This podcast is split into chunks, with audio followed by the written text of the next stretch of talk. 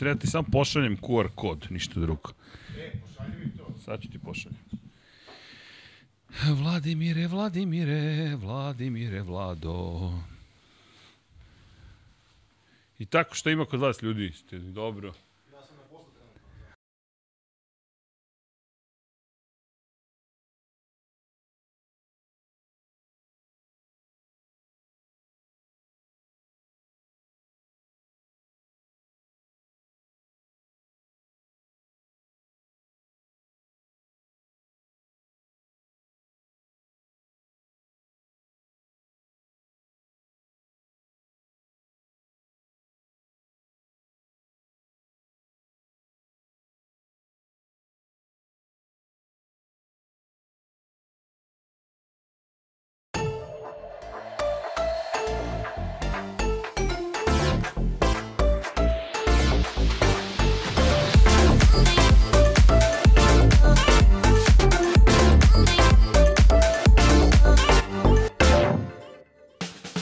Svima i dobrodošli u najnovije izdanje Lab 76 broj 363. Koliko ima i ljudi u našem studiju iza kulisa. Pozdrav svima, naravno da vas mnogo ima. Pozdrav i gospodinu Pavlu Živkoviću i vreme za Formulu 1. Nego, ti si danas u negativu. Crveno-bela boja samo ti se čudno nekako oslikava. Evo, obično se. A, mi smo zaboravili. A, e, ja zaboravio sam. Previše se družiš sa mnom, moram ti priznati. Iskreno sam zaboravio. Dakle, Najiskrenije. Sle, obećavam sledeće, ali Uz, imam jedan amandman. Ama, amandman. Da me podsjetite ljudi. A po, nema problema, podsjetit ću te. Da. Dakle, amandman glasi podsjetiti gospodina Pavla Živkovića da je obećao Kaže ti, previše se družiš sa mnom, da je obećao da će... Ne, nije, nije ovo do tebe, zaista. Baš, baš smo ovi, smetno suma. Ja mislim, ja mislim pa da... Toliko, ako... toliko redko nosim crveno da baš mi nije prošlo kroz glavu. Jel, jel stvarno nosiš crveno ikada? Pa slabo, stvarno. Nije da nemam, ali... Ali po potrebi. Ne, nećem se dana kada je to bilo. A, u svakom Evo, otvara me u struku previše zbog da, toga. Da, da, zbog toga, zbog trepavice jest, nekako jest. i ne ide kad meniš na ovoj ne zimi. Ide, ne ide. E, ako mogu u tvoju, u, u tvoju odbranu, stvarno su vikendi, već i mi osjećamo ljudi da je sezona dugačka, već ne, počinjemo ovo, da tiltujemo. Ovo u četiri ujutru ustajanje baš mi nije prijelo. Hvala ti što si mene spasao, pošto je posle da. žurka se, žurka se nastaje. Neko mi pita se se preselio na sport klub ovog vikenda, rekao, manje više jes. U, ulica Srđana Ercega. Broj 8a. 76. Da, 76. O, ja, Srđan Ercega 76. Kao, da, da, da. Da, da, odatle počinje brojanje ulice. Sve ostalo Jest. ćemo da podradimo tome.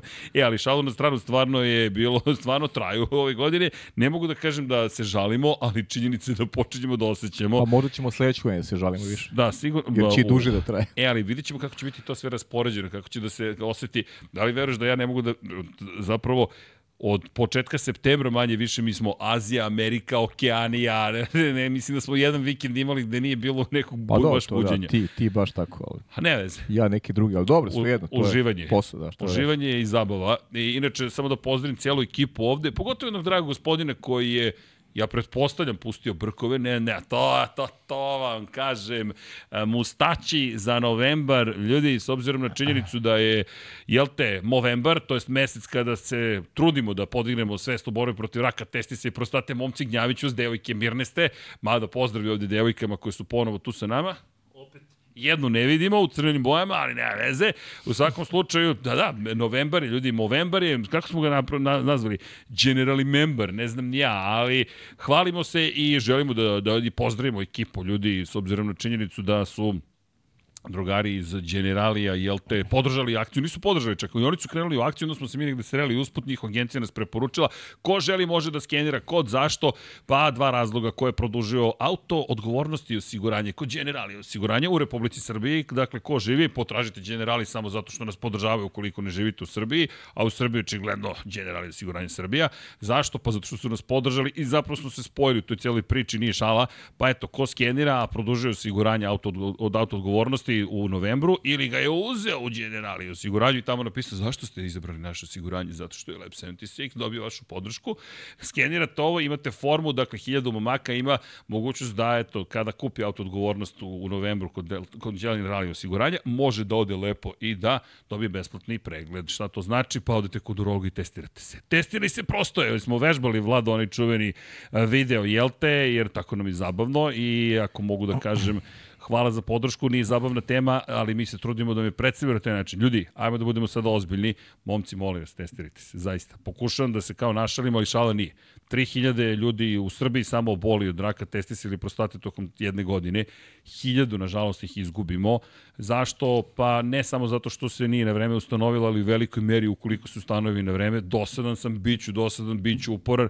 Ljudi, ako ja mogu ovako da izgledam 30 dana u godini, pa najmanje što možete da uradite, evo meni za ljubav, dakle, otiđite, testirajte se ljudi i ukoliko se bude okej, okay, prva liga, sve kako treba, ukoliko nije okej, okay, ajmo da pokušamo zajedno to da rešimo. Isto važi za devojke u oktobru, ali pošto je novembar, movembar, da ne bude da se ne bavimo zdravljem i jel te muškaraca. Tako da, momci, molim vas na kontrolu, hvala generaliju za podršku i ne samo za to, mnogo više toga je što ljudi se trude da podignu svest o tome. I eto, generaliju osiguranje, kao što sam već rekao da se ne ponavljam stoti put, zajedno sa nama pokušao da podigne svest o tome da postoje stvari koje mogu da se reše. Pa eto, znam da svakog novembra vas malo gnjavimo na tu temu, ali ako može Valtteri Bottas, ako može gospodin, ako mogu ja, ako može ko još, Stroll, cela ekipa tamo, Lensa Strolla je pustila brkove, možda mu je to pomoglo da dođe do boljih rezultata, nismo o tome razmišljali.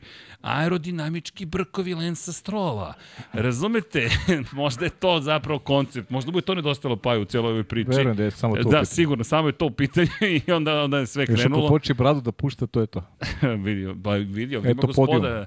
ja moram da spomenem, gospodin ima kačke od Jacka Millera, meni je to najjača stvar koju sam video večeras, dakle, podrška za Jacka, Sutra ćemo pričati o njemu. E, vidi, Pajo, Formula 1, moram ti pričati da je amaterska bila ove nedelje kada je reč o skandalima i scenama koje smo imali u Moto Grand Prix-u. Teorije zavere na kvadrate otprilike, a pa, Formula 1 nekako se posvetila trkanju. Teorija zavere uvek postoji kad, kad ima ulog. Znaš, to je, to je popo normalno.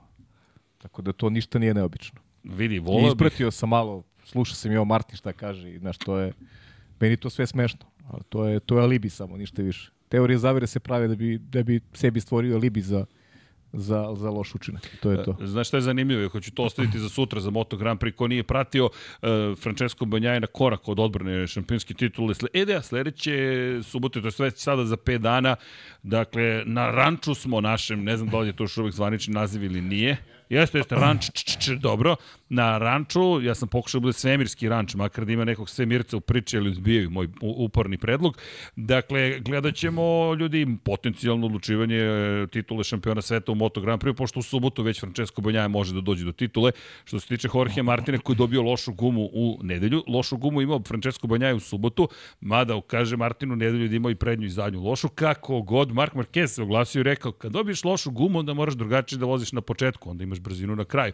Apropo ovoga što si ti upravo spomenuo. Tako da, ostavit ćemo to za analizu sutra. Deki nam se vratio sa puta u Italiji.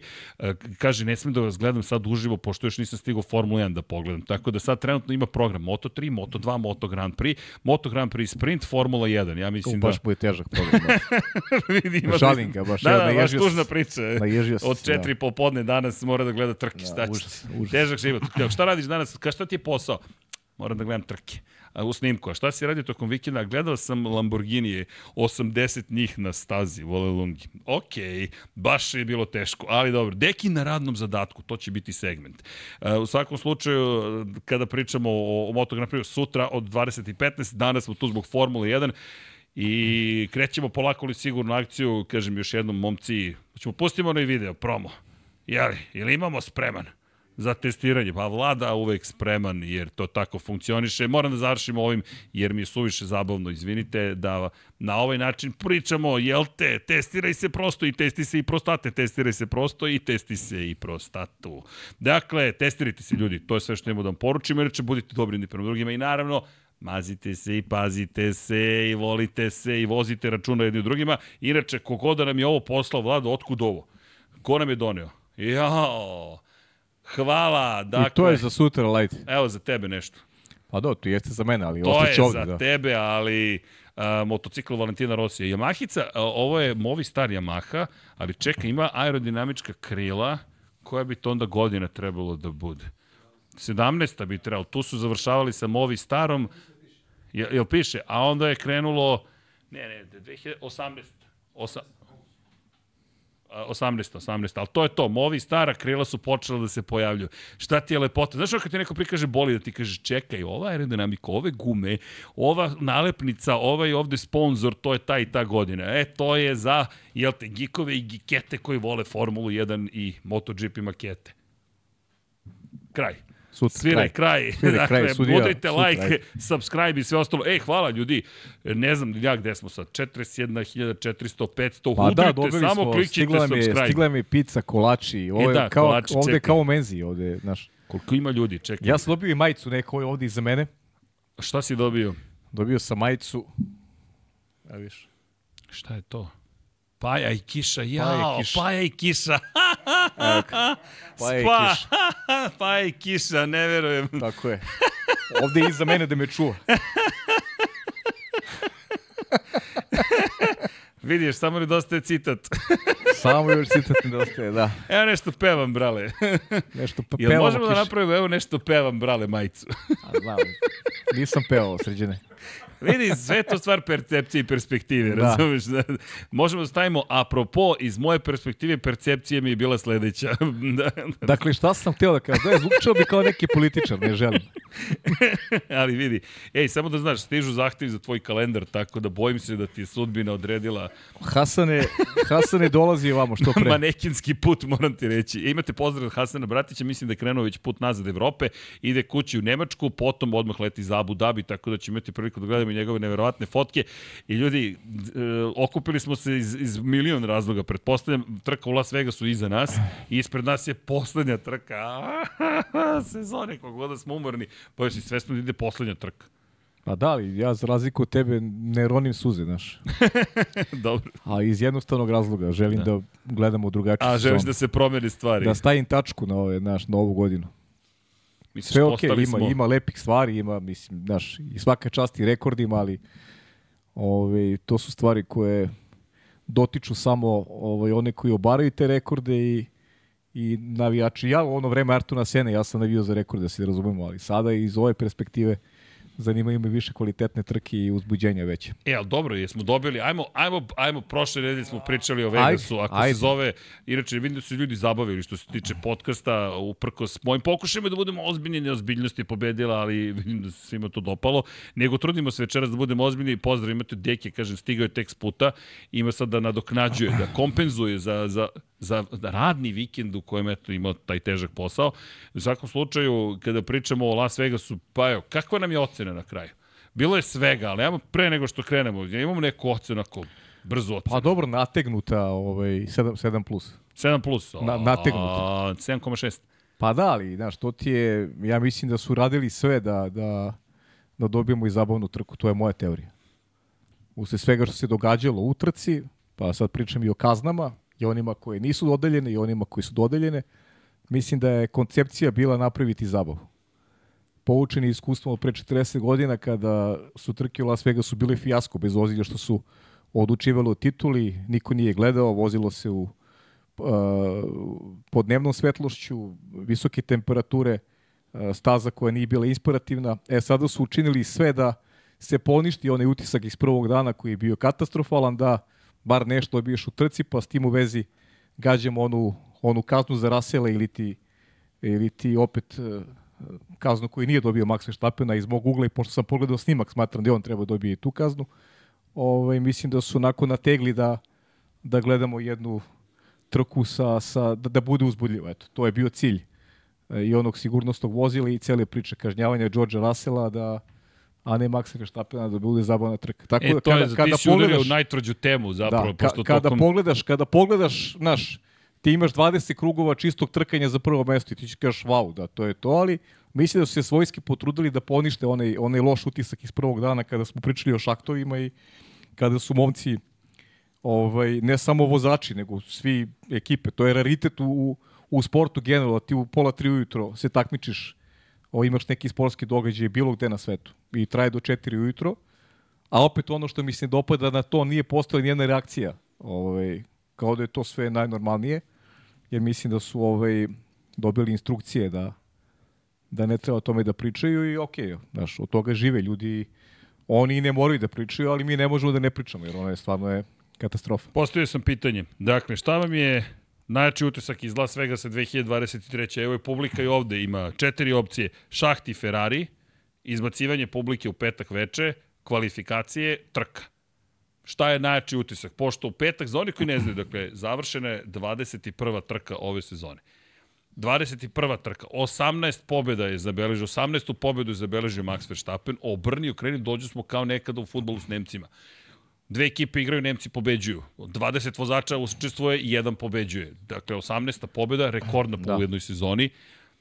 Pa rekordni Red Bulla, oni su taj rekord Mercedes iz 2016. je oboren, oni su imali 19 pobjeda. Jeste sada... Red Bull ga izinači u Brazilu, sada su ga oborili, sada su oni vlasnici tog rekorda i to je stvarno veliko dostignuće, ne 20 veliko, ogromno. Pobjeda u 21. trci, Tako je. pri čemu Sergio Perez je ovde obezbedio sebi trećim mestom i pobedu Drugo u mesto. odnosu... Drugo. Ne, ne, e, Pa drugo trećim- mesto obezbedio. Ne, ne, trećim mestom Aha, je obezbedio mestom, drugo izvini, mesto, da, možda nisi čulo M, trećim mestom je obezbedio drugu poziciju u generalnom plasmanu i zapravo trostruku krunu na neki način. Titulu šampiona sveta za Maxa Verstappena, Max obezbedio je ho, ho, odavno, zatim obezbedio tim Red Bull Racinga titulu šampionatu konstruktora i sad Perez drugu poziciju šampionatu vozača, što nikada do sada Red Bull Racing nije postigao. Evo, u predposlednjoj trci sezone Perez je došao do tog cilja, Lewis Hamilton ni teoretski više ne može da ga sustigne, niko ne može ni Luisa da sustigne, Hamilton će biti treći u prvenstvu, dakle, bit će na gala ceremoniji Međunarodne automobilske federacije FIE i jedan i drugi treći, ali sve na kraju je kompletirao praktično Red Bull što je zacrtao i zamislio. Max zabeležio pobedu u kojoj u jednom momentu se zaista činilo neće imati šta da traži, ali šampionske godine što ti kažeš. Dakle, obrni, okreni, on će se naći u prilici da pa pobedi. Da, namestiti se, to je, to je, to je priča Luisa Hamiltona. Iz njegovih šampionskih dana. Tako je, tako je. Da. I onda to su one bile žalopujke u to vreme svih ostalih, kako se njemu uvek namesti. Pa evo, kao što se sad namešta Maxu, tako i njemu svoje vremeno. Znači, nema, nema razlike nikakve. Da, inače Las Vegas dočekali smo svi sa mnogo nestrpljenja. 500 miliona dolara je investirano u trku, e, velelepno je svetla, glamur, e, dolaze zvezde, e, kompletan haos, grad se manje više zatvara, čekamo uzbudljivu trku na 1,9 km dugačkom pravcu, niz Las Vegas strip, mnogo velike brzine, mnogo uzbuđenja. I iako smo se plašili da bi mogao biti fijasko, bukvalno smo postavili pitanje šta bi bio fijasko prošle nedelje za Las Vegas. Pa, Ne kažem da je ovo fijasko, ali imali smo 50% sigurno fijaska, jer suviše jak utisak prvoga dana. Pa dobro, Srki, a, a, onog, budemo realni. onog prvog dana je bio fijasko. Jeste, prvi dan Znaš, jeste fijasko. Prvi dan je bio apsolutni fijasko. Pa, I iz mnogo aspekata, znaš. ajmo Me, ovako. meni je fijasko i nemanje reakcije. Meni je to fijasko. Znaš, živim u nekom svetu učarenom gde, znaš, jednoumlje, mora da bude jednoumlje. Kao, E? znaš, niko, niko se ne buni, znaš, okej, uzu si novac, pa da li, je- da li je novac, da li je novac ovaj, toliko, toliko ovaj, moćan da, da, da zapuši usta svima, znaš. Da ne kažu, nijedan nije rekao, znate li, ovo nije u redu da mi vozimo pola tri Ček, do četiri. Znaš, da li je- nijedan nije rekao? Broj jedan je rekao. Pa da li, ali šta je rekao, Broj na, je- šta je broj jedan rekao na, na kraju? Na, pa na kraju rekao da čeka da, Da se jedno vrati. čeka da se vrati u Ali vidi, šta je rekao, kad pobediš, znaš, Pa promene to se ti stvari. kažem, znaš, to je- Ali, ali čekaj, ali ajmo, aj meni Max skočio na Pa jeste, vrlo u visoko. petak, u to smo komentarisali smo. On dečko generalno ovaj, e, sport kapira na, na pravi način i, i, i neko preuzima tu neku ulogu, da kažem, i, i lidera. Nameće se kao osoba koja ima integritet, koja ima, ima stav i tu nema dileme uopšte. Tako da, e, to st- ja smo komentarisali izvan e, ovaj, naših kabina, da neke stvari koje je pričao general u Las Vegasu, pa eto, mo- moram, bit ću iskren potpuno, a, neka mišljenja koje smo i podelili ovde, i on je rekao što, što me, meni je, znaš, to sad poredim, samo gledam iz ličnog ugla, naravno, jer meni se dopada kako on razmišlja, možda se nekome ne dopada, ali i svoje, definitivno. E, tako da svaka čast za, za, za neke stavove i za, za tu neku osudu. Nije direktno bila vezana za tu vožnju pola 3 do 4, ali ali imao je neke, ovaj, neke izjave koje su baš bile onako prilično moćne. Pazi ovako, dakle, ajmo, ajmo izjavama Maxa Verstappena, dakle, da ne prepričamo celu trku, pogledajte u snimku, ali do, po, dotaći ćemo se svega kad dođe vreme za trku, međutim, moramo krenemo od petka, prvi trening posle 8,5 minuta je završen. Zašto? Priča koja je nastajala u tom trenutku, dakle, Esteban Ocon prelazi preko šahta svojom Alpinom, Jeste. čupa šaht, čupa kako može da počupa šaht, ako smo na uličnoj stazi i sve je zavareno, pa ispostavilo se da zakon države Nevada ne dozvoljava da zavarite šahtove. 30 šahtova je ostalo nezavareno, ono što je meni fascinantno da su pustili ikoga da izađe na takvu stazu. Dakle, imali smo, A eto, to ti, je, to ti je fijasko. To ti je fijasko, bukvalno ti si to dozvolio. Esteban Ocon čupa šaht, nailazi Fernando Alonso, izbegava šaht, još jedan vozač izbegao, nailazi Alex Albon, čini mi se, i, i, da, je- i čini mi se još neko da je bio, ne mogu se setiti, da li Pierre Gasly ili nisam siguran, ali znam da su još dvojica uspeli da, da ovaj, izbegnu minu. I onda nailazi I onda Carlos, Carlos Sainz, Sainz. imali ste fotografiju našeg To dragog Hasana kažem, ej Bratića. ljudi, ajmo jedan veliki lajk I, i, pozdrav za i, i Hasana vidi si Bratića. kako Vardić i, i pazi, ja sam u direktnom prenosu, uopšte nisam pomislio, ovaj, znaš, čuješ neki udarac stup. Pa ja kao gledamo rezultate, pokvario se Ferrari. Kao, ok, pokvario se Ferrari. Nije prvi put da se pokvario Ferrari. Idemo dalje, znaš. I onda, Surovo, ali istinito. Da, i onda kad je, kada je uh, obelodanjeno da neće biti nastavljene sesije, onda je apsolutno bilo jasno da... E da, i videlo se pre toga, videlo se te pod oštećen i tada sam počeo da, da sumnjam da se u stvari nešto dešava sa, sa, sa stazom. Još uh, obaveštenje da nema nastavke sesije nije bilo dileme da, da postoji problem koji, koji očigledno nije rešiv tako brzo i tako lako i, i onda kreće ta cijela ujdurma o kojoj, kojoj smo pričali već x puta, pričat ćemo i večera, zaista neverovatne stvari. Pritom Hasan nas je obaveštavao sa stazi, da nisu imali nikakve informacije o tome šta će dešavati, a ona prva nezvanična na kraju je bila i, i, i validna u suštini, dakle da će trajati trening od 90 minuta od 2.30 po lokalnom vremenu do 4 ujutru. Samo što su pomerali informisanje, bit će od Tako 2, je, bit će od 2, pa, pa da. 2 i 15, pa 2 i Da, 30. da, u suštini ta prva informacija je, je bila apsolutno validna. Šta je problem? U 4 ujutro se otvara saobraćaj, kao u većini ovaj, metropola, jel te? A, Tako i u Las Vegasu se otvara saobraćaj i ljudi Moraju kreću ljudi da na žive, da posao, rade. da rade, da... kako ide pesma Borina? U šest će, šta je?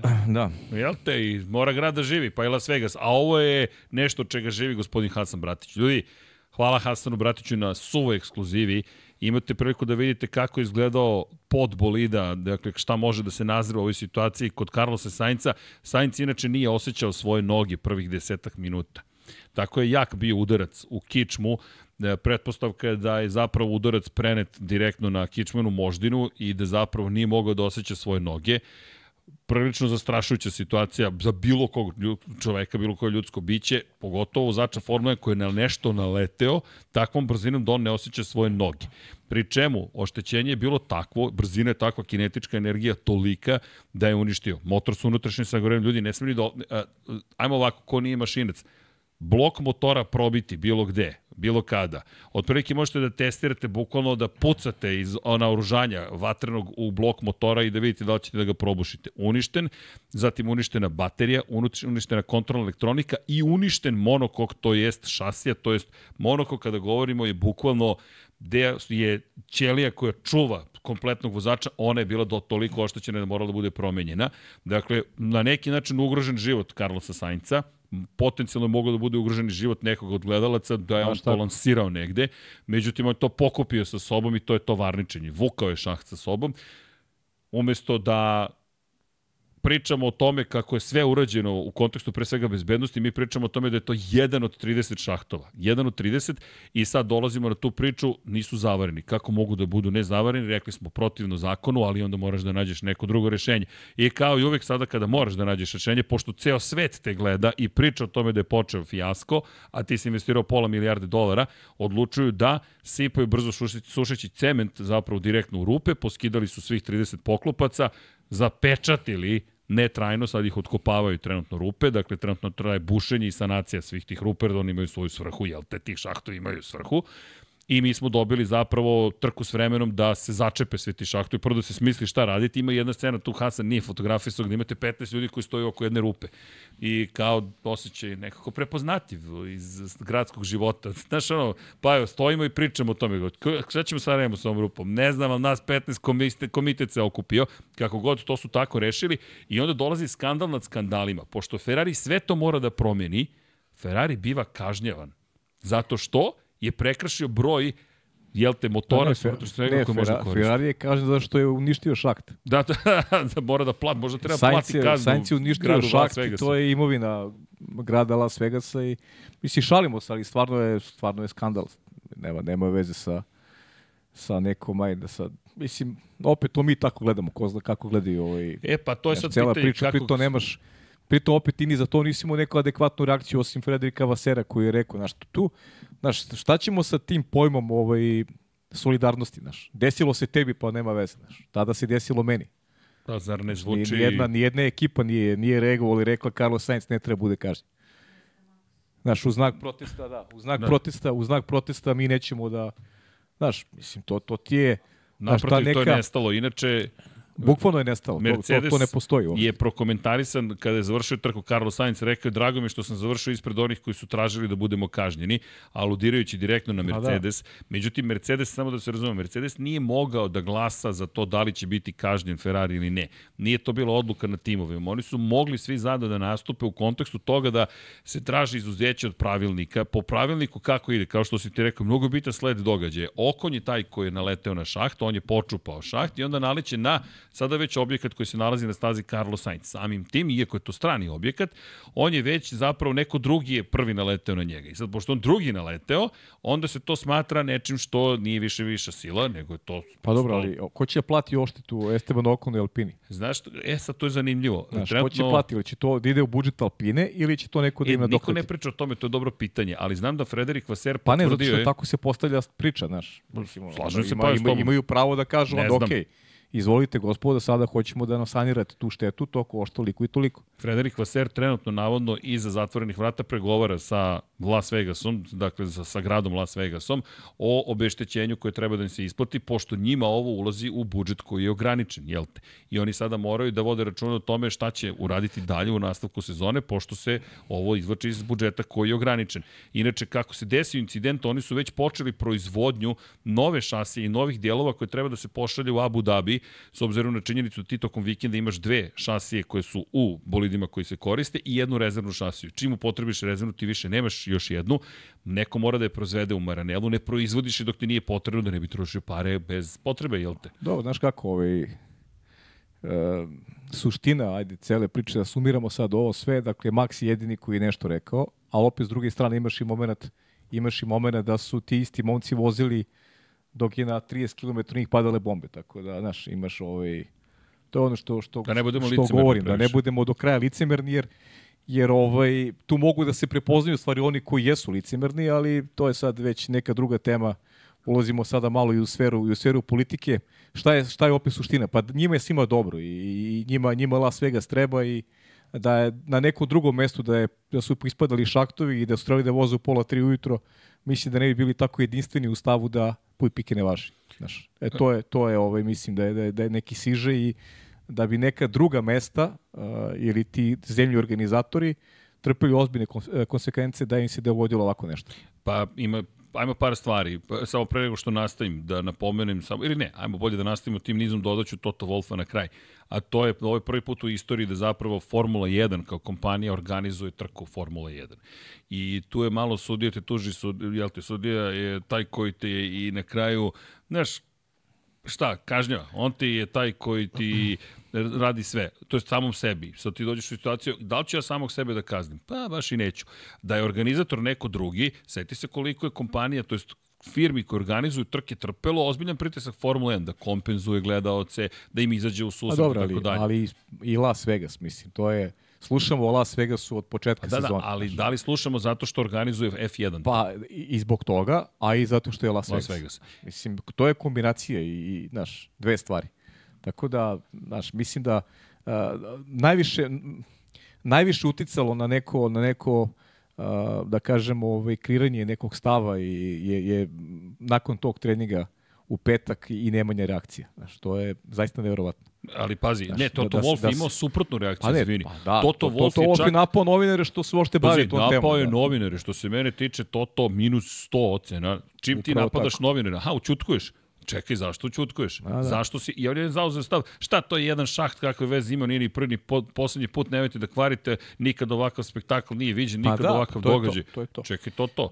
Prvo, ajmo da to ne je učutkujemo nikog. Uzeona potreba, uzeona potreba i znaš, tu se našli interesi, tu je to se spojili interesi i da je da je otpalo i 50 šaktova, ovi gledali bi da zataškaju celu priču i da se odveza trka ovaj uh, nema vezu kakim, kakim uslovima, ali dobro, to je, to je opet, nije, nije neočekivano ništa, ali zato imamo pravo da, neće niko da nas učutku, imamo pravo da kažemo ono što mislimo. To je to. Pa da, da, koristimo našu priliku da to uradimo. Znaš šta je zanimljivo? Izašle su nove brojke nedavno o tome koliko vrede timovi. Dakle, ti imaš povećanje vrednosti timova od skoro 300 od 100, gde smo došli do da timovi da vrede nekoliko milijardi dolara, uključujući Mercedes AMG F1 tim, čiji je suvlasnik jedan od Toto Wolf, gde direktno ukoliko ti sada u novinama kritikuješ Formulu 1, pada cena na, akcija na berzi. Samim tim tebi pada vrednost tvoje ekipe, što znači interesi su zajednički sada Formula 1 Pa da, i to Mercedesa je to.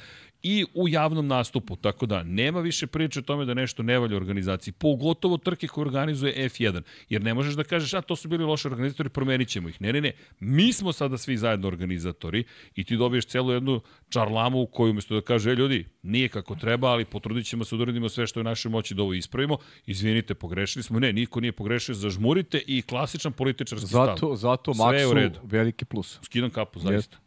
I, I svaka mu čast. I pritom reagovao i kada su izbacili gledaoce. Ljudi u pola dva po to je, lokalnom to, vremenu. to je ono, to ona priča stara, ovaj, nema, nema veće pobjede nego kad si svoj. Što je to? A dečko je pokazao da je, da je svoj, da razmišlja svojom glavom i da i da reaguje u zavisnosti od onoga kako on osjeća, kako vidi stvari, a ne kako mu je nametnuto. Tako I da, ja bih tu čast. pohvalio i Red Bull Racing. Da, Jer što, tim da, da, što, nije ga, njega što, sprečio. što mu ne udaraju packe, Tako nego, je. da. Nego je, na šta mi se tu dopalo? Red Bull Sloboda govora. Tako je, davno je zaboravljen Red Bull iz te perspektive. Svi ga posmatraju kao ciničnu ekipu koja sve podređuje svojim interesu. Koja ne podređuje, to je drugo pitanje, a to je prvo pitanje zapravo u celoj priči, ali Red Bull je nekada davno bio buntovnički tim. Došli smo da srušimo sve u Formuli 1 i da pobedimo, onda postaješ deo establishmenta, ti si sada taj koji pobeđuje, što bi ti sada kvario svoju priču? Oni puštaju Maxa Verstappena da izađe i da kaže pod jedan, Ovo je cirkus, 99% je show, 1% je zapravo sport, što je prva velika ozbiljna izjava. Ja on rekao, meni ovo ne treba, ja, ja hoću da se pričaju Pa priče o ljudima koji se De, trkaju. deluje mi, deluje mi da, da ovaj, ne bi oni dozvolio, znaš, da, da bi tu uticalo na, na ovaj, pojbanje neko njegovog statis, statusa u ekipi i nekih odnosa, znaš, kad bi mu neko, kad bi neko pokušao da ga učutka, znaš, to je to, ima, ima lično svoju i, i ovaj ne dozvoljava da, da, da mu se neko ovaj, samo da mu se neko meša. Da. Malo da približim mikrofon, izvinite. To dobijem ovde poruku od vlade i onda ako vlada kaže vlada, onda bude.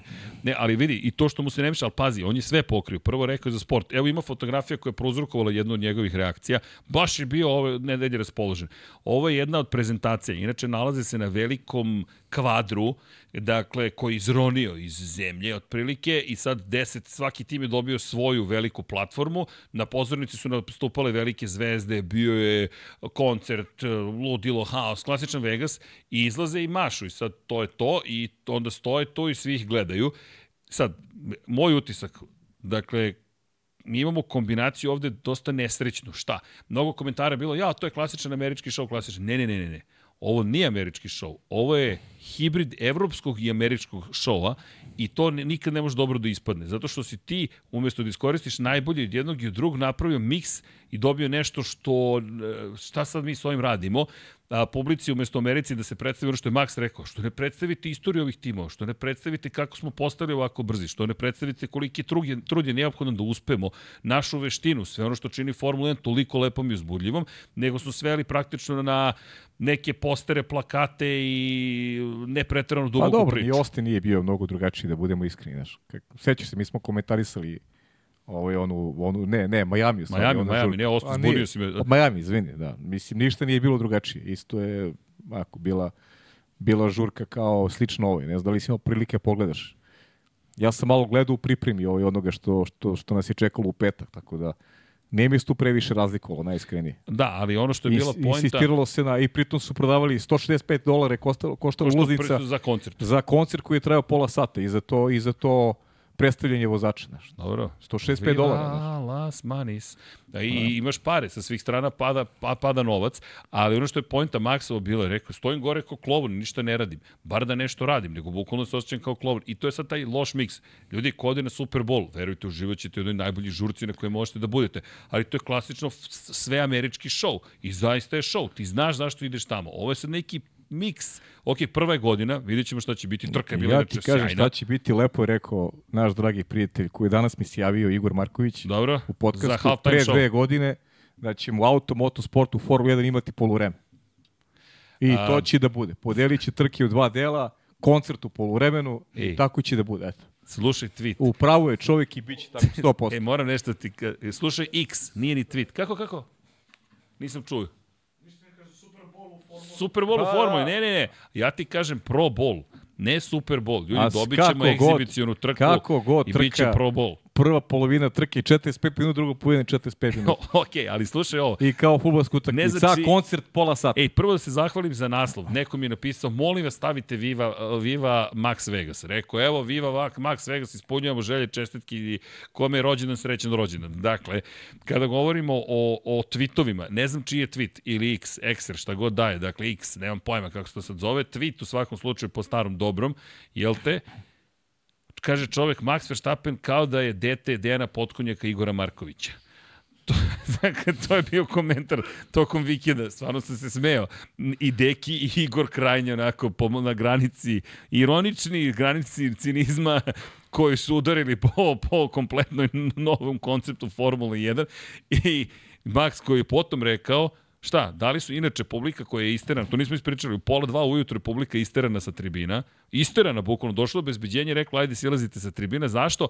Pa kao što smo rekli, grad Las Vegas, pola dva je prošlo, nema dozvole za okupljanje, pritom nemaš obezbeđenje koje si platio posle Ja- pola dva, Ja mislim da samo ti A? si jedini čovjek koji ima razumevanje za novi koncept Formule 1. vidi, ali ja pokušam Ti da se, nađem... ti se prilagođavaš ovoj. Pa ti se tražim smisao, nešto pozitivno, znaš, da vidimo, jer vidi, to će se svakako desiti. Pa ne, pa deće si ovo. Ja isto mislim da I, I onda moje razmišljanje je sledeće. Možemo ili da kritikujemo i da kažemo, ok, to je to i, i plačemo, budemo tužni, ili kažemo, čekaj, ajde da vidimo šta u ovome je pozitivno. Ono što je bilo najpozitivnije je bila trka, što je najvažnije trka. Meni je bila sjajna trka. Pa Sad, dobro, jeste ima bila, tu i dalje kažem ti, stvari ja na im- kojima ja, treba raditi. Kad budemo prolazili kroz analizu, ja ću ti reći šta mislim. Evo, rekao sam negde na početku, ja mislim da su napravili po svaku cenu da su želi da trka bude dobra. Ok, to već vidim tu uh, sos, ljuti sos Jer začin. koliko god je Max car i sve to kako on razmišlja, on je morao u trci ima dve kazne. Tačka. Jer ona situacija sa Russellom, ti možeš svaki put da E, kažeš sad te- da neko nije očekivao a, rivala ovaj u napadu. digresiraš, znaš, ali se meni dopada. Ja, ti, ja moram priznati, ok, kada pročitaš pravila, oni su po pravilu mogli da kazne Rasela. Zato što je Rasel prekasno skrenuo u Maxa Verstappena. Ali, ali, ali, ali, to je, to je onako pojednostavljena situacija. Max se zaleteo i koncept je bio ili, ili. Ili, ili. Ali koliko puta je to Max već uradio u karijeri? 2021. je zasnovana na tom. Šta ćemo sa, sa njegovom reakcijom na Rasela? Kaj je to bilo, beš? U, u Baku ove godine. A? Šta je radio? prišao? Pa, Šta je si, bilo? si očekivao Rasela tada, šta? Ne, ali vidi, vidi, imam ja sad tu par teorija. Ja mislim da Russell uopšte nije nesvestan bio da je Max tu, to je moje mišljenje samo, Ra Russell kaže drugačije, Pa. rekao je 100% moja greška, zbog moje greške smo propustili da se popnemo na pobjedičko postoje. A znaš šta ja mislim da je ovo? Ovo ti je zalog za budućnost. Sledeći put kad Max bude krenuo na Russella, mislim da će kao i sa Saincom biti u fazonu, aha, s ovim će biti tvrdo. Zato što je on taj koji je tako postavio standard za sebe. Ti kada napadneš Maxa, ti znaš da će biti žestoko da li će ti ostaviti prostora? Obično ti ostavi prostora, ne uvek. Setite se 2021. Imola, idemo levo pa desno, kako se vratio na Hamiltona? Hamilton je mogao samo da siđe sa staze. Nije bilo kazne ni za koga. Ja i već imam problem sa odsustvom konzistentnosti. Malo kažnjamo ovako, pa malo onako. Pa to ti je, po, znaš, poredi prvu, po prvu, prvu krivinu, Ras, uh, Hamilton, e, ovaj, vidi mene Hamilton. Verstappen i, Verstappen i Leclerc. Leclerc. Nastavio je Ti pravo, imaš, nije bilo imaš prijanja. snimak, imaš snimak Je u prednosti. Uh, uh, Leclerc. Ne, Russell, Russell kasnije. U, A kasnije, Da, da, on je prednosti. ispred. E, Kao ali, što je i Leclerc ispred. Jeste, ali Leclerc je nastavio pravo, nije skrenuo Maxa, s tim stišao je sa staze. I sad dobijaš kaznu, pri čemu, ajmo da se dotaknemo onoga što smo pričali tokom prenosa, koliko je besmislena kazna od 5 sekundi. Tebi je kazna od 5 sekundi bukvalno poruka i vidi prekrši pravilnik, pobegni 5 sekundi, možeš ti to i sve je u redu. George Russell to redovno radi. To smo videli u Americi. U Teksasu najočigledniji primjer. Russell pretiče sa spoljne strane iz izlasku iskrivine 12, silazi sa sva četiri točka, govorimo, bit ćeš kažnjen, okej, ode čovek, kazna, ničemu Pa ne služi. šta treba da radiš kad imaš prednost? Da siđeš sa staze? Da bi neko, da bi neko koji te napada bio kažnjen, šta? Pa, Znaš, vidi, imaš, svoj, ili, ima, imaš svoju stranu staze i ideš... ili skreneš u njega. Pa da, ili, ili šta radiš? I dobiješ A gde kaznu. ideš? A gde ideš kad imaš prednost? Objasni mi. Silaziš sa staze kad imaš prednost. Pa mislim... Ne, gde- slažem se pa koje je s to tobom. trkanje? U čemu se se radi ne tu? vidi, sve se Znači, slažem. tebe neko napada, ti si u prednosti i ti se treba siđeš sa staze da bi taj koji te napao dobio, dobio, kaž, dobio kaznu. Ne razumem. Znaš, u, u, u čemu je što? Pri čemu kazna neadekvatna, moje mišljenje. Jer taj što je kažnjen zapravo je potencijalno nagrađen. I da Max kada je pobegao na prvu poziciju je imao prednost koju je imao u drugim trkama ili je otišao na 10, 12, 15, 20 sekundi prednosti, ta kazna ničemu ne služi. Ne služi ničemu. Stvarno su te, ničemu ne smešne su služi. te kazne. I ti smo došli do toga, ali pazi, to je, to je sad uh, uh, podešavanje kazni. U kom smislu? To bi trebalo bude nešto pozitivno. Zašto? Kazna do, do pre ne znam tačno koliko godina za takve incidente je bila sledeća. A to je bila sledeća. Ti uradiš tako nešto, ti moraš da prođeš kroz pit lane. Dakle, ti imaš takozvani drive-thru penalty. Moraš da voziš kroz, vozi kroz pit lane. To traje 20 sekundi. Ti si dobio kaznu 20 sekundi. Onda smo rekli, pa dobro, ali mali je prekršaj, ajde da smanjimo tu kaznu, neka bude 5 sekundi. To se oseti, ali i, ali osetiš je, a opet ti ne uništi trku. Da bismo došli do toga da za mnogi je to kazna koja je relevantna. Ma nije, znaš šta, problem je ta neko, ne, ne, nedos, nedoslednost, znaš. To je ono što pričamo stalno, da ti ne možeš na osnovu situacije s početka, recimo, jedne trke, da, da tumačiš kako će, mi smo, mi smo oboji se rekli u prenosu čeka maksa kazna. I ti odjednom dobijaš, dobijaš obaveštenje o tome da je Russell kažnjen. Pravilnik, Pritom dinamika trke, dinamika trke se popuno menja, što je absurd cele priče da ti imaš krhotine usled tog duela, ide vozilo Vidi. bezbednosti i sve se automatski menja. Iskreno, ja ne znam više šta da mislim. Zašto? Zato što pravilnik je tako napisan da ti, oni kako su objasnili, Ja ti kažem... Zaslužio je a, Russell kaznu. Da, ja ti kažem da je, da, da je cela situacija bila takva da se napravi, napravi trka koja će biti o kojoj će se Uzbudljiva. pričati. E, to je to. dobro, I to je slušam ono, i to je ono što je poništ, poništen je petak. Dakle, nema više šaktova. Evo, dobili smo spektakl, Las Vegas je neophodan, dobra je staza, imaš akcije na kraju svi su zadovoljni kako je bilo trkanje, svima je super. Maxu je super jer je pobedio, naravno, nema, nema više priče o, o šaktovima i puj pike ne važi. Utisak je šta, petak ne postoji, petak je poništen, E, pričamo svi o nedelji i to je to. I svi zadovoljni, znaš. Mislim, svi su na podijumu na kraju bili zadovoljni. Zadovoljni Leclerc, njegova dobra trka. Pobedio u par poslednjih Možda krivina Serhija Čeko Pereza. zadovoljan zato što je Drugi u šampionatu. Ali Publika eto, dobila spektakl. dobila spektakl i to je to. Znaš ko nije zadovoljan? Hasan Bratić. Rek, ne, ne, ozbiljno. Ljudi, čekam da sad je u avionu, inače znate da bismo ga već ja, zoomovali. Izvukao se dva puta u 10 dana. Inače, ja se izvinjam za četvrtak, ja nisam mogao u četvrtak, već me sustiglo i groznica je počela da se pojavlja i rekao sam, ok, ako sad odradimo podcast u četvrtak i onda u 5.30 se ide na Formulu 1, pa u 9 Formula 1, pa u podne da sam znao da ćemo završiti zapravo u pola 1 popodne, pošto ljudi, Paja Živković, molim vas, uh, aplauz ću ti ja dati, Paja. Evo ti Zašto? aplauz. Petak. Gospodin ustao u 4 ujutru, 5.30 Pa radio trening do je. 6.30. Onda malo dremnuo ovako, evo ovako.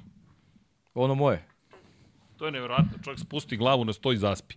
I, i to je bukvalno dva sata spavanja na, na stolu, potom se budi, dolazimo zajedno, radimo ili mislimo da ćemo da radimo i onda sedimo od 9 ujutro do pola 12 i čekamo, i čekamo, i čekamo, i čekamo, i onda do pola 1, ja sam posle nastavio MotoGP, ti si se malo, nadam se, Ja sam se odmorio. specijalizovao za te abnormalne stvari. Bukvalno dobit ćeš još jednu Las Vegas otprilike. da. Pri čemu naš šok činjenica, vidi, moram da se vratim na taj petak. U 2.30, i- da li je neko čuo ikada, evo ja molim ljudi u komentarima, A ja sam napišite probao da nađem, ali ne- ne- nikad je nisam neko gledao, ali ne nešto što traje 24 časa ili nešto što Pa je... ne, znaš šta je možda, šta postoji neka šansa. Ni- Nisu, nisu nam tu kolege koji prate tenis, znaš, ali oni su možda imali... 2.30 da je nekom zakljeno. Ne znam, da li ja mislim možda- da je čak i onaj čuveni meč ko- koji je igrao ono 150.000 gejmova.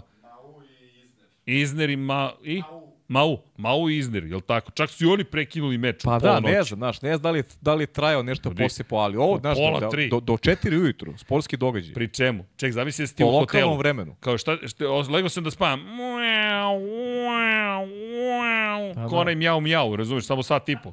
A ne, katastrofa, Bukvalno. stvarno. A ti si u Las Vegasu, kako ti je? Ma neviđeno mi je A to dobro. ti kažem, znaš, i onda A šta i kao, spavaš u Las ujutru Vegasu? se probudiš, znaš, otiš da spavaš, probudiš se nešto bunovan, jel sve okej, okay? da, sve u redu. Top. kao, znaš. Ma, zacementirali smo 30 To je- šahtova.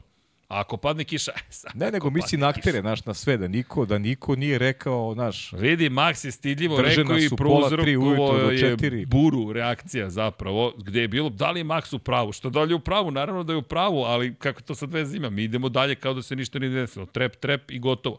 I ono što ti kažeš, na kraju gotovo. Kvalifikacije kad su stigli već se završilo. Ali moj najveći problem je što su oterali publiku sa tribina.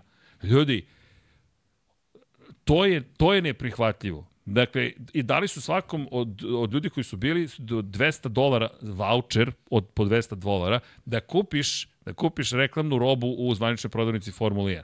Pazi, to je sad već, to je sad već ozbiljno, ozbiljno poigravanje sa, sa nečim emocijama. Inače, dobili su tužbu, već je pao class action suit, dakle, to je za- zajednička tužba svih koji su zapravo, čija prava smatruju da su ugrožena. Naravno, u Americi odmah je reagovala, ne znam tačno koja advokatska kancelarija, rekla, mi ćemo da tužimo Formulu 1, cenim da će se to nadok nekako će, jel te, iza kulisa se dogovoriti kakva je kompenzacija, ali Max koji je rekao, šta, dali su im voucher od 200 dolara, pa ja bih sve srušio da sam na njihovom mestu. Pazi sad, to je onako holandsko-futbolski otprilike fazon, gde ti slušaš svetskog šampiona trostruku koji iznosi vrlo realnu emociju. Nemojte da rušite, ali svakako negodujte, tužite, ali znaš, to nije u redu ti si tim ljudima rekao, e, znaš šta, manje više niste nam baš toliko bitni, osim da vam naplatimo i to je to. To je meni naj, najlošija poruka. Umesto si rekao, ljudi, ajde da vidimo šta možemo da uradimo za vas. Ne, nije bitno, ajmo da isprznimo tribine i vozi. Iznenađen si, šta? Pa nisam, ali mi je žao. Krivo mi je. Nadao Pa, sam se ne, nekom boljem Pa pristupu. to je svet u kome funkcionišemo, to je... A to čak je, nije ni kapitalistički. Ti Pa šalješ nije, poruku to je- da, da, ono, Ali to je tako, Nismo to je tako tipično, tako, tako normalno za, za, znaš, mislim, ti kad pogledaš, ti, ti nemaš, nemaš otpor, na, znaš, ti, ti nemaš otpor onih čiji glas se daleko čuje. Kapiraš? A ne sad neki sad tamo John, neki koji je platio ulaznicu 250, gde će on da kaže da, da je oštećen? ne, ne, Znaš, kome 500 će on- dolara je bila Pa najjeftinija. da, nebitno, sad nije, nije važno koji je novac, opet neki je 2 dolara. Slažem se. To je odnos prema čoveku, nebitno koliki je novac. Pravo Sad, si. možda li citiramo sa novce, potpuno nebitno. Pravo si. O tome ti pričam, znači nema, nema neke, nekog kritičkog stava, nema reakcije onih čiji se glas daleko čuje. Znači, nema reakcije aktera koji oni, on u pola tri vozi bunova, ne zna, dem, ne, naš, ne zna mu je levo, vozi sve okej i kao to mu je normalno. To je i Max rekao. A onda treba neko, kao ja, onda ali neki neće da kažu. koji je bio sa tribina, gde će onda kaže svoj stav, ko će njega da pita nešto? Znaš, on mora, mora da imaš, znaš, te, koliko su važne te javne ličnosti za generalno, ovaj, za, za, za društvo u kome živi, ne mi, nego ceo Bilo svet u ko. kome živi, a nekako je svet postao uniformisan, Znaš, nema nekog Niz kritičkog stava, nego svi su nešto ukalupljeni, ako nisi ukalupljen, onda nisi normalan, znaš, i to je to. I ti si baš imao jeziv primer, upravo, upravo na, na neki svet u kome trenutno bitišemo da, da, da nemaš, nemaš nikakvu reakciju na nešto što nije normalno. Ako mi neko kaže da je normalno da se vozi od pola 3 do, do 4, ja, I da se otera onda, publika. onda ja nisam normalan. Ali čekaj, pa meni je još veći problem. Ok, nenormalni smo. Toliko volimo Formulu 1, spremni smo da sedimo na tribinama po ciči zimi, noći na 10 stepeni 12 i da sačekamo. I onda spreman sam to da učinim. Toliko mi je stalo i do toga što želim da doživim i neko dođe i kaže, e sad ne možeš. Ajde izađi odavde. Znaš, to je meni poseban problem. Pa dobro, mislim. Čekaj, je- organizuješ sportski je- događaj. pro- Problemi su vezani, kažem ti gde nalazim vezu. Problemi su vezani, ali ali sve okej, eto, zato, znaš, zato E, smo dobili post festum cele priče je tumačenje pravilnika kako se nekome ćefne. Ti si onda, dalje pod tim i onda, utiskom. Pa jesam, znaš, znaš zašto sam pod tim utiskom? Zato, zato što, zato što uh, smo navedeni na to da, da pričamo o trci. Razumeš? Znači, navedeni smo na to da pričamo o trci, jer trka je dobra. Znaš, trka je bila dobra. Oni bi napravili trku da bude dobra kako god okreneš. Misliš, Masi je bio negde A napravili bi da dobije. Michael Masi, Zašto? Pa- specijalni gost A Las zato Vegas što je Grand to Prix. posle petka, to je treba, to je jedino što je bilo bitno napraviti trku, jer će to da poništi utisak koji smo svi zajedno imali u petak. To je suština cele priče. Dobro, mi nismo pobegli od utiska. Pa I ne, nećemo nismo, da pobegnemo. Pa nismo, ne, nismo jer, i nećemo, jer ovo naravno. zaslužuje mnogo više pažnje.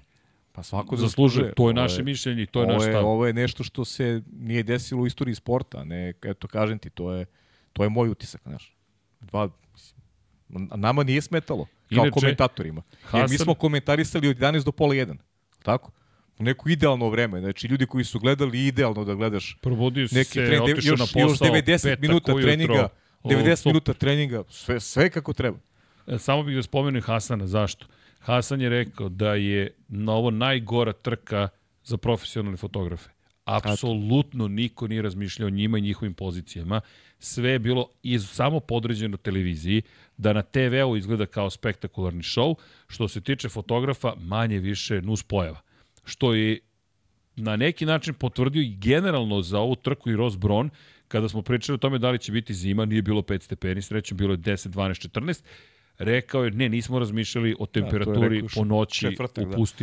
Jednostavno, to mi se A nismo dobro, ni bavili. ajde da budemo iskreni, ti ja, ovaj, e, ti ja nikad nismo radili u gorim uslovima jednu trku, iako smo ovde u Beogradu. O, nije radilo timing, live timing, live zvanični timing, Formula 1. Ljudi, ako, ako smo da zvučali, neko ako smo zvučali malo, imao. ako smo zvučali haotično, Nije, evo, na nikome nije radio. Da, ako smo zvučali haotično, prosto nismo mogli da ni- ništa da predvidimo, da, da se ostavimo neke rezultate, da napravimo procenu da li će se i kad menjati pneumatik, znači prosto, prosto u celom tom haosu i mi smo bili haotični zato što, zato što nemamo osnovne poluge za, za rad. Tako da proradio je live timing bukvalno na 20 minuta pre kraja trke. Do, do 37. krugu. To pamtim da se pojavio. I znaš Znači kad sam, 13 minuta pre kraja. Znaš šta se desilo? Garantujem ti, ovo je moj debugging. Dakle, konstantno je na, na refresh live timing izbacivao downloading. On je svlačio neke podatke na lokal i servirao lokalne podatke. To se dešava kada se završi, na primjer, trka kvalifikacije, trening, šta god, sesija, kada se završi, on nema više odakle da povuče live podatke. Dakle, ne ide stream podataka, dakle, nego on kada kontaktira bazu podataka Formula 1, dobije nazad kompletan set podataka i spusti ga u svoju lokalnu bazu i odatle vam pušta. Ne, on više nema veze sa serverom Formula 1. I piše downloading i downloading. I onog momenta kada se video loading, ok, dakle sad ide connecting, on se tek tada povezao. Ali gde je problem? To je za nas osnovni alat. Ne samo to, to je nešto što smo, sad ćemo se staviti u vašu ulogu, mi platili. Inače, mi imamo zvanični, pazite sad ovu ironiju, zvanični pristup portalu Formula 1, koji je kasnio. Dakle, mi smo pristupili zvaničnom portalu Formula 1 za novinare, inače on je lošiji nego komercijalni live timing koji se koristi za aplikaciju koju možete da platite na F1 TV Pro. Bukvalno, ne šalim se, to je ironija. Zvanični profesionalni alat mi ne koristimo zato što Pa, znaš i sam, na njemu nema ničega. Ništa, da. Ljudi, bukvalno izgleda kao da ga je dete pravilo, dakle, jer nema nikakvog Ma, nama, formatiranja, nama nema je ničega. 37 krugova trke vodio Lando Norris. O, e, da, to piše. Lando Norris je pisao kao vodeći Da. u tom trenutku. On čovjek završio trku još na početku. kada smo uspeli da osposobimo zvanični portal za, za komentatore, i pomislili smo ovo su live podaci, da gledamo, ček, što sad, nisu čak ni tu live podaci. Gde je naša kritika? Čekaj, pola milijarde si uložio u ovu trku. Nije ti prva u istoriji, 1100 ili koja već, i ti na toj trci sad imaš dodatni fijasko u nedelju, gde alat koji su ti gledaoci platili ne radi tokom trke. Ko koristi multiviewer software, pretpostavljam da vas ima, se kači upravo na svoj nalog na F1 TV Pro, koji nije radio. Dakle, sad imaš potpun haos u Las Vegasu i mi, naš profesionalni portal, takođe ne radi. Pa to je ono o čemu pričamo, znaš, to ti je s polja, kako kažu, Gladac, unutrijadac, i to je to. to to. E, I ono, znaš, e, i to su ti te slike sad, koje su kreirali svi ti akteri sa izuzetkom Maxa, znaš, sve je super, pa dobro, na kraju i Max jedno Rekao čeka da, je se super, vrati. jest. Dobro, čeka kao da Elvis. se vrati, a sve to sa strane, sve to sa strane, što čini takođe Formulu 1, što naši ti ljudi treba da urade profesionalno svoj posao, ne samo, pa i mehaničari u krajnjem slučaju, i, i fotoreporteri, i, pa u krajnjem slučaju i mi koji treba da uradimo svoj a, prenos na najbolji način, da vama prenesemo ovaj neki, neki ovaj, ta neka dešavanja na, na, na stazi u najboljem mogućem ovaj, elementu, bili smo uskraćeni za, za kvalitetan posao. Ali čuli ste informaciju do 2030 i koje Druge. 30 32 biće Las Vegas i, i to je to. Ja ne sumnjam zaista da će da će vremenom stvari uh, bit bolje funkcionisati. Ok, to sad imaju ono prvi put pa ne znam pot, potkrali su se greške, pa ljudi ne znaju kad smo nekim drugim stazama dali, i ovaj, dali, dali šansu da da vremeno Baku. postanu bolji. Baku. Tako je, postaći ovi bolji, ali znaš, ne može pobegnemo od utiska koji, koji je toliko jasan i evidentan. Znaš, to je, znaš, ne može da, da budeš lep ispod očiju. Znaš, to je, Ej, vidi, to. kao što smo i za Baku pričali, plašili smo se kako je vremenom stika, sticao reputaciju da je jedna od boljih trka, tako je sta- raslo naše poštovanje. Kao Hungaroring. Hungaroring smo mi dočekivali sa ozbiljnom zebnjom. Ljudi, Pa da, ali Hungaroring zbog kvaliteta trke, a ne Jeste, zbog, ne zbog ali- nekih drugih stvari. Hungaroring vremenom nikad je- nije zatajio na polju ali sad nije za taj Sećaš koliko su se organizacije, puta... znaš, i- Da, to nije. nikad nije zatajio na polju organizacije, nije bilo ovakve problema. Ovo, ovo, su neke druge vrste problema. Ono, čim ja imam problem generalno sa, sa, sa tim uličnim stazama, što meni one liče, ono, ko ja i Da, je, znaš. da. I to mi, znaš, ti posjećuješ neka mesta koje su bukvalno identične, prepoznaješ krivine i sa nekih drugih staza, znaš, baš je, i to ono što je rekao Max, najviše se slažem sa tim. Monako je Liga šampiona, ovo je, ovo je, Ej. ovo je kup UEFA, ovo je, znaš, nije ni kup UEFA, ovo je, E, ali to me zanima. Slušaj, Liga konferencije. Slušaj komentar Dart Duxa. Kaže, evo ja sam sad otišao i pogledao čovjek koji mi preti ako pojedem ovu šolju da će mi se odreći. Dakle, čovjek koji očigledno voli jodu, to je Darta Vadera, šalu na stranu, ali čovjek je rekao, sad sam otišao i pogledao Monako. Ni jedno preticanje, čekamo eventualno zamenu guma, preveliki bolidi za kneževinu i tako dalje i tako dalje. Odgovor našeg Svetomirskog, pozdrav Svetomirskog, da, ali Monako nije to. Monako je tradicija, istorija, neka druga priča. Svi žele da pobede u Monaku i Las Vegas Pa gde ljudi- smo imali 82 preticanja. Pa znate šta, to, to, to je, aj sad da prevedem na, na rečnik ovaj, ovog našeg junaka, čoveka koji, koji ovaj, obora rekord u tenisu. To je, to je kao da kažete turnir, e, zanimljivije mi je turnir u Lincu, on je fenomenalan, nego, nego Wimbledon. Znaš, to, je ta priča. Kao, bo, lepše mi da osvoji Linz nego Wimbledon. Sad da se ne, da se ne uvrede ovaj, ovi iz Linca. iz Linca, Ne znaš što se okej. sjetio Linca baš. Znaš, to, to ti je taj level. Ljudi, Mo- e, Monako je Grand Slam u automotosportu. To je Grand Slam. Znači, jedno od tri, tri trke koje su najprestižnije u istoriji automotosporta. Pa mislim, ko je taj koji sme da, da, da poništi ovaj, da poništi istoriju i da, mislim, to, je, to će zauvek da ostane Grand Slam. Dobro, to je njegova pozicija u Mislim, to, to je celoj ovoj priči. Tako je. E, to, je, to ti je kao da kažeš, eto, taj Linz, sad ne znam što sam rekao, Bilo je uzbudljivije možda tamo nego na i Bazil, Wimbledonu. nema ajde. veze. I bilo je uzbudljivije u Bazilu nego na Wimbledonu. Pa dobro, okej. I šta sad? Što je bilo zanimljivije? Nema veze. Dobro. Wimbledon je Wimbledon. To je kao što je Monako, Monako. Sve što se događa tokom, pre, posle, A, da. okolo i tako dalje. To je to. Dobro. U, čekaj, ovo moram da postavim kao pitanje. Mnogo tema, čekaj, mnogo je tema večeras. Imamo novog člana. Ramzes Rama, welcome to Svetioničar, početnik pozdrav za ekipu. Dakle, imamo i nisam video pitanja. Kaže, Andre, Max je e, nije bio ispred Rasela, je bio dovoljno do njega da bi zaslužio prostor. Ne može Rasel da skreće na levo kao da Max ne postoji, ne slažem se. Hvala Andre, A donirao okej, je. može se ne slažemo, naravno. Sve Tako okej. je, ljudi to i podržavamo. 25 donirao inače Dirhama, ako se ne varam. Hvala Andre, ali to jeste pojenta, dakle, kada reč o, o skretanjima, imate i one situacije kada sa spoljne strane u Austriji ko napada i ako njega neko dotakne, kažnjen ovaj su unutrašnje strane. Razumete sad? Pa generalno ubijeno trkanje, generalno sa tim kaznama, znači, znaš, generalno ubijeno trkanje, ali ali otvara ti prostor za različito tumačenje. Znaš. Ja sam gledao više snimaka i na svakom snimku vidim George Russella ispred Maxa Verstappena, bukvalno sad. Ne vidim ni jedan snimak gde, gde George Russell nije ispred Maxa Znaš, gde, Verstappena. gde je problem? Preagresivno skretanje levo, to jest nije išao, nije pokušao da prati e, Maxa Verstappena. U to, to su objasnili kao problem, što on bukvalno samo skrenuo u čoveka. Pa ne, objašnjenje Rekao da je ono što je, ono što je Max rekao u direktnom prenosu. I to je bilo to. To je bilo to.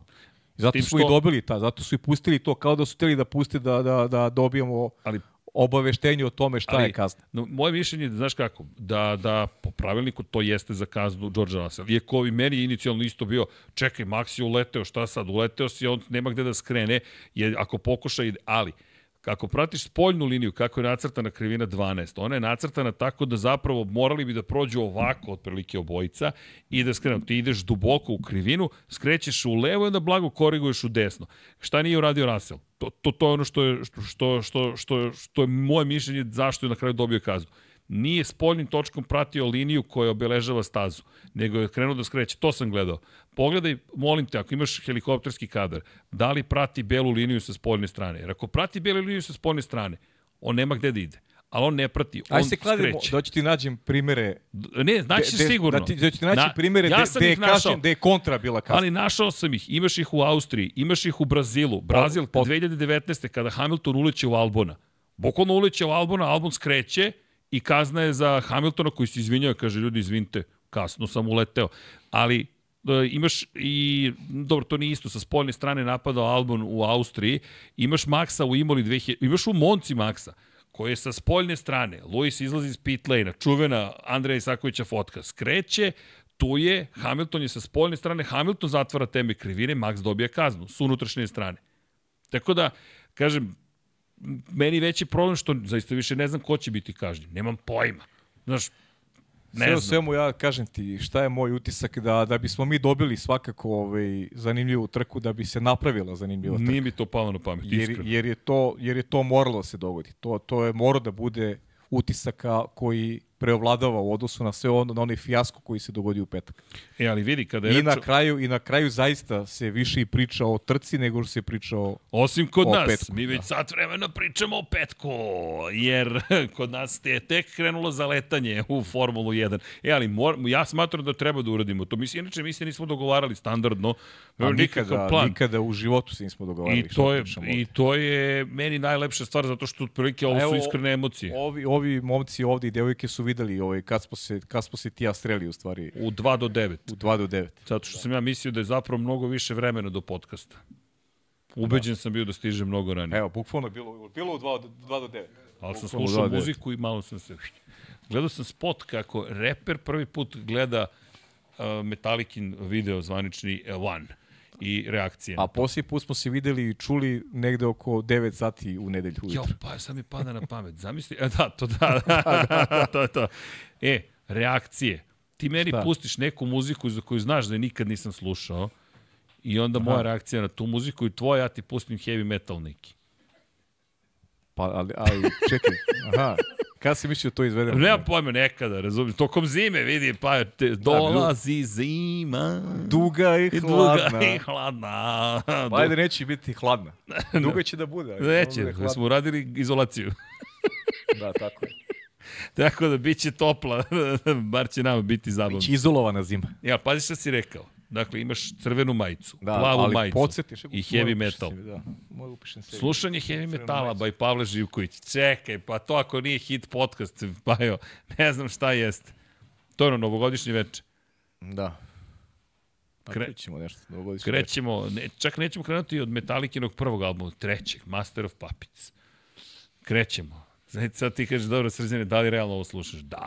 U Ja, svakom moram napraviti slučaju... nešto novogodišnje veče. Ću možda idem početkom januara, možda odem u Zagreb, to ti nisam rekao. Ej, pa, su, e, pa da. Evropsko prvenstvo u Vaterpolu u Zagrebu, A? da, od 4. Će januara. biti naručivanje.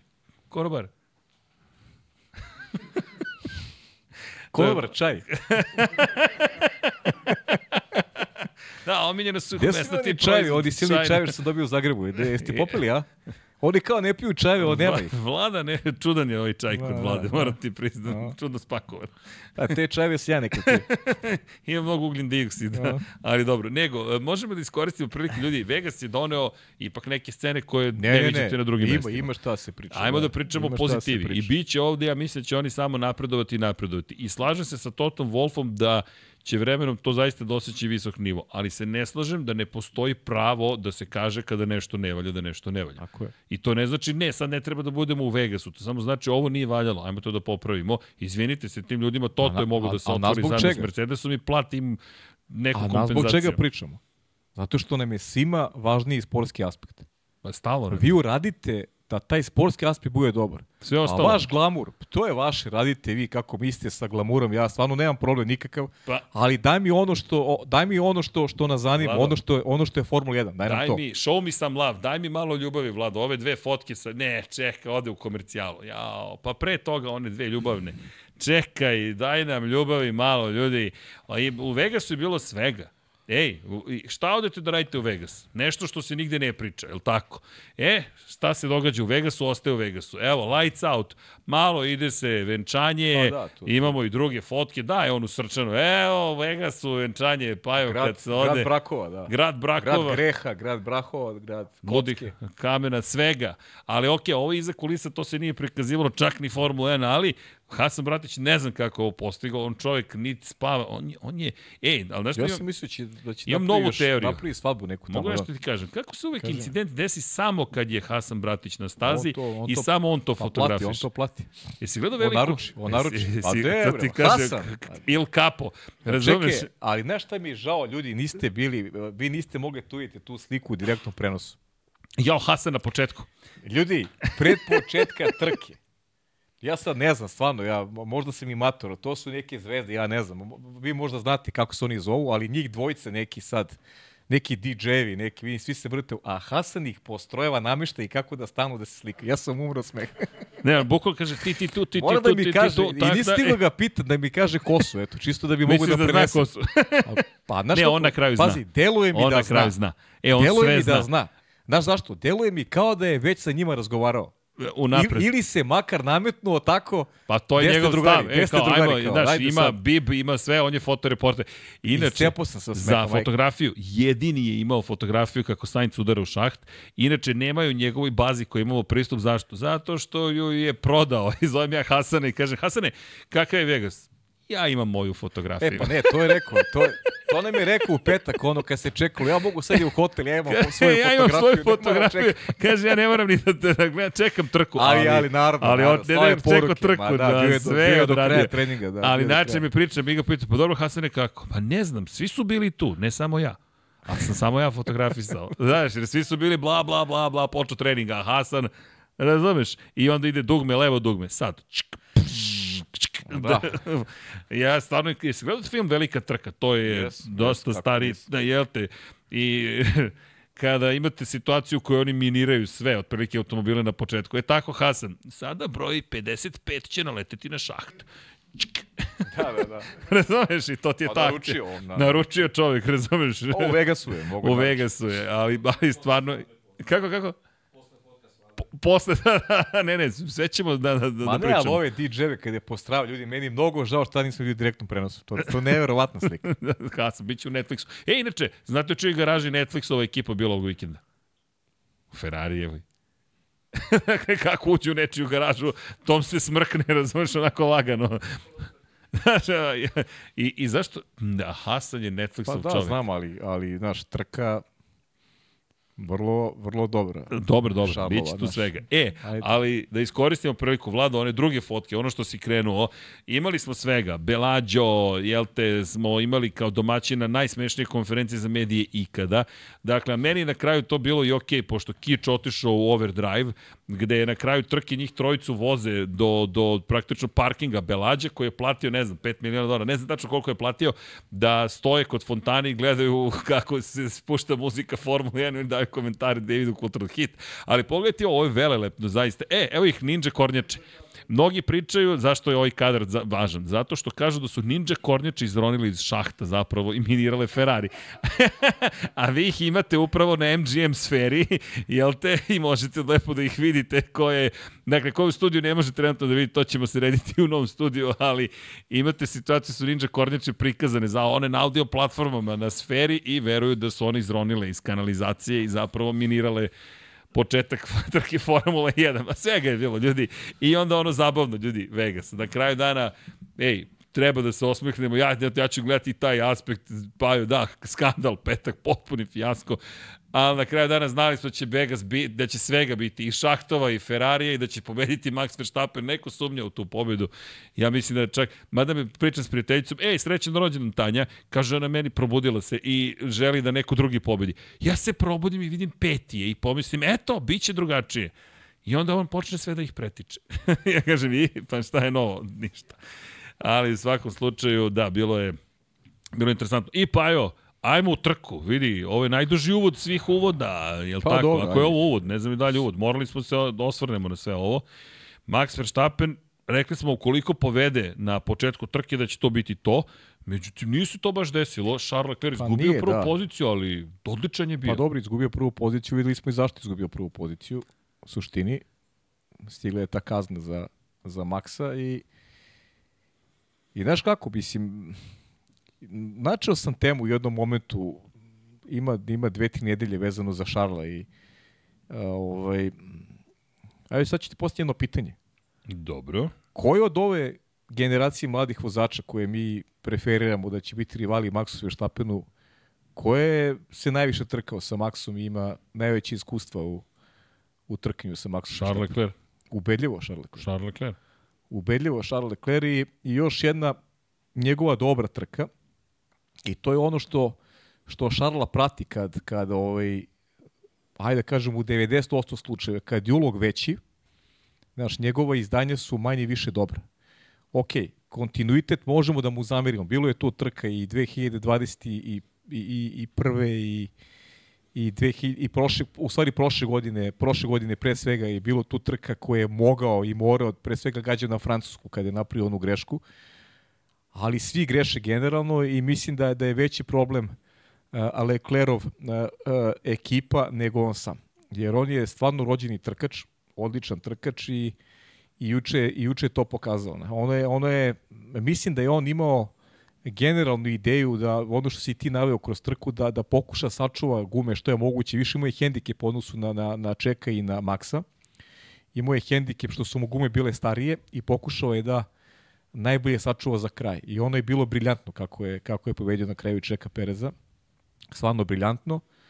Ti kad pogledaš, neko mi je pisao ovaj, tokom prenosa uh, ko je pobedio na stazi ove godine Maxa Verstappena, pa pobedio ga je Charles Leclerc. Koga je prestigao? Prestigao je Charles Leclerc. I, ovaj, i, i stvarno, stvarno ima dečko potencijal, možda je taj njegov karakter, to ono što opet govorimo stalno, Ferrari prosto mora da se odredi. Da li u njemu vide šampiona, ako vide u njemu šampiona, mora i u maksimalno da se okupe oko njega i da mu daju, i da mu daju podršku. Mislim da da nije došao Carlos Sainz da bi stvari u Ferrariju bile drugačije.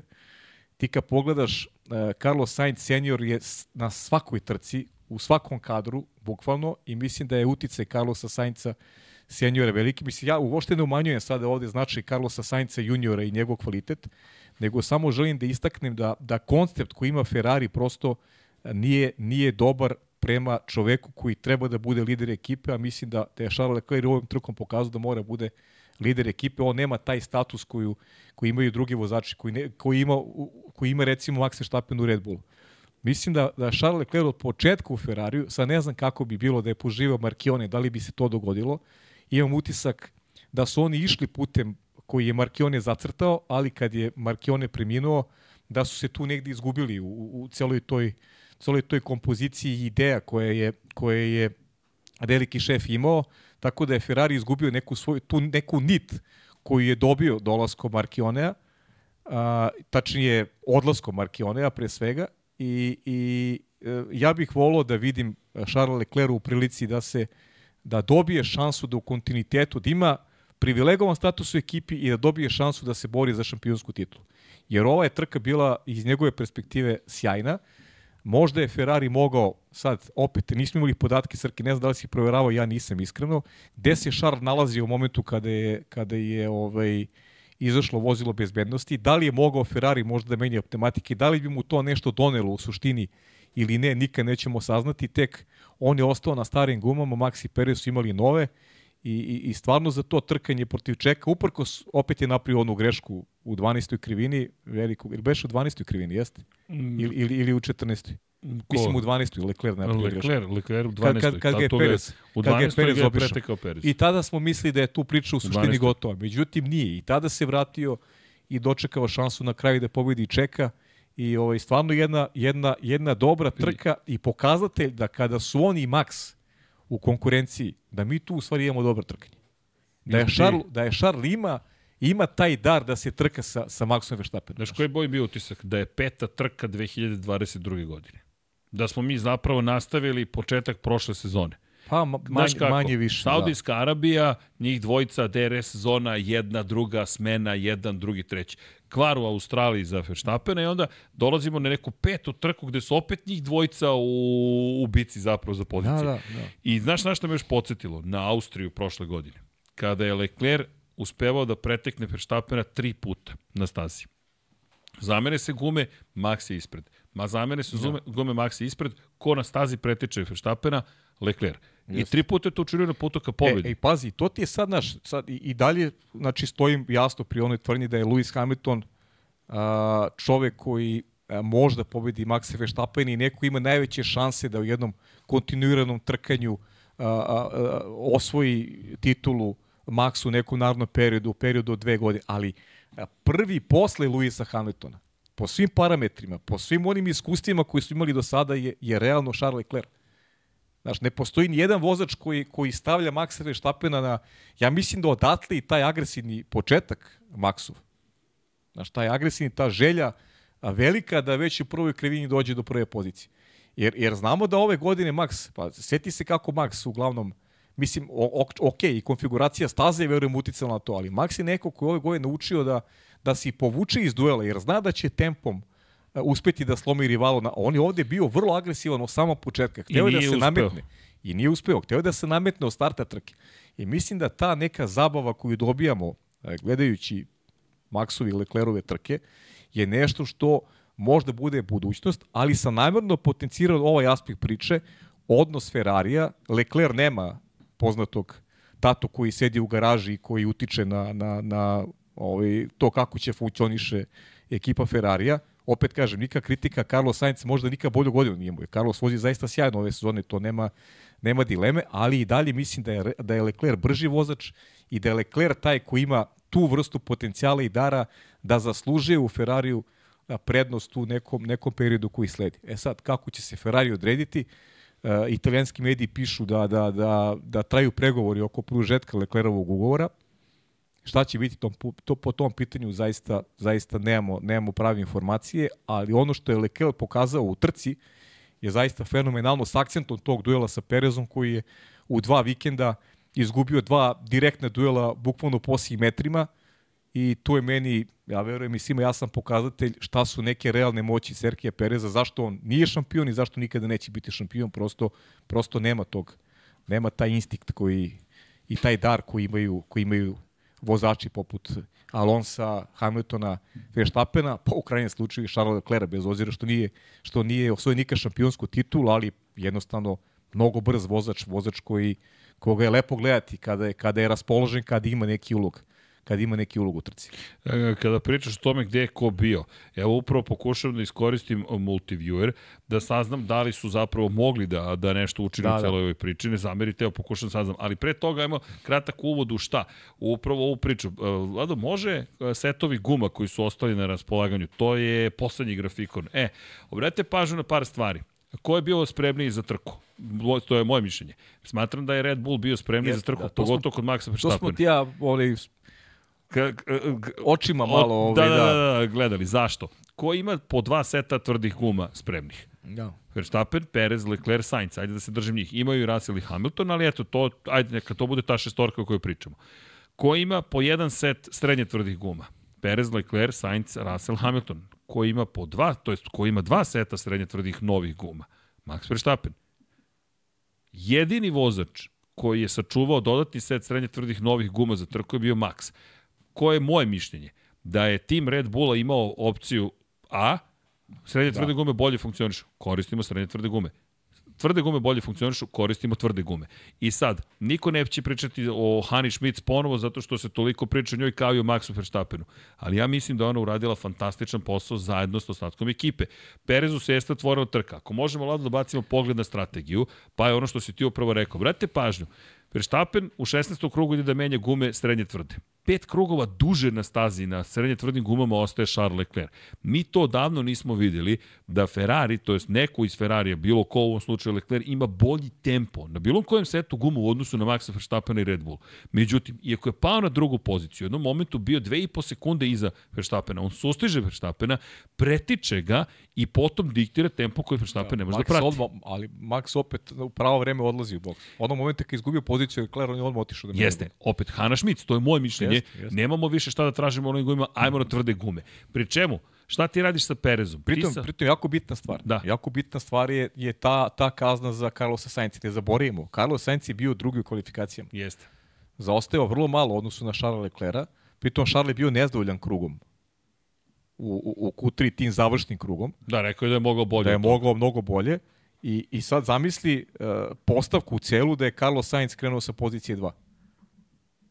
Znaš, Ferrari bi to otvorio mnogo veće. Vraćamo se sad na tu nepravdu koja, koja, koja je na Ferrariju Max realno. da napadne Sainca, opet kako Tako će je. protiv Leclera. A videli smo da Lecler ima bolji tempo. Dakle, ti pitanje da li bi ga sustigao, da li bi ga pretekao. imaš, ima 160 metara do prve krivine. Imaš, i, uh, uh, Max Verstappen bi u tom slučaju bio iza Charles Leclerca. Znaš, mnogo manje prostora za manevar i za neki pokušaj da, da, da, da, da dođe do prvog mesta. Tako da, da je ostao iza, iza dva Ferrarija, pitanje je kako bi se trka odvijala. Dobro, šta bi bilo kada je bilo. Čisto da napomenemo uh, kako su odvijale kvalifikacije da je Ferrari generalno na mekim gumama bio uh, ne samo na mekim, pa i na srednje tvrdim, bio najbolji tokom, tokom uh, uh, pa da kažemo dva treninga, on je prvi da računamo. E, evo, pa je, upravo sam sada na Aha. driver trackeru. Ko nije ispratio kako funkcioniše, dakle, multiviewer, ljudi, savršena aplikacija, topla preporuka i mi moramo da odemo na krug broj 26, je li tako, Tako beše? je. Dva, mislim da je 26. Dobro, trenutno sam, sad ćemo da nađemo. Ne zamerite, ali ovo nam je suviše zanimljivo, a i Pa jeste zanimljivo. za da. analizu mnogo bitno, da vidimo zapravo šta se desilo u cijeloj Pozicije priči. Ferrari je zanimljivo. U kom momentu je u kom momentu su žute zastave i to je safety car kada je izbačen. Dakle, mi imamo sledeću situaciju. U kom krugu smo rekli? 26. Ok, 26. ili tako? tako je. 26. krug. Tu A, se menjaju gume. tu se menjaju gume. I nešto tu, ako je mogao da menja gume, oni su čak imali potencijal da na srednje tvrdim gumama završe trku. Da. E, Pritom- 21 krug je vozio na punom Na rezervaru punom goriva. rezervaru je vozio sa srednje tvrdim gumama i imao sjajan tempo. Znači da su mogli, ne znam da li su imali, da li su imali još jedan set srednje tvrdih novih guma. E, e, Ferrari nije. E pa to je to. To se vraćamo na taj To je to. početak. To je to. Dakle, Ferrari nije. Ferrari imao samo tvrde gume. Evo ti ga zašto je Red Bull bolje pripremljen tim. To je to. Koji je imao tvrde gume spremne nove? Imao je Max. Koji je imao nove srednje tvrde spremne? Max. Jeste. Da su mu bile dobre srednje tvrde, vratili bi ga na srednje Tako tvrde. je, da. Njemu nisu bile dobre srednje tvrde, Tako a je. Ferrariju su bile dobre srednje tvrde. Ali nije imao više. Nije imao više. Nego je išao na to da ima dve tvrde. I opet, vraćamo se sada na pripreme. Ti si propustio ceo prvi trening jer ga nije bilo. Imao si samo drugi trening i onda treći trening i kvalifikacije. Ti si potrošio srednje tvrde gume. E sad, ajmo da se vratimo ponovo kako Red Bull funkcioniše. Ko je potrošio u Red Bull Racingu srednje tvrde gume u prva tri treninga i kvalifikacijama? Nagradno pitanje je sada. Sergio Perez. Pa da. Ko je skupljao podatke za Maxa Verstappena? To je to, Srki, o tome Sergio pričam. Perez. Sergio, uzmi ove tvrde, srednje tvrde, molim te, i vozi. Pa zamisli koliko bi Charles Leclercu bio lakše život da ima to. Pazi, Znaš, mislim, ja, da ti kažem, ja i dalje mislim, mislim da Leclerc nije taj level. I da, ja, to je moje mišljenje. Ali ima potencijal. Znaš, ti, ti napreduješ. Nama, ti, moraš sve da te to uradiš kako treba. Tako, ali mora ekipa da uradi Tako kako je, treba, vidi, da bi ti to uradio. Max- Ako se osjećaš loše u svojoj koži, jer, ti, jer ekipa ne radi dobar posao, pa ti onda brljaš. Pa, Znaš, vidi, ti si onda nesiguran, tebi, znaš, ti, ti, ti nemaš, ti nemaš Ali- taj komfort koji Max ima. jeste, znaš. ali postoji još jedna stvar.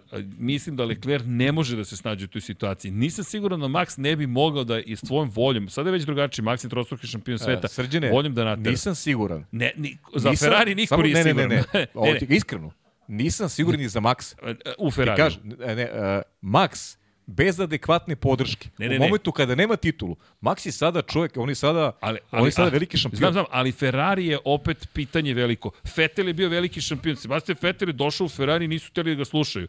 Koliko puta smo čuli Sebastiana Vettela kaže nema ni plan A, ni plan B, ni plan C. Njima plan A, B, C, D, E, F, G ko scenariju stoji već Znam, ali, 20 godina. Srki, to, to Ali- ti je vera. Zašto su on, oni ljudi, on, on, Ali one, one, one, one, one, one, onaj trio, fantastiku su oni u Red Bullu. Zašto su toliko posebni?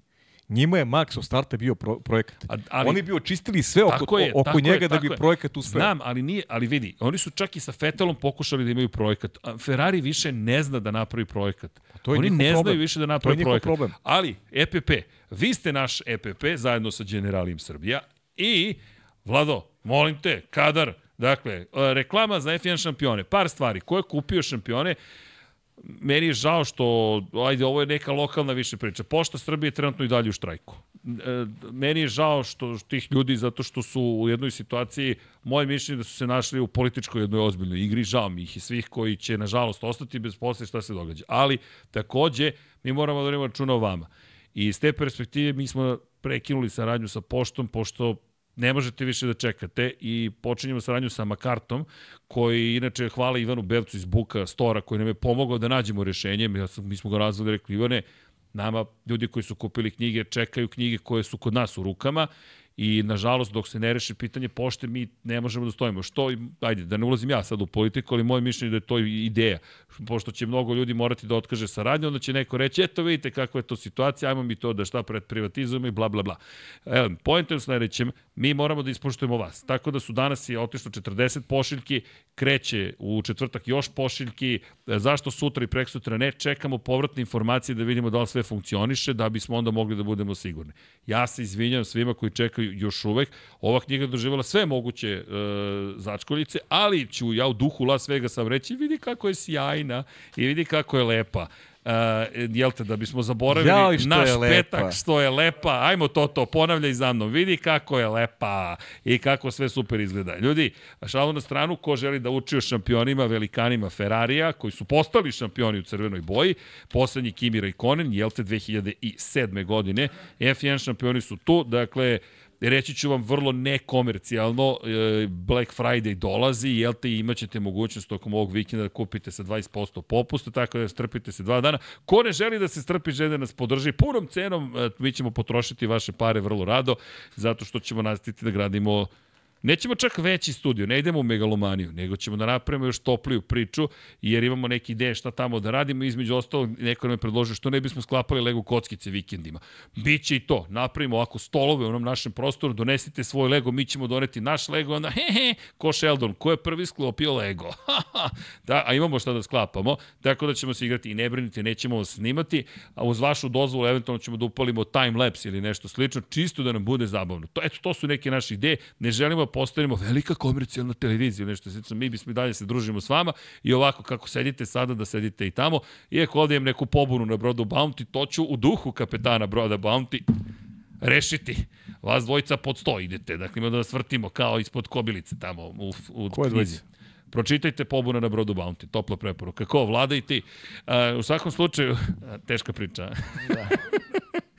Kako? Čemu priča ovaj čovjek? Šta si rekao? Evo, pobuna je u toku, ljudi. A, šalu na stranu, ali da, eto, možete otkriti mnogo o šampionima Formule 1. Nego, da se vratim samo na, se, na trenutak na ovo što si rekao, Da, Charles Leclercu treba zaista takva ekipa. Da li bi Max mogao? Ne znam, zaista nisam siguran. Max mi deluje kao neko ko bi pokušao, ali ni Vettel nije uspeo, ni Fernando Alonso nije uspeo, niko nije uspeo da slomi tu, tu korporativnu, Ma- tu, ma- tu, tu kancelarijsku Meni je mašinu Ferrariju. strašno, mislim, strašno, mislim, Niko. uvek je žao kad, kad, znaš, kad, kad se ugasi neč, nečiji život, ali mislim da je Markion imao dobar plan, ali prosto, znaš, njegov odlazak je, je uticao presudno na, na neki opet haos koji, koji Ferrari preživljava u, u periodu nakon Markione. Tako da to je, to je neki moj utisak i, i, ovaj, i stvarno nemam nekog sad kao, znaš, imam nekog afiniteta, ja ne poznajem te momke, ni Leclerc, ni Sainca, nego gledam ono što je na stazi, a da se nešto pitam, ovaj Leclerc bi imao apsolutnu podršku. On bi, on bi a, makar u dve sezone od koliko je bio u Ferrariju, imao status koji ima Max Verstappen u, u Red Bullu. Jer je to jedini način da, da, da, da, do, da do, dobiješ taj glavni ulog. Znaš, da, da osvojiš šampionsku titulu, da imaš ekip, ekipu koja ti je podređena, da imaš vozača broj 2 koji će maksimalno pomaže onome ko, ko ovaj, treba da se bori za šampionsku titulu. E, to mi je ono osnov svega. A ovako, Charles Leclerc mi deluje potrošeno, uh, već godine prolaze, i ako će Ferrari i dalje da, da kalkuliše na isti način, mislim da ulog će biti opet isti i u godinama koji slede, tako da ovaj, moraju nešto dramatično promene ukoliko žele da iskoriste potencijal ovog momka koji do duše ne tako često, ali, ali povremeno u skladu i sa nekim potencijalom i, i, i bolida nam pokaže da je zaista fantastičan vozač i da, i da ima dar da se, da se trka sa, sa najboljim. Samo par stvari. Dakle, onaj pogled na gume koje je imao spremne. Sergio je dva puta izlazio na srednje tvrdim gumama, odradio je test kompletan kada je bilo potrebno, Max je jednom koristio srednje tvrde gume, znao je kako će se ponašati, ali s druge strane imao je mogućnost da na osnovu Perezovih podataka lepo ekipa donese odluku o tome šta dalje. Dakle, tim je podredio trku Maxu Verstappenu. U Ferrariju tim nije podredio trku niti Carlosu Saincu, niti Charlesu Leclercu. Baš tako. Dakle, nije izabran niko. I kada pričamo o tome, vraćamo se na tu priču, ljudi, Maxu Verstappenu je sve podređeno. Jeste. Da, I to je okej. Okay. Oni prosto prave ceo tim ne, ne, oko to, njega to, to, funkcioniše, to, to, je nije, tako. to nije kritika. Tako je, to je Nije samo kritika, konstatacija. To je, to je tako i, I oni su, oni su taj proces, oni su za taj proces i, i za tu percepciju nagrađeni.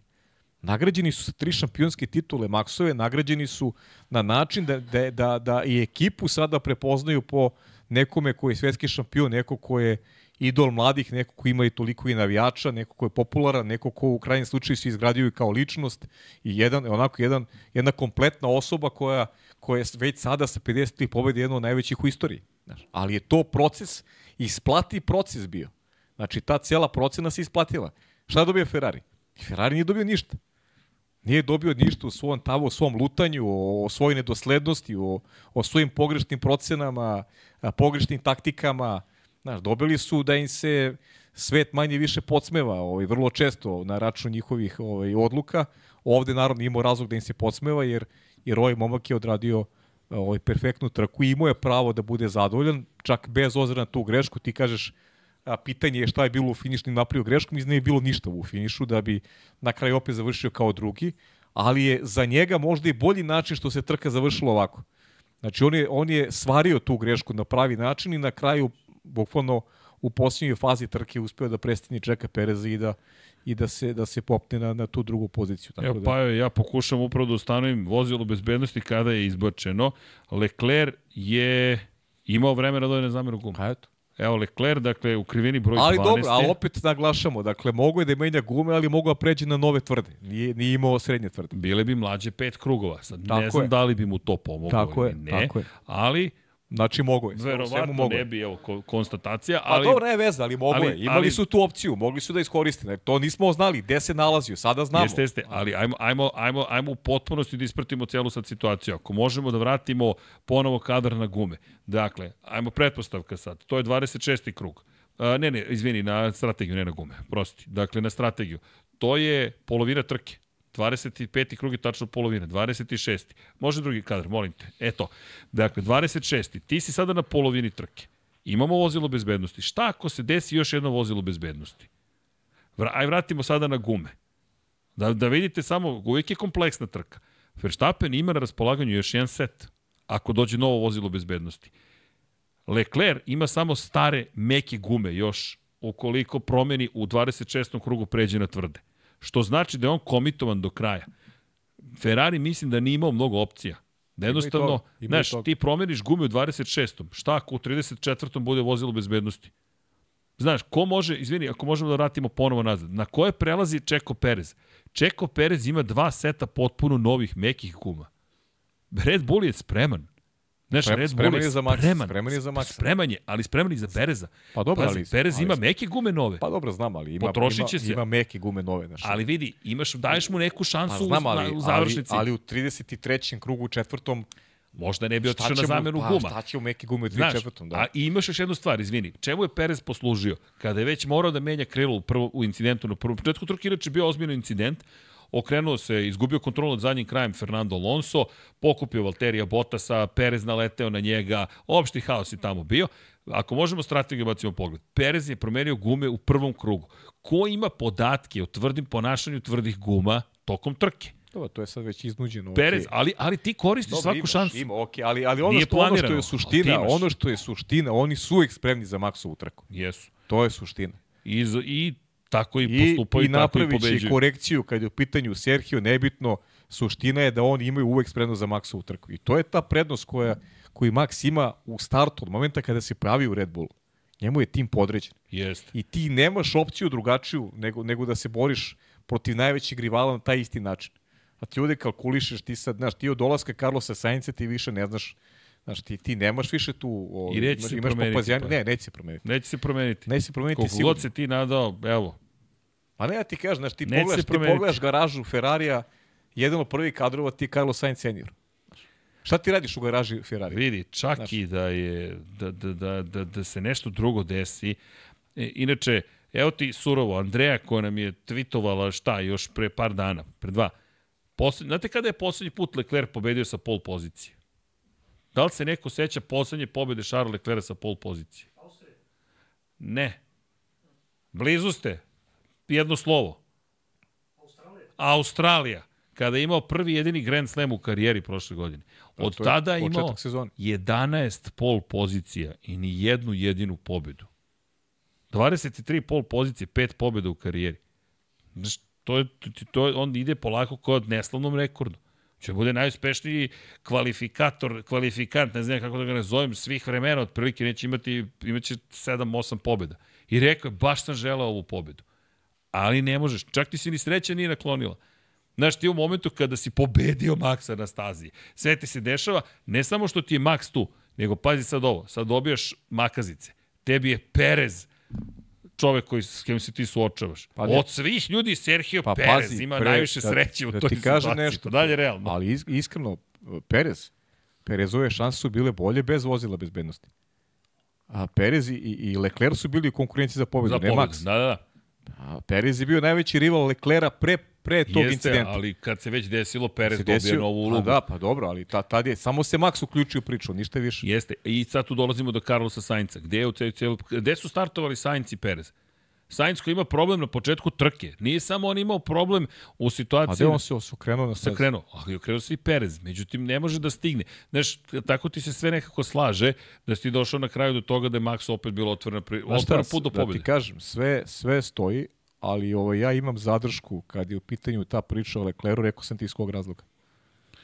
Dajte dečku uslove koji ima i Max u Red Bullu, pa da vidimo onda, dajte mu dve godine pa možemo pričamo nešto konkretnije. Dobro, trenutno to nije slučaj. I nije slučaj, neće biti I slučaj. neće. I znaš ko... I zato postoji velika razlika u priči. Znaš. Zato postoji velika razlika u priči. Pa jo, Jer ja bih volao da vidim ovo o čemu govorim. ali vidi, ovo je se neće šesta uzastopna pobjeda Maxa Verstappena. Ste svesni da on ima novi niz? Ne, ne, to je sad, to je sad već druga priča. Znači, On to je, sad to je ima- već sad druga Pa priča. čekaj, pa je on u Abu Dhabi ako pobedi, to je 7 pobjeda za redom.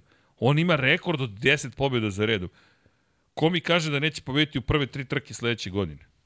Pa dobro, realno, Abu Dhabiju i Abu Dhabi verovatno. I onda Da. idemo Bahrein, Saudijska Arabija. Šta? To pričamo o stazama, znaš, ti si već, već sad on može da razmišlja o tome. Pri čemu? Setimo se 53. prošle, prošle godine Abu Dhabi je lagano došao do triumfa, a imali smo bitku opet, imali smo Čeko i, i, i Leclerc za, za to drugo, Za drugo mesto, mesto. u konkurenciji to. i u trci u konkurenciji konstruktora. Pa dobro, sad imamo bitku za četvrto mesto. Carlos Sainz protiv Pa Fernando dobro, ali imamo bitku Mercedes i Ferrari za E, drugo to mesto. imamo, to je baš velika bitka. Interesantno je, znaš, mislim. Četiri pojena razlike samo. Mercedes ima prednost, ali evo ga Ferrari. Ali sad opet mi ne znamo šta će biti s Mercedesom. Mercedes i ostaje pomalo enigmatičan. Odjednom je brz, ali Lewis Hamilton ne prolazi u Q3, Russell je taj koji je uspešniji. U poslednje vreme Hamilton bio taj koji je uspešniji, Pa dobro, ali- nije. E, zašto su bitni? Zašto volim ovo, ovaj vikend sa, sa tri treninga? Znaš? Ok, dva su, ali bila, bila su... Pripremiš se kako treba. Pa da, ali vidi se, znaš, nije stvarno i taj Perezo kvalifikacijni krug i pa i da se pohvali malo, mislim u kvalifikacijama smo rekli da jedan Mercedes može da ispadne iz, iz Q2, da ne uđe u Q3, Perez isto negde moglo je da se onako prozre, da, da neće ni on proći, tako da zaista volim te vikende, klasične vikende, jer su, jer su mnogo lepši za, za, za praćenje. Ali pa evo, ajmo ovako. Što se tiče Mercedesa, ja ne znam šta da mislim za Mercedes sad u Abu Dhabi. A ne, ali da ti, mi, mislim, mislim, da je, mislim da je Luis rekao sve o Mercedesu. Dobro, Da jedva čeka da bude muzijski eksponat. I mislim da su da je tu priča, da je tu priča završena. Ja ne očekujem zaista. Ja iskreno ti kažem, mislim da će Ferrari biti drugi na kraju. Pa seti se, seti se Abu Dhabije prošle godine. Gde je bio Mercedes Abu Dhabiju prošle godine? Pa, ali, ali, ali, ajmo da se vratimo na sekund. Bio je dobar u smislu da će biti na kraju sezone to put ka bolidu koji će im doneti A da, u- u- Abu Dhabi u. Brazilu su bili sjajni, ali u Abu Dhabiju i nisu. Ne, u Abu Dhabiju konkretno trci nisu, ali bez obzira na sve to bila je priča o tome da su oni tu. Dakle, samo je A pitanje možda je trenutka. bolje sad obrnut proces, možda i bolje ovako. Misliš, bit će ozbiljniji? Jer mi smo, bili smo ubeđeni na kraju prošle godine će Mercedes ovaj biti sjajan. Pa Da, da, će biti ali- najveći rival Red Bull. Ne, ali vidi, ja se i dalje vraćam na, na to, na, na, na priču o Mercedesu u kontekstu onoga što je Russell prokazao. Russell uopšte ne izgleda tako loše. On je mogao da bude na pobjedničkom postolju. Da nije bilo kontakta zaista s Maxom Verstappenom i kazne, Russell je imao šansu. Znaš, Mercedes nije bio toliko loš koliko na kraju rezultat ne oslikava njihovu brzinu. Jer ako pogledaš treći sektor i u kvalifikacijama i generalno uopšte nije bio loš. Što je meni tek sad zbunjujuće. Mercedes koji je loš celog vikenda u Brazilu, tamo na usponu ima najveći aerodinamički otpor, ništa mu ne ide, McLaren ga pretiče, Lance Stroll ga pretiče u Aston Martinu. Svi završavaju posao sa Mercedesom kao da stoji u mestu, Dođemo u Vegas, u pustinju, oni su brzi na, na, na, na tamo gde je najbrži Pa Pravac. znam li, to ti je siže sezone, Srki. Imaš dve ekipe koje su stabilne. Mislim, stabilne na svoj način. Ne, os, ne osciliraju. Red Bull i Alpina. Red Bull najbolji, Alpina, Okej, da. Alpina peta, šesta, Alpina, ne mrda odatle. Pozdrav ponovo za krešu. Pa znaš gde su, pa znaš gde su, to je to. Znači, misli stabilno, znaš, ne A idu ni da. gore ni dole. Ej, i što me dovodi, izvini, do naranđaste majice. Nije posvećena samo Maxu Verstappenu, već i McLarenu. Šta bi? Šta bi u kvalifikacijama? Gde su nestali? Nisu kroz ko jedan prošli. Bokolo, nisu kroz ko jedan prošli, ljudi. Pa Mislim, dobro, bi- z- Ili znaš da je... Da je katastrofu za, za McLaren. Pa dobro, ali Norris imao problem sa hlađenjem i to, to su obelodanili, ok. Okej. okay. Kvalifikacije jesu bile loše, ali opet, znaš, ta trka u suštini... Jastre je- izgledao sjajno na, na tvrdim gumama. Nor, Jest. Norris imao I incident. Norris imao incident, da. Očigledno, znaš, možda je više tražio na nezagrijenim gumama, mora da se prilagodi Pa malo da, bolje. letao je na tu neravninu. Postoji Jest. zapravo ulegnuće gde, na Pa koje dobro, ali, letao. ali opet i... ne opravdava. Kad, I znaš. drugi su naletali na tom pa, delu. To ti kažem. znaš, Sve jasno kao dan, ne- ne ali opravdava. znaš, samo hoću da kažem da, da, da, da je čak ni McLaren nije mogao da pokaže Pa isto. zna Srkeli, stalno pričamo isto. Jer čekaj, kako je moguće da Red Bull uvek uspešan? To je nešto meni fascinantno. Pa kako? Čak i sad kad se mučio, Pa brojke su ti... Ne, ne, ali sveti go, pazi kako sad, je moguće? temperatura, temperatura je bila niska, je tako, celog vikenda mi pričamo o niskim temperaturama. Evo, e, imam grafikon za trku. Evo, Vlado, hvala Pireliju. Zašto? Zato što nam je dostavio i, i, i nešto što isto vredi analizirati. Ono što je moje pitanje, znaš, u kvalifikaciji pričam, evo, slabost Red Bulla dolazi do izražaja. Singapur je bio slaba tačka. Uh, videli smo da tu mogu da budu pobeđeni. Čak i tu bi pitanje da li bi pobedili na kraju trke koliko je Max bio brz. Ali u Singapuru si mogao braniš Pa poziciju, ovde nisi mogao Braniš ja poziciju. Ja ću, ti, ja ću ti kažem kontraargument sad. Dobro? Da nije bilo prekida, da nije bilo vozila bezbednosti, ne bi imali trku kako, Pošteno. su, kako, kako su dobili. Ali da li ne bi? Ne bi, Si siguran? 100%. Mm, ja bih volao da vidimo tu trku. Mislim da bi 100%. bilo trkanje do kraja, baš ozbiljno. 100% ne bi bili na tom mestu. Mislim, to je moj utisak.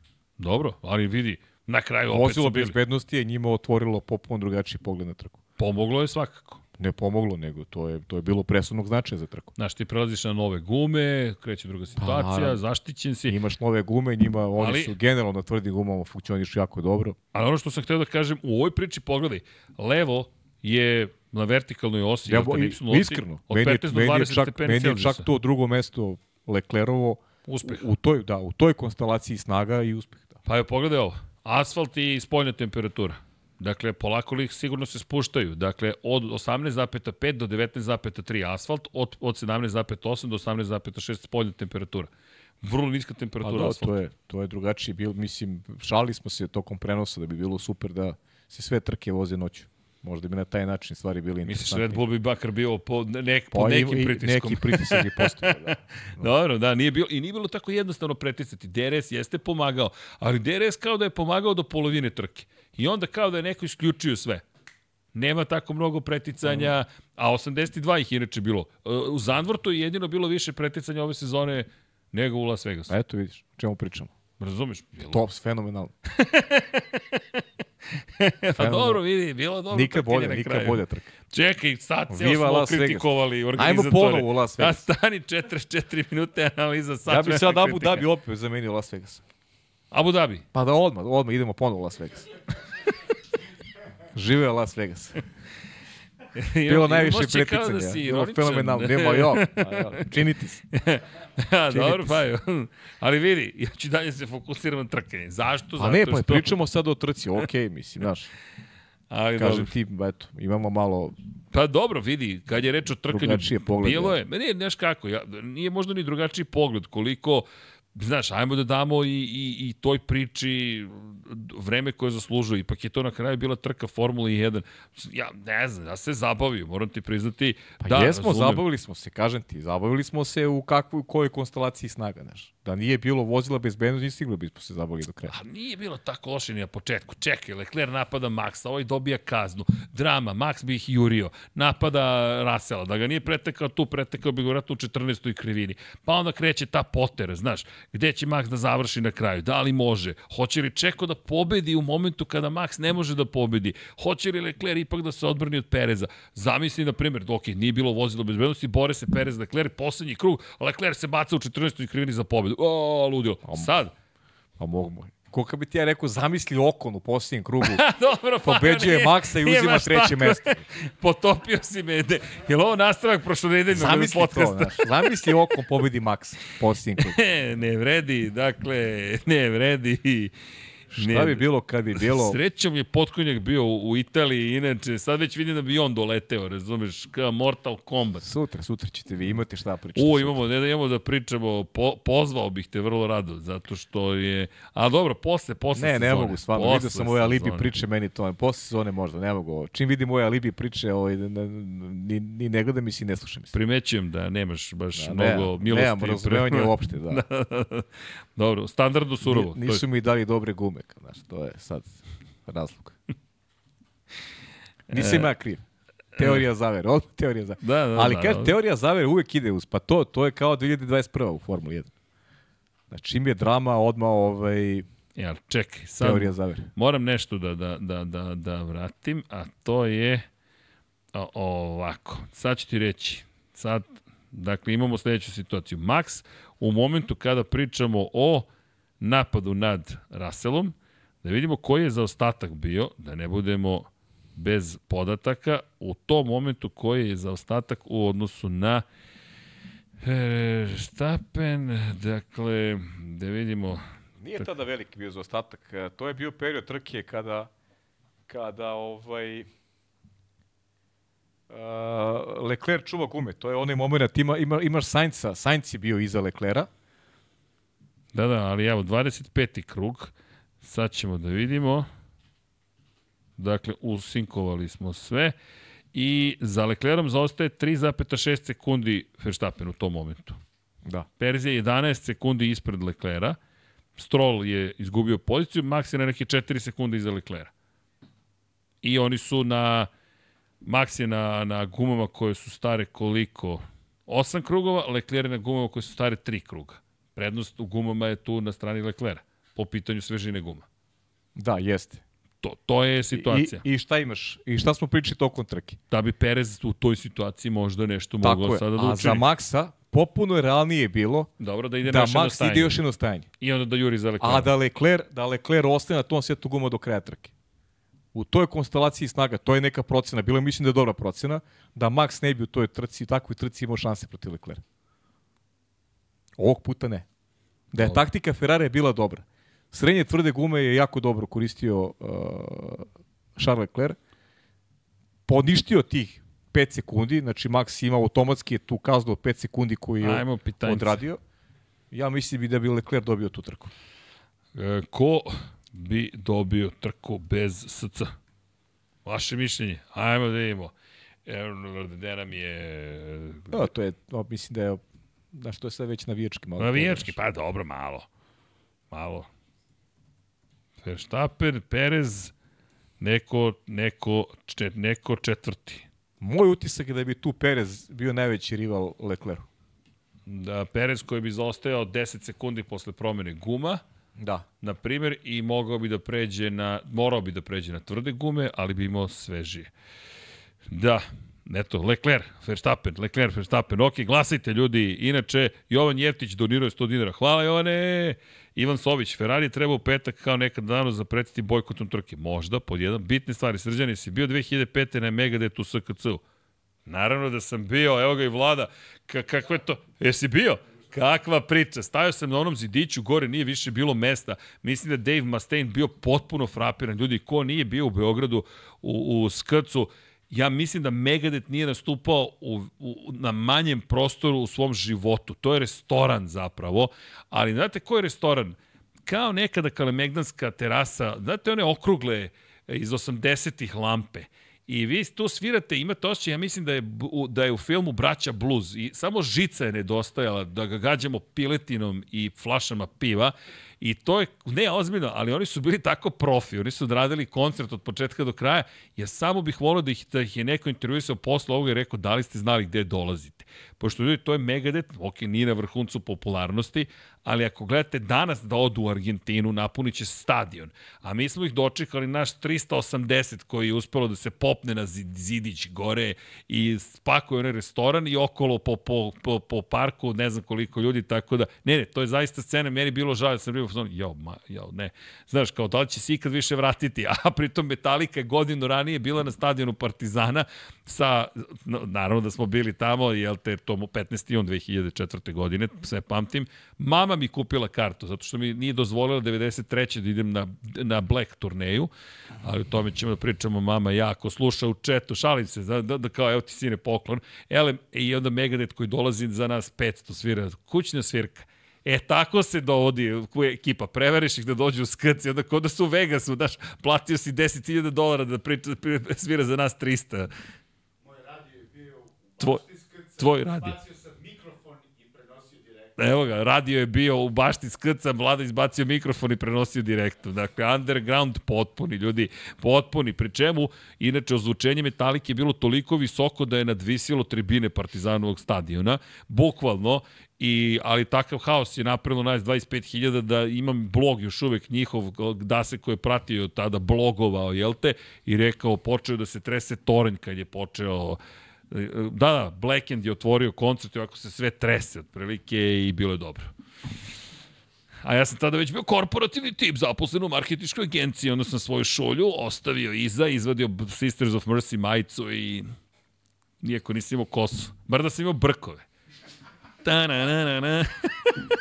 A mogu si je kupiš negde. Nije mi palo na pamet, ali imao sam razgovor za posao. Eno ga, e, inače, e, Your Clips, 5 evra i 99 centi, inače hvala Ivane Soviću na donaciji. Mislim da je Formula 1 treba raditi sve da dobijemo konkurenta na te sljedeće godine, jer očigledno da jedino Luis može konkurirati Maxu u kontinuitetu. Pa trenutno tako zaista izgleda. Da. Srki ne spominje Srki ne spominje Partizan, kako nisam spomenuo Partizan, evo spomenuo stadion, šta vam je, ljudi, nema, pamti se, baš je bilo glasno te večeri. Naš si stadion, naš si. Na, pitao sam šta je ovo? E, znaš zašto znam da je stadion? Dobro, naravno da znam, šalim se, ali znaš da je moj kumaca tamo tretirao atletiku i onda su bacali disk gore u drveće, jer nisu mogli na stadion da izađu 90-ih i onda ih pošalju atletsku celu ekipu kuglaše i diskaše da bacaju gore i onda š, u drveće leti disk. Uspomene iz mladosti. Idemo, uh, idemo, uh, Srki pitaj Paju za teoriju zavera o falš guma u 2006. da. Uh, Vjela Tikvaš, Max vam je dosadan po tri titule, a vi opet za Hamiltona. Pa nismo za Hamiltona, mi kavarimo kao što su nas optuživali da smo protiv Hamiltona ma, kada je osvojio sedmo. Šta vam je, ljudi, mi samo hoćemo zabavu. Uh, Slušajte, isto smo pričali, makar ja. Isto. I tada sam isto pričao. A ista Stvarno, priča. Nijedna dominacija Tražimo rivala. Sve jedno je ko će da osvoji titulu, dajte samo da bude. Tako I pritom, čekajte Vila Tikaš, očekujem izvinjenje.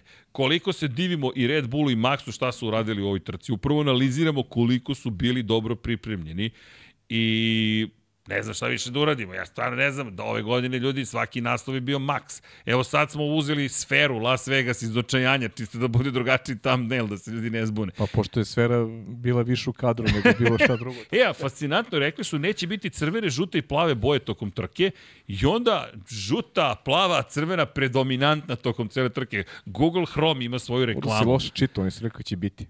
Da, da, loše sam čitao, neverovatno, ali dobro, ne veze. Um, Gde smo stali? E, gde smo stali? Tako ne znam više gde smo stali, pravo da ti kažem. Ne, stali smo... Jel već se neko seća gde smo stali? Šalim se, analizirali smo zapravo da li je mogao da pobedi Leclerc da, da, ili da. pobedio pa, da, Perez, da, pa, da, to ali to je samo sad teorija neka teorija, naša. Pa, ništa u celoj više. priči ne, ne možemo da vam ponudimo više od, od teoretisanja, ali svakako je bilo zanimljivo. Znaš ko je ajde, odradio zaista mnogo lepo trku, e, sve do pred samoga kraja, gde nekako, ajde, sve izgledalo moram priznati, čudno u završnici. Oskar Pjastri osvojio je po poen, dva zapravo imaju najbrži krug trke i, i super i ta dva poena su velika zaista, ne pocenjujem, ali mi je bilo fascinantno koliko je Oskar bio brz na tvrdim gumama, zaista je odvezao meni mnogo lepo trku, toliko preticanje. Ti gledaš čoveka koji na tvrdim gumama samo prolazi kroz sve. Pa ne, problem, problem je Klarena je bio, ako si ja dobro, nisam tukačio u startu, jer opet kažem ti nismo imali, mislim da je Oskar Pjastri na prva dva ovaj, e, seta imao, imao tvrde gume. On je morao da menja pneumatike, zbog toga je išao u boks na kraju. E, On je morao da pređe sa, sa tvrdih na srednje tvrde, ili tako? Da vidimo, Piastri jeste tvrde, tvrde i na srednje Tako, tvrde e, mora pa da. to je. Jer je bilo nam je čudno, znaš, bilo nam je čudno zašto ide sada na promenu gume, ima, imao je dobru poziciju. Međutim, on je morao da menja gume i, i to je bio razlog. On je, on je koristio dva seta tvrdih i za kraj je bio je prinuđen da menja tako da prešao srednje tvrde. Tako da ti poe, taj poen, ta dva poena u stvari je neki plafon koji mogu da izvuče iz taktike koja je, koja je prosto bila pripremljena za njega u toj trci. Pa, Pa- ja bih više pričao o Estebanu Okonu, recimo, nego... Poh, pohvalit ćemo ga, znaš šta sam samo teo da kažem, samo sam teo da, da ispoštujemo McLaren, smo počeli da završimo sa Pjastrijem iz te perspektive i još jedna stvar, Pjastri je jedini u drugoj polovini uopšte menjao gume. Niko više nije otišao na promenu guma od tog 26. kruga i vozilo bezbednosti. Pa zato što je morao. Da, da, ali to hoću ti kažem, pazi, niko drugi, znači nisi ni, ništa morao da menjaš više, a to su najmekše gume koje je na raspolaganju Pirelli imao. Međutim, timovi su već uveliko sve pročitali i završili praktično trku na ovom setu guma. Čisto da negde, hajde, dodam jednu, jedan de- detalj, a to je da moje mišljenje i utisak je da je zapravo McLaren išao na to da će se nešto desiti potencijalno i da je a, čekao. a vidiš, I nije se desilo. Vidiš, moj utisak je ovaj drugačiji. Da. Ja mislim da njima pokvarilo trku to što se dogodilo. Pa, pa, vidi, Jer- prvo, jer- prvo jer stanje su- da, jer ali kako- tu reaguješ. Pa tu znaš kako, o, o, ja, ja mislim da su, da su oni... uh, Planirali jedno stajanje. Da. Planirali jedno stajanje i da su posle računali, pošto je naš 25. krug, ne možeš ti da pređeš na srednje tvrdi da njima završiš trku. To je mnogo vremena. Oni su prešli ponovo na tvrde i verujem da se nadali da će možda biti još jednog vozila bezbednosti. I onda bi na srednje tvrdnim gumama, čak u toj konstelaciji snaga Pjastri možda imao i, i potencijal da, os, da uradi nešto više u samom finišu.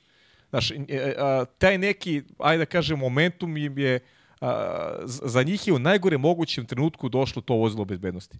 Na tvrdim gumama nemaš opciju pređeš na srednje tvrdi jer na njima ne možeš završiti trku s jednim stajanjem i onda a, držiš ga što je duže moguće. Tačnije čekaš da se eventualno dogodi još jedno vozilo bezbednosti, to se nije desilo i samim tim Pjastri ostao bez većeg uloga nego što je to izgledalo, jer, jer iskreno ti kažem, ja stvarno sam potpuno prevideo u nedostatku podataka, sam prevideo da je on ovaj, na, na tvrdim gumama i počeo i da je menjao posle na tvrde gume, da je on prosto imao obavezno stajanje do kraja trke. Tako da, a, jednostavno McLaren u, u celoj toj konstelaciji snaga nije imao ni, ni dovoljno sreće. Kao što se Red Bullu otvorilo, njima tako nije. McLaren u svakom slučaju situaciju koja, koja je sad zanimljivija iz perspektive možda ne njihovim navijačima, borbe za četvrto mesto u šampionatu konstruktora, 11 poena je za ostatak Aston Martina, koji je inače imao vrlo lepo trku 5. i 9. ali da ispoštujemo Okona kao što si rekao, Da. da.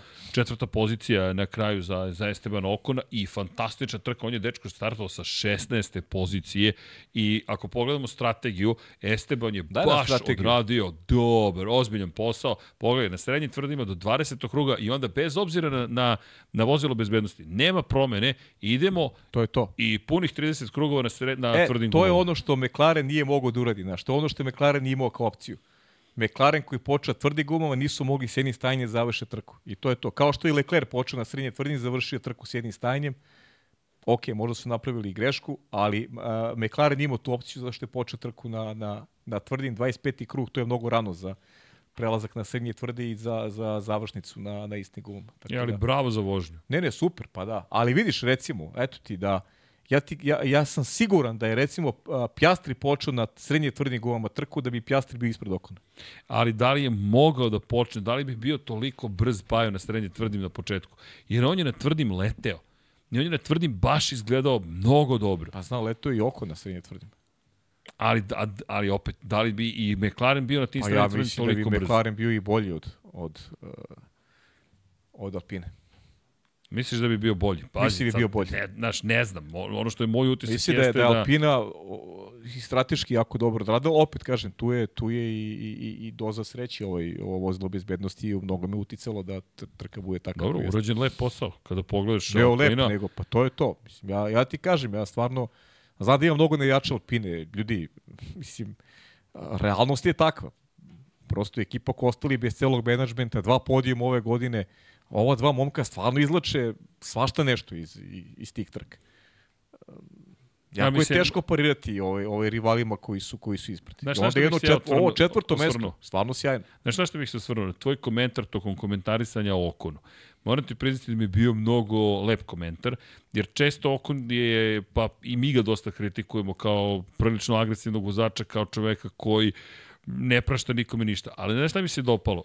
Da tvoj komentar da ti se baš zato dopada Esteban I on i Kej Magnussen, iskreno ti kažem. Da ta njihova prosto ličnost koja dolazi do izražaja u tim situacijama Ne daju na sebe je- momci. A, a na šta je meni e, lepo? Slušajući te, to mi je baš onako nekako došlo do, do, do, do, do, do, do izražaja, a to je da zapravo, ej, to je moja ličnost i ne menjam se. I to je okej. Okay. Znaš, kritikujte me, ne kritikujte me, ne zanima me, ovo sam ja, ovo sam ja Esteban Okon i to mi je baš bilo dobro jer je to poruka svakom od nas. Ej, budi to što jesi. Neko će te voliti, neko te neće voliti, ali budi to što jesi. Jel ti cilj da te ljudi vole u životu ili da budeš svoj? I to je ono što si na početku rekao, budi svoj. I To to je, je- stvarno je Okon ja, svoj. Ja stvarno mislim da je to je, to je mislim i, ovaj, ne znam ko je to izjavio, to je mi je mnogo jaka izjava, znaš, da je to, i stvarno to, tako, tako baš smatram da je, da je, da je najveća pobeda čovjekova da bude svoj.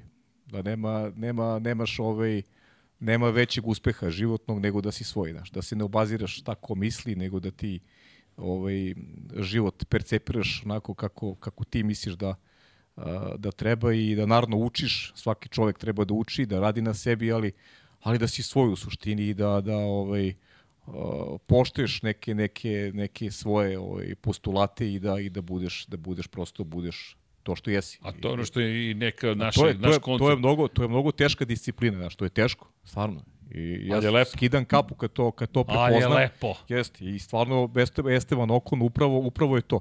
A, verovatno je bio kritikovao nekad i sa naše strane, Kako nije? ali je, ali je momak, momak je ti, ti tačno znaš, znaš šta od njega, šta od njega očekuješ. Ali vidi, to što ga kritikujemo za to što je uradio, i dalje ne znači da ćemo kritikovati što je on svoj. Ja, naprotiv, Ne, to ne, ne, ti. to- ne, ne, je to- to drži se nikad, toga. to nikad. E, ali gledaj sad fotku. Šta je Esteban Okon? Jel prepoznaješ? Znam da sam te uhvatio sad nešto ne znaš. Segment Paja ne poznaje stripove i filmske Pa ne superheroje. to, nego pa ja i ne vidi dobro. Kažem, da, Paja nema čore. E, čore, da. da, čaja ne vidi dobro, ali znaš, jesi, primećeš kacigu? Samo sam, da. A, gazda. Da, da, da. Ovako možeš, ne znam da li se dodvorava uh, novom vlasniku, suvlasniku ili Da, da, da, zaista jest. ljubitelj Deadpoola. Ali nosio je kacigu, nismo stigli da prokomentarišemo tokom trke. E, moram da prokomentarišem sada za one koji ne znaju. Brate, pažnju na kacigu koju ima u Las Vegasu Esteban Okon, oblik uh, Deadpoolove maske. Deadpool, za one koji ne znaju, Ryan Reynolds ga glumio u onom dobrom izdanju Deadpoola, ajde, drugi ću ignorisati, prvi je fantastičan, a onaj prethodno izdanje Deadpoola u X-menu ne zaboravimo. Dakle, Deadpool koji zapravo je, ne ne, vrati, vrati, vrati, vrati, vrati, neuništiv zapravo. I baš odgovara Estebanu Okonu, ono, slomit ću se, skršit ću se, ali ću se ja oporaviti i bit ću ponovo tu. Meni je bilo super što on dobio Deadpool da glumi, sad, suvlasnik je postao Alpini ovoga leta, za 200 miliona dolara jedan fond u kojem učestvuje između ostalog i Ryan Reynolds i onda sad kao čekaj, sad, sad gazdi se dodvoravaš ili, ali šalno na stranu, ljudi, lepi, lepi gest i lep, dobre Dobro, promocije. da čovjek voli stvarno I super sve. priča. Pa meni se dopada. I nije prvi put da vidimo da, da superherojske maske osnovno na kacigama, još i Andreja Janone to imao dok se vozio u Indianapolisu u Moto Grand Prix. Što Kapetan Amerika, što Iron Man. Imate ceo taj set kaciga da ne promovišem, ali super je bilo zabavno i sad vidiš Šoki Deadpoola u Formula 1. Kao, okej, i to je Esteban Okon. Nema bolje osobe da bude Deadpool nego Esteban. Esteban, Esteban nisam te video, klubski kolega Okon. Ma da ne vidi ništa. On. On ko Russell. Ma ne, vozi, Nisam je video. vozi svoju trku i Kako to je to. učim kad su, daš, kao vidim samo tvoj točak, a točkovi su generalno u Vegasu potpuno nevidljivi. Tamo su drugačiji nego... Ne, ne, meni su baš, on je i Kej Magnussen, to mi je ista priča. Stvarno. Jeste, ali meni je super sa Kevinom, što ti znaš, ovo neće biti lako. O, Znaš, o ne, evo mi ga Magnusen ispred i sad ajde sad, izaberi kuda ćeš me preteći. Ej, moj posao je da, da branim svoju poziciju. A da, ja se trkam i ćao. I to je ono što je super. Okon i, i Magnussen dobili su, eto, moram, moram ti se zahvalim zato što si baš lep komentar dao, imaš i pozdrav sa Twittera, ne znam koji komentari su, pravo Pajo, baš zato i volimo Esteban Okon. A da. Inače, kada je reč o točkovima, ajde mali intermeco da ubacimo, da ne kažem digresiju, ne znam da li si obratio pažnju na, na točkove, na neke od točkova u Las Vegasu, ali baš je sve bilo u, u duhu Ti najbržeg si, ti cirkusa. si majstor za detalje. A? Ti si majstor za detalje. Reci. Da. Herc je pao. Bilo je mnogo stvarno detalja. Vegas se iz te perspektive potrudio i bilo je lepo videti zapravo šta su sve pripremili, šta su sve uradili. Odajem priznanje iz te perspektive, jeste da to deo show biznisa, ali kad je trka već bila dobra, jel te, možemo da prokomentarišemo. Idemo ponovo u Vegas, jel tako? Pa je, dobro. Jedva čekam. Čekaj, šta misliš, koliko će proći pre nego što će Vegas postati poslednja trka sezone? Pa to smo pričali da to ima ima Ne, ima ne, to ono, ono deki, pitamo da, koliko. Da, Da, pa, Deki je to rekao već. Ali dobro. Elem, da se Brzo vratimo će mi ta 81. druga. ponovo, da, i odlučivanje. Odlučivanje o tituli šampiona sveta. Ne, nemam ništa problem. Da, da ti kaže, posljednja trka koju odlučuje nek se vozi i na svemiru. Ne, znaš, ne, nije, nije problem. Samo nek rešava posljednja trka. Kada spominješ Kosmos, inače Starship, jel te, je Super Heavy poleteo i nestao. Eksplodirao je, jel te, prvi, prvi stepen je eksplodirao, Starship je nestao, izgubili smo komunikaciju, pre par dana je bilo drugo relansiranje, ponovo neuspešno. Ali to je to, mali detalj. Kosmos 76 će se uskoro vratiti. To ti kao ono filmu, we will be back. Uh, I'll be back. Da. Tako da vraćamo se Deki i ja uskoro. E, Elem, a imamo još par fotografija, e, evo ti detalji, znaš. Karo, Pik, Herc, Tref, kao Đole Balašević da peva pesmu. E, Elem, e, kada je reč o Okonu, ovo je bio važan moment i iz perspektive poena, 58 poena sad u Pa šampionatu dobro, vozača. njemu, da, njemu. Četiri za- poena i za Gaslija, i za pazi. Gaslija, da. Možda je to isto neka Neverovatno, zanimljiva ali priča za Abu neverovatno je Dhabi. kako vozači Alpine godinama unazad, znaš, kao ja i ja, eto, ono, imaš, maltine da su izjednačeni po poenima, da nije, nije važno ko vozi ovaj. I Alonso kad je bio, takođe su bile male razlike između Šta misliš, hoće ovo biti veći duel između Gasly i Okona na kraju sezone ili neki drugi duel? Ja mislim da Esteban neće uopšte biti Pa ne, sigurno. naivan igrač za Sigurno, ta da. četiri poena. Pokušat će sve da bude bolje. Došao ti je Pierre u tvoju ekipu i pobeđujete i sad ti na kraju sezone, zahvaljujući ovoj četvrtoj poziciji, odjednom ima Pa šansu da ga pobediš. kad pogledaš opet, kad zagrebeš onako po površini, znaš, po jednom podijom obojca, znaš, je to Esteban ima i to četvrto mesto. Mislim, Dobro, više za čast u okviru tima. Pa da, ali, Znaš, zamisli da, da, da pobedi, ne znam. ali mislim da su, nisu, da su pozicije stabilne, mislim. Ovaj, od, ok, nikad se ne zna, mada nema tu sad prostora da se E, nešto pa promeni. pomozi mi, vidiš da pokušam da začinim poslednju trku sezone. Pa dobro, Izvlačim, začini- bre, začinit ćemo je Kari, svako, da. da. do, origano, ne Dobro, znam ali šta sve ne šta je pokušam. začinjevaš, imamo mi još da pričamo o ovoj trci, znaš. Da. Imamo, imamo. Koga ćemo sledećeg? Pa daj, kaži mi redoslijed dalje. Kako A redosled? išli? Išli su ti, išli Pa ti ko ti je bio peti? Lance Stroll. Lance Stroll, da. Bravo, Lance. Pozicija broj 5. Druga po redu. Ej, ljudi, dva puta za redom peti Lance Stroll. Ma ništa, Šta, kupuje, se, kupuje pojma. sebi mesto u timu. Ali čekaj, on je po... A, dobro, pa ja. Ne vredi. Proradio. Nećeš znaš. ti, ti ćeš da odmoriš za zimu, ja da ti kažem. Proradio čovjek. A dobro, Šta mislim, misliš, je li obezbedio ugovor? Da, da, obizbeju sad. Znaš, da, daje sve od sebe. Daje sve od sebe. Vidi, bolji od Inače, Alonsa. bio je, bio je baš pred onako, pred otkaz. Pred otkazom, bila je dramatična. Baš je A, drago. a znaš šta mi naj, najbolje od svega? On je prestao da nosi reklamne kačkete. Jeste, Obratite pažnju, on čovjek više čak ni kačkete ne nosi reklamne. Dakle, ali ozbiljno, Lance Stroll potpuno u nekoj svojoj dimenziji. On meni polako postaje najzabavniji karakter, ličnost u, u on, on zaboravlja kačkete. On čak se ne bavi ni reklamom Srđan, koju... njegovi, njegovi zabavni... Ej, detalji, detalji. Karakteri. Evo, gospodin reklamira Jacka Millera, razumeš? Znači, kačket je reklamno sredstvo, to je billboard koji svi vozači moraju da nosi Pa ozbiljan dobro, novac znaš šta, ajde, ajde, mislim, ajde da kažem, mislim, realno ne može mu se ospori dve dobre trke, zaista. Dobre trke. To, to nije sporno, ali... I bio je sedmi u Americi, pazi. U poslednje četiri trke sedmi, 11. peti, peti. Znaš, kritikujemo ga, ali tečko sada zaslužuje sve pohvale. Ne Pa, znam dobro. zaista da li je ta povreda uticala toliko ili ne znam šta je bilo, ali pazi, sedmi, 11. peti, peti.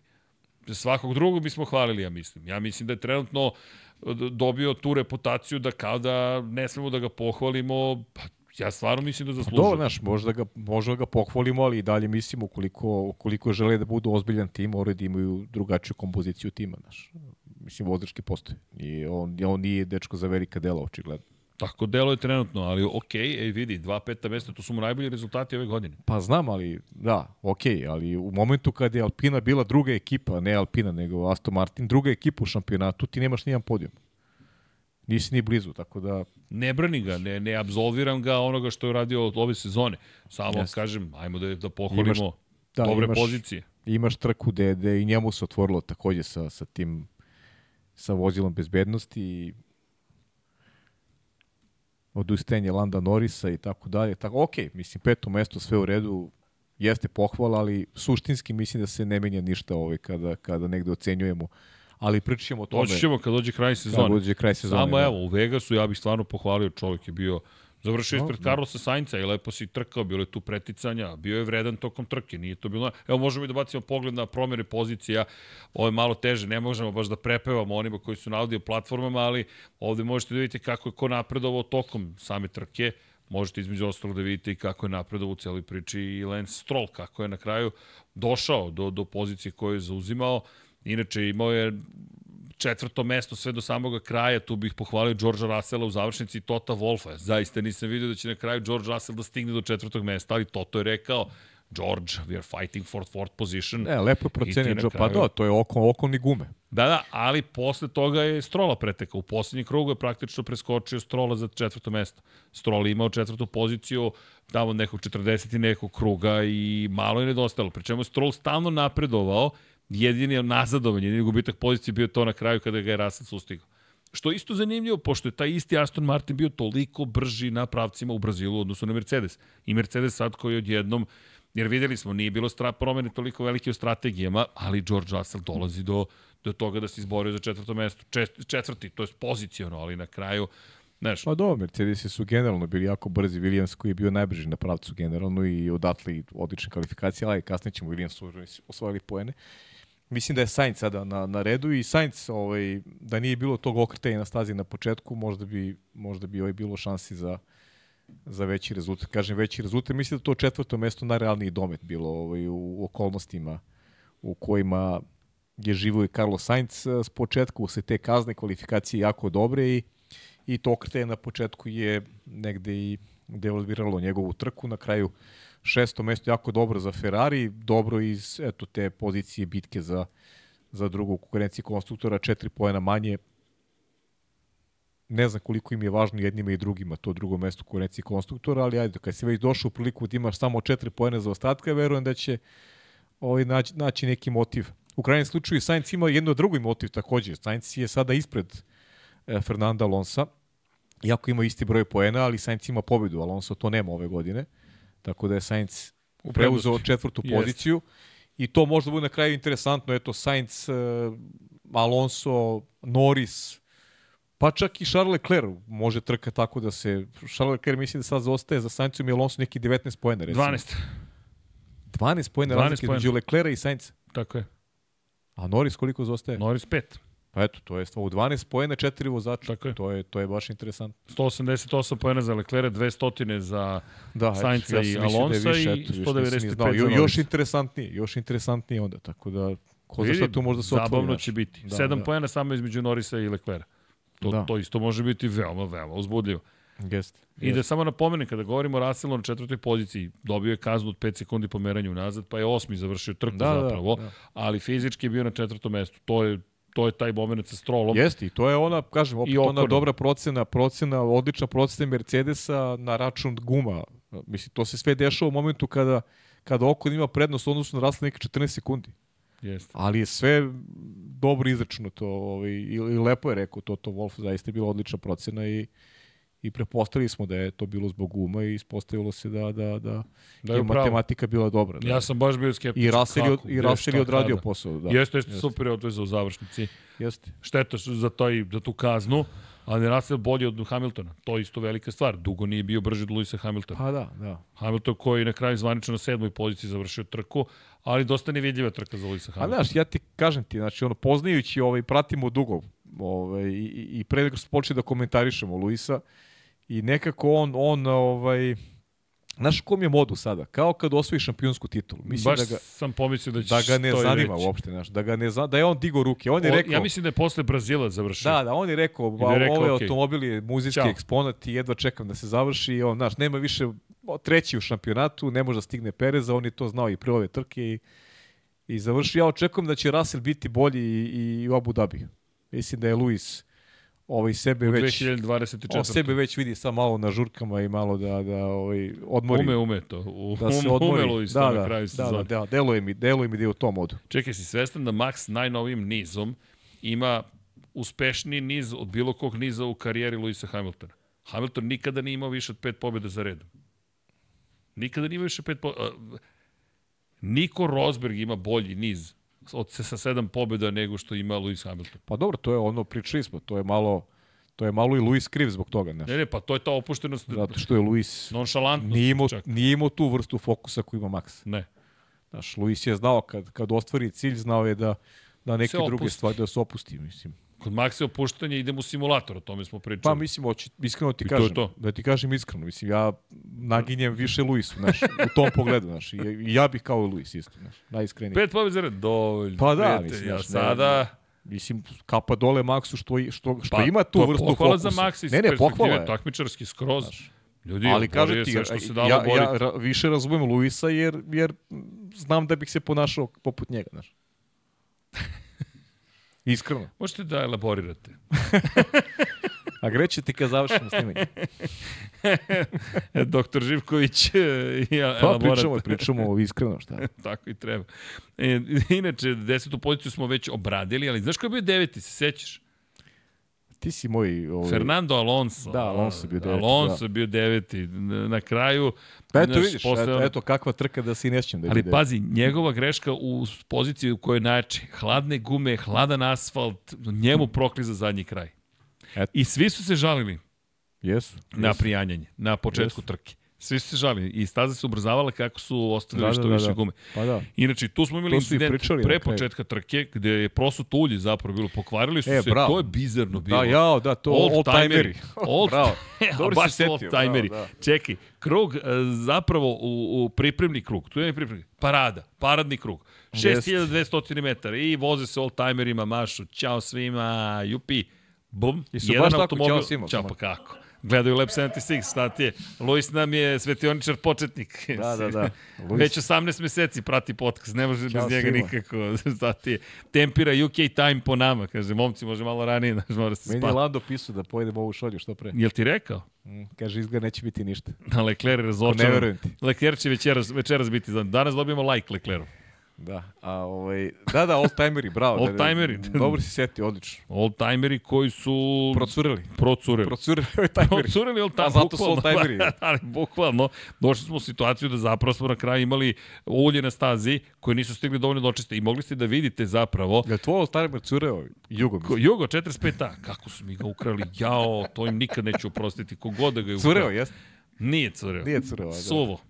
Zarđao, blok motora, tamo, da, zna se kako. Znaš Da, kako samo se pita da li je cureo. Ne, Ne, ne, idemo ne, dalje. Ne, ne, ne, sve Dobro. smo se razumeli, ali vidi, jednog dana, e, ko ima 45 Amerika? Ne, imao jedan drugar koji me zvao, kaže, hoće, hoćeš da kupiš 45A? Rekao, samo nam to još u studiju nedostaje od svih stvari koje smo već spakovali u studiju. Ja mislim da nam treba još veći prostor, nismo se ni uselili ni ovaj prostor.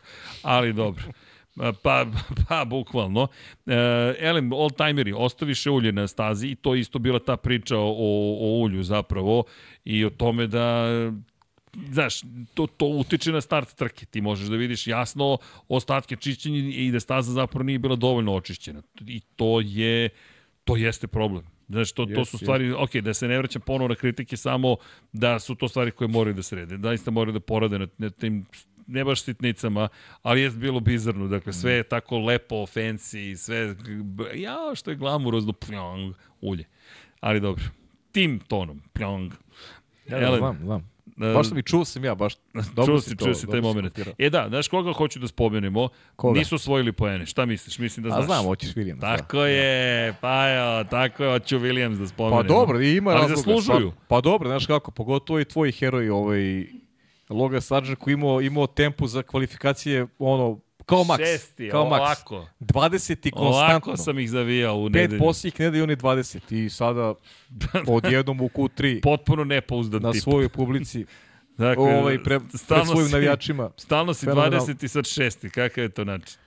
E, ali... Ne, ne, ne, ali super, da na pravcima su bili brzi, aj sad bez, I ne bez samo ironije. to. Da, Pa jo. Pa dobro, njima je, njima je pravac pomogao, taj treći sektor često i najbolji su bili u tom trećem Znam, sektoru. ali vidi, izvini se što ti upadam u reč, ali molim te, samo kratko. Niko nije vozio ovu stazu.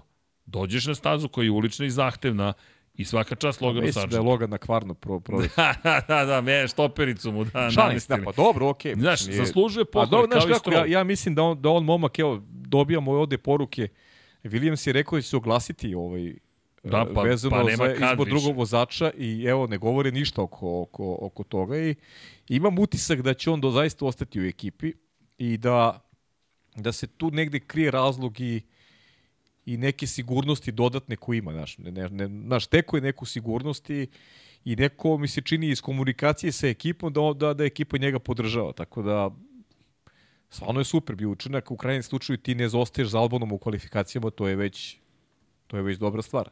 Nije sad kao Albon je bio uh, ovaj, u Q3, a njega nema nigde, pa, nego i on uradio isto što i Alex, tako da zaslužuje pohvale, nema dilemu, čak i početak trke bio dobar za obojicu.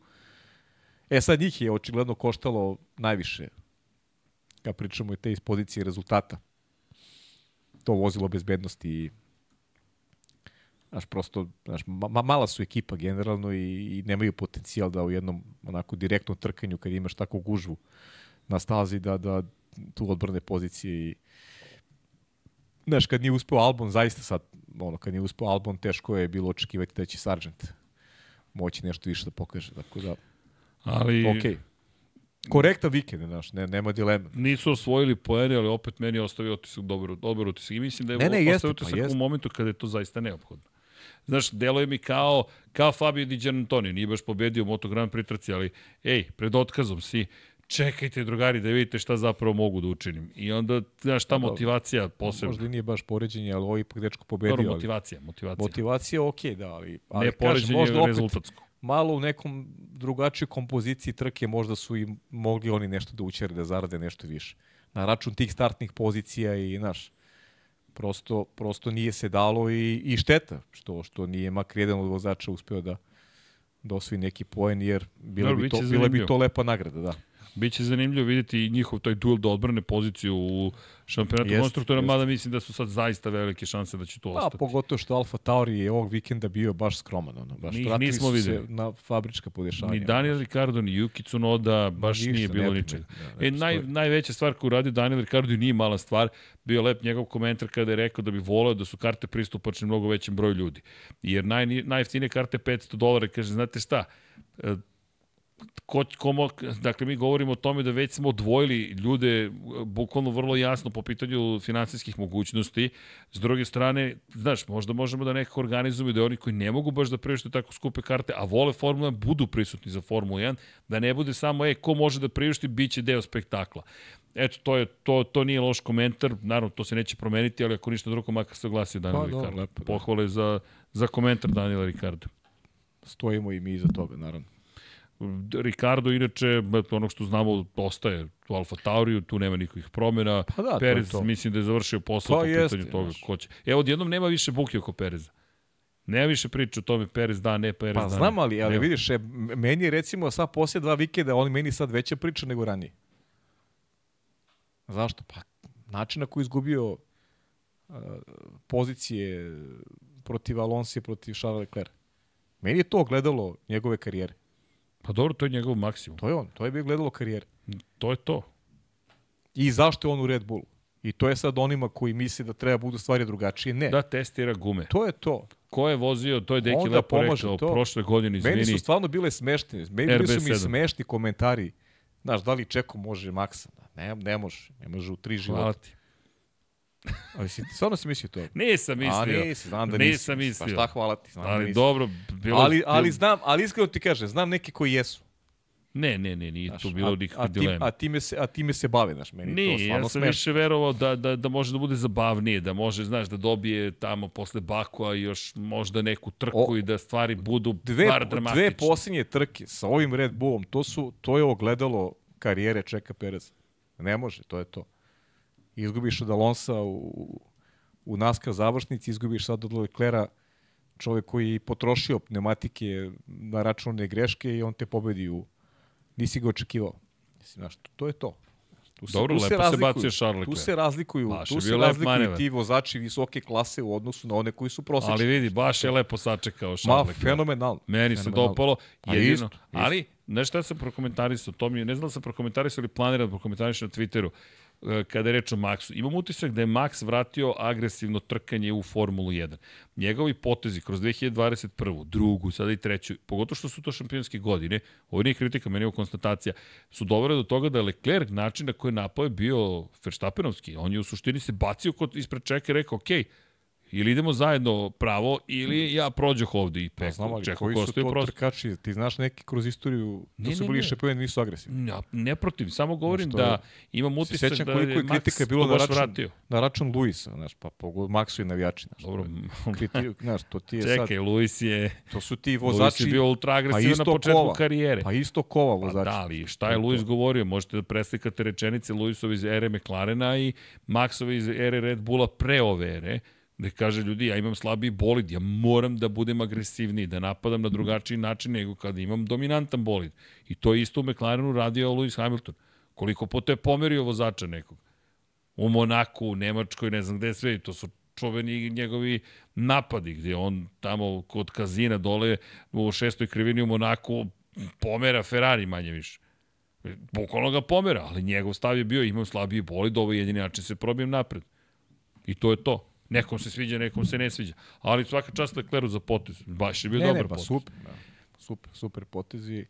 Da zaključimo priču o Lecleru i Perezu. Priču Da, da, dobro, ne, ne, ne, ovo je bilo više samo sa Ricardo smo skočili na tu Da, celu da, priču, da. ali suštini to nema Pa ne, Haas, ej, čekaj, Haas Pričamo nismo zato, spomenuli. zato što nema, zato što više nema, nema ono, Pa pa nema. kalabuke oko čeka. Mislim, Nema. Ne, nema. I ne treba ni da ima.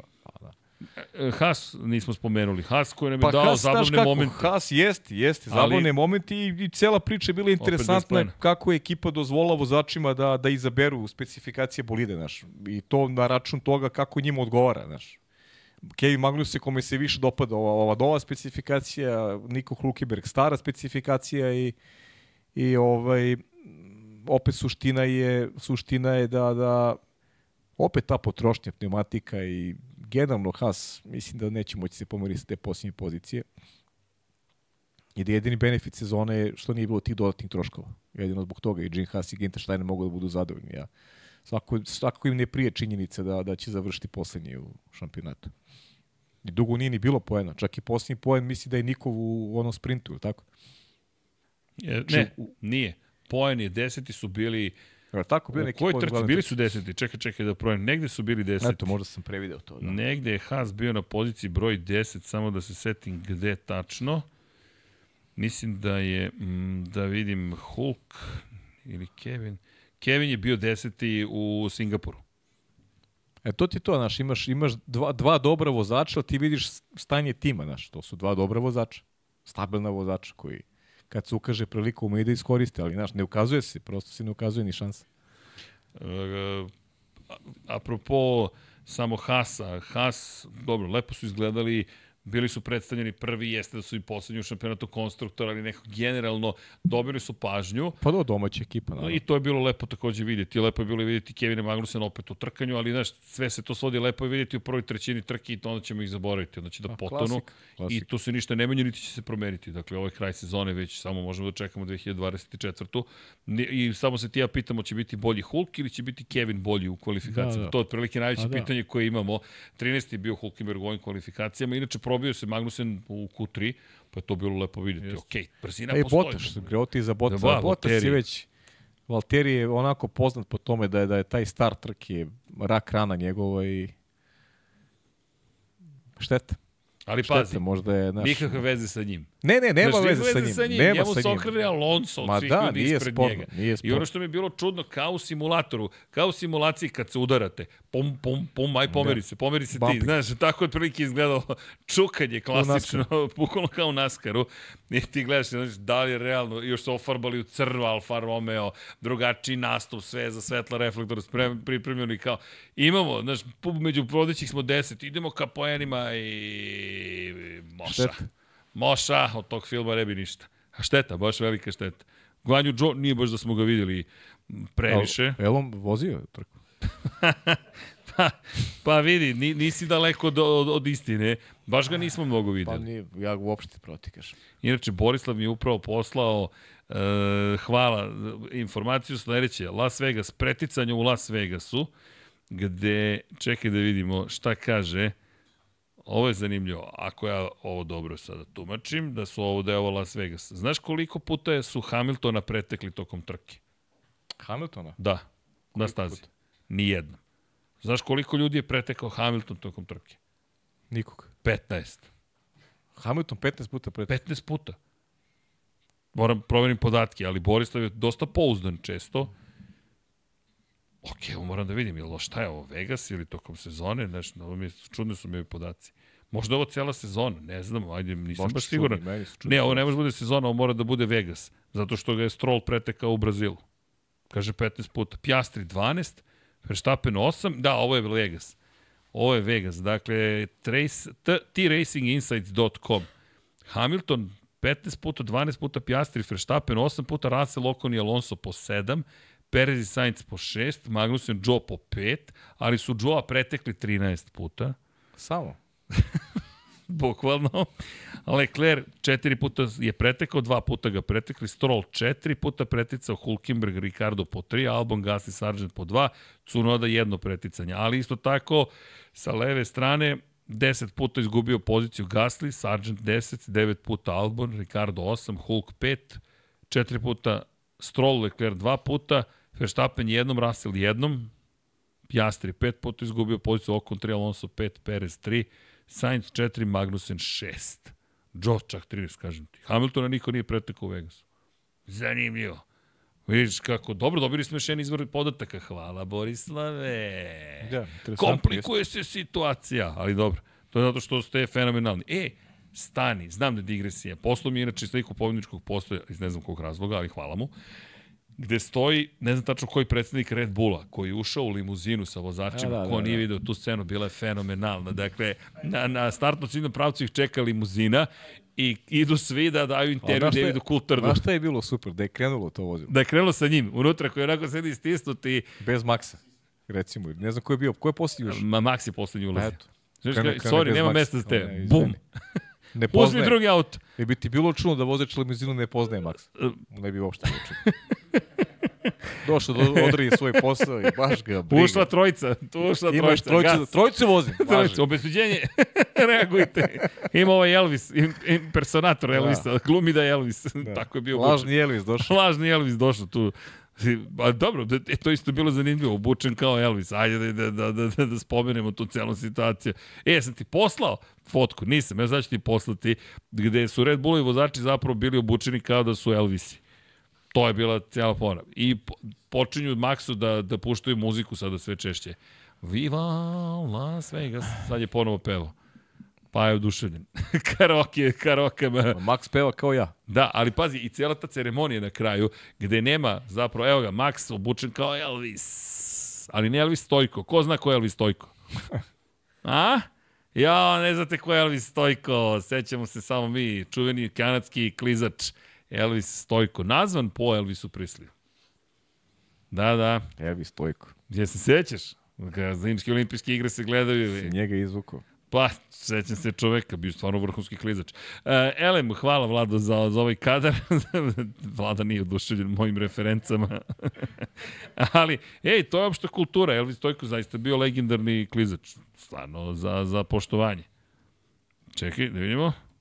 Evo, sad ćemo samo sekund da nađe mi čeka Perez. Elem, momak ulazi u limuzinu i zamolili su ga, molim se, da pustite vozilo pozovite sebi Uber, neki drugi da se pojavi po vas. Ali cela ceremonija, dakle, nemamo više one sobe gde se opuštaju, već ih voze do Belađa. A na Belađu postavljena maketa bolida, fontana, ide himna Formula 1 i čeka ih David Coulthard. I onda kad to završimo, sedaš ponovo u limuzinu i vraćamo te tamo dakle smo krenuli. Znaš, potpuna komercijalizacija. Ako možemo da dovedemo tri vodeća vozača, Pa možemo, halo Bing kako brat, možda je to potpis za trku, halo Bing kako brat, šta je na prodaju, sve je na prodaju, samo ako imate da platite i to ti je ono, e, imate, organizujete žurke i venčanja, dolazak Paja Živkovića 1500 eura. Ja pomoći neko stvarno. Počne mi plaćaju pare. ali, ali pije, ti, ćeš, ti ćeš biti ali kriv. pije samo čaj. Jeftin za održavanje. Ekskluziv do samo Infinity Lighthouse DO. Jeftin za održavanje, samo čaj pije. ali slušajte mu samo čaj. Izvini, ali to bukvalno, znaš, posećujemo venčanja. krštenja i sve ostale događaje. Počasni gost Učiš me, Paja zje, Živković. učiš me z jezik, daj vrati se na suštinu. Ovaj. Izvini, bilo jače od mene. Znaš da neću dodalim, ajde. Znam da nećeš odoliš, ali evo smirite se, samo još dva podcasta kolega, onda kreće Rasulo. Onda kad uradimo analizu sezone, e onda slobodna forma, ko zna šta ćemo da radimo tokom međusezone. Baš razmišljam. Ja, dobro. e, raspoloženi Pavle Živković, kao i uvek. Pa ne znam, pa smo spomenuli. Ako me neko da nismo spomenuli, ja mislim da smo sve spomenuli. Jel jesmo? Od redara preko vozača, članova timova, izbacivača, vozača, konstruktora, šahtova, Da. reflektora, kazina, hotela. Nisam znao da ima Hasana. Hasana. Hasan. Jesmo, ne mogu sjetiti da li ima ljudi ili ima još nešto nisu pričali. Kako? Alfa Tauri. A i spomenuli Pa smo pričali Ricardo smo, da. Pa ništa, da, tanka priča. Pa da. Imali su kacige specijalno za Vegas. Da, da. Pa da, svi su imali Ali nešto svi, svi su se boje, ofarbali. neke posebne, evo, da. Svi E da, Lando. Norris je dobro, bio je prebačen u bolnicu na dodatnu kontrolu, ali sve ispalo okej. Da, to je... Dakle da... Da, brza staza, to se videlo Znaš po šta incidentu. nismo, General Motors smo pričali, nismo. Pa nekako sam, znaš, sve razmišljam da, da to, to, to zaslužuje posebnu temu. Da- Pa dobro, da, Cadillac. ali ne, ne, mislim, ne, nećemo da širimo, ali prosto ne možemo da... da, da Ajmo kratko da spomenemo, moramo da spomenemo, to je jedna od najvažnijih da. vesti, Ove, ali od eto ti teme od- za podcast. Od 2000, pa dobro, to stvarno možemo. to jedan- stvarno tema, treba pa sednemo dobro, kad malo. prođe sezona pa da pričamo malo više o tome, to je stvarno velika tema. Nije Da, sporno. nismo prošle godine nedelje mogli, A da smo pritom- mogli, seli bismo i uradili Pritom iskreno, podcast. iskreno, malo, iskreno malo zahteva i treba se malo i pripremamo za to da imamo kakve su Pa informacije ja bih- šta se dešava, znaš, tako da ja kad prođe, to- kad uradimo analizu sezone, pa onda Misliš moment. tada? Pa da, pa ne, nema potrebe pre. Dobro. Nema potrebe pre zato što zato što imamo sad ove aktualne stvari. Znači imamo imamo Abu Dhabi i onda nakon toga mislim da treba analizu sezone Analizu da sezone. pa posle toga i biće izvini, je ocene. Ocene, ocene, pa da. Pa to, ocene. to ćemo se Dekin zajedno. Moramo da. se vratimo na prvo polugodište, šta smo im zaključili za prvo polugodište, onda idemo na drugo polugodište, pošto imamo analizu prvog dela sezone, je tako? Pa sad analizu drugog dela Drugo dela sezone, da. Jeste, to smo mudro radili ove godine. Jesmo. Znaš, nije bilo dve nedelje onda posle 28. sata si umora, ne znaš ni šta si pričao, nego sad drugi deo sezone analiziramo. Da. Biće baš teško. Max desetka i sad ostali To studenti. ne moraš oma da otkrivaš Baš je neizvestno. ocene. Baš je, ne, baš je neizvestno. Će Ali, biti Abu Dhabiju. E, ali da spomenemo, Cadillac, ljudi, to je ogromna vest. Cadillac ulazi u Formulu 1 kao proizvođač pogonskih jedinica, izrazio je nameru da to učini od 2028. Osme, godine. da. Što ozbiljno komplikuje situaciju za Stefana Domenikalija i kompaniju Formula 1, kompaniju Formula 1, ne robnu marku i generalno sport, s obzirom na činjenicu da je sada na Domenikaliju i kompaniji Formula 1 da odluči da li Andretti Motorsport može da bude 11. ekipa u šampionatu sveta od 2025. godine. I situacija je sada baš problematična kada je reč o tome kako reći ne Andretiju. Zašto? General Motors, koji je vlasnik robne marke Cadillac, inače čisto da se razumemo, u Americi kada kažete Cadillac, to je ozbiljan automobil, to je luksuzno vozilo, to je prestižno vozilo, to je onaj moment da ne spomenjem neke druge američke robne marke, kad te pitaju ćeš ovo ili Cadillac, Cadillac je ono što želite. Cadillac je, inače u šampionatu sveta, dobro, nije bitan toliko šampionat sveta koliko koncept sportskih automobila. Takmiči se sa ozbiljnim hiperautomobilom, dakle generalno njihov pristup je vrlo ozbiljan trenutno kada je reč o trkanju i predstavljaju svoje robne marke i Cadillac je već potpisao ugovor sa Andretijem i rekao da će ući u Formulu 1. Ali se tada pričalo da će Cadillac biti samo badge koji ide na neki već postojeći motor. Međutim, Alpina je pre mesec, otprilike i po, rekla da nije produžen ugovor u kojem je postojala nam pismo namerama zapravo o saradnji između Andretija i Renaulta i od tog momenta se činilo da je Andreti baš ozbiljnim problemima. Odjednom Cadillac saopštava da hoće da uđe u Formulu 1. To je ogromna vest. Dakle, veću vest mi nismo zapravo imali odavno, već je mnogo i od Las Vegas Grand Prix i od svega ostalog, ali da. poštujemo prosto trku. I zašto? Zato što GM nikada u istoriji nije bio u Formuli 1. Dakle, mi prvi put u istoriji dobijamo jedno od najvećih svetskih autokompanija koja kaže hoću da učestvujem. Šta su zamerali Andretiju? Kako ne donosi dodatu vrednost Formuli 1. Ne donosi ništa posebno u Formuli 1 da bi mu se dozvolio ulazak, već on će samo da otkine deo kolača već postojećeg i da natera timove da umesto na 10, na 11 delova deli novac. Sada je situacija potpuno Potpuno, drugačija. Tako je. Pa jo, sad je ovo GM koji ti je rekao jeste. ulazimo kao proizvođač pogonskih jedinica sa Andretijem. Možda i za nekog drugog uđemo, možda bude Haas, Cadillac kombinacija, ne znamo. Sad samo kažem šta sve je moguće. Kako ćeš ti sada da kažeš ne? Kako ćeš ti sada da kažeš ne? Posle svega što si rekao, Gotovo da su ih stavili presvršen čin. bukvalno. Ovo je bilo baš pokeraški. Je to tvoj ulog? Evo ti. Mm. Zovem tvoje karte, da vidim sad tvoje karte. Rekao si dovedi proizvođača motora. Doveli smo proizvođača motora. Rekao, ne, ne, i ovim redom. Rekao si pokaži da si ozbiljna kompanija. Evo novi smo 100 miliona dolara vredan kompleks napravili i bit ćemo blizu Indija, Indianapolisa. Dobro. Spremni smo da uložimo ne znam koliko novca u to da razvijemo bolide. Ok. Imamo predugovor sa Alpinom Renaultom. E, hoćete dovesti novog proizvođača motora. Ej, više nemate ugovor. Molim? Evo imamo proizvođača motora. Šta ćete sada da kažete? Renome, Andretti, Mario Andretti, šampion sveta bio, jedan od dva američka šampiona sveta. Koji je sad problem? Gde je sad problem? Pa ne, ali mislim da sada nema problem ni za, ni za nas sa strane koji to gledamo, znaš, koji bi tražili možda neke ovaj, u celoj priči negativne, ovaj, negativne momente. Ovako imaš novog proizvođača, imaš, imaš Andretija i, i, i niko nema ništa protiv. 11 ekipe osim, osim ovaj, oni koji su već aktivni učesnici sad. Ja verujem da će to da se da se realizuje da će da ćemo imati od 2028 11 ekipe. Meni deluje da To- ovo pa da, tu- svršen pa ne, čin. svršen čin, da, svršen čin. Ajde sad odbi. U momentu kada želiš da se proširiš na pa američko da, i tržište, kako ćeš, kako ćeš da kažeš ovaj, da šta predstaviš? američkoj javnosti ćeš da kažeš nećemo može, da. američku, nećemo američkog proizvođača poput GM-a i Da. nećemo američku kompaniju, američki tim. Tako je. Stvarno? A hoćete ovde kod nas na tržište? Da. Hm. Znaš, malo, malo teže. Pa pritom američka firma koja vodi celu priču. Tako je. Znaš, to ti, to, znaš šta će to da bude? Pa kao za Las Vegas. Ovi, imate nešto, Šahtovi. imate nešto, vozili ste od pola Vidi 3 do most. 4. Nemoj neko da je nešto rekao. Vidi, pri čemu imaš sledeću situaciju. Ja mislim da će odjednom svi koji su govorili ne, ne, ne, postati da, da, da. Pa da, pa kao, Jer- pa kao Toto Wolf. Da, ne, isti čovjek ti pada na pamet, zanimljivo. Pa mislim, A pritom, pa ko da mi padne na pamet? Koji je učutkivao novinare, a, a, a ne tako davno znamo šta je pričao. I dosta drugačije zvučao. A pritom, sa ulaskom Kadilaka, šta misliš koliko će na berzi da skoči vrednost akcija Formula 1? Oni Pa će to je- tići to ljudi na to. 30 milijardi vrlo brzo. 30 milijardi, ne, sad su na koliko, 17, 18, ne znam ni ja.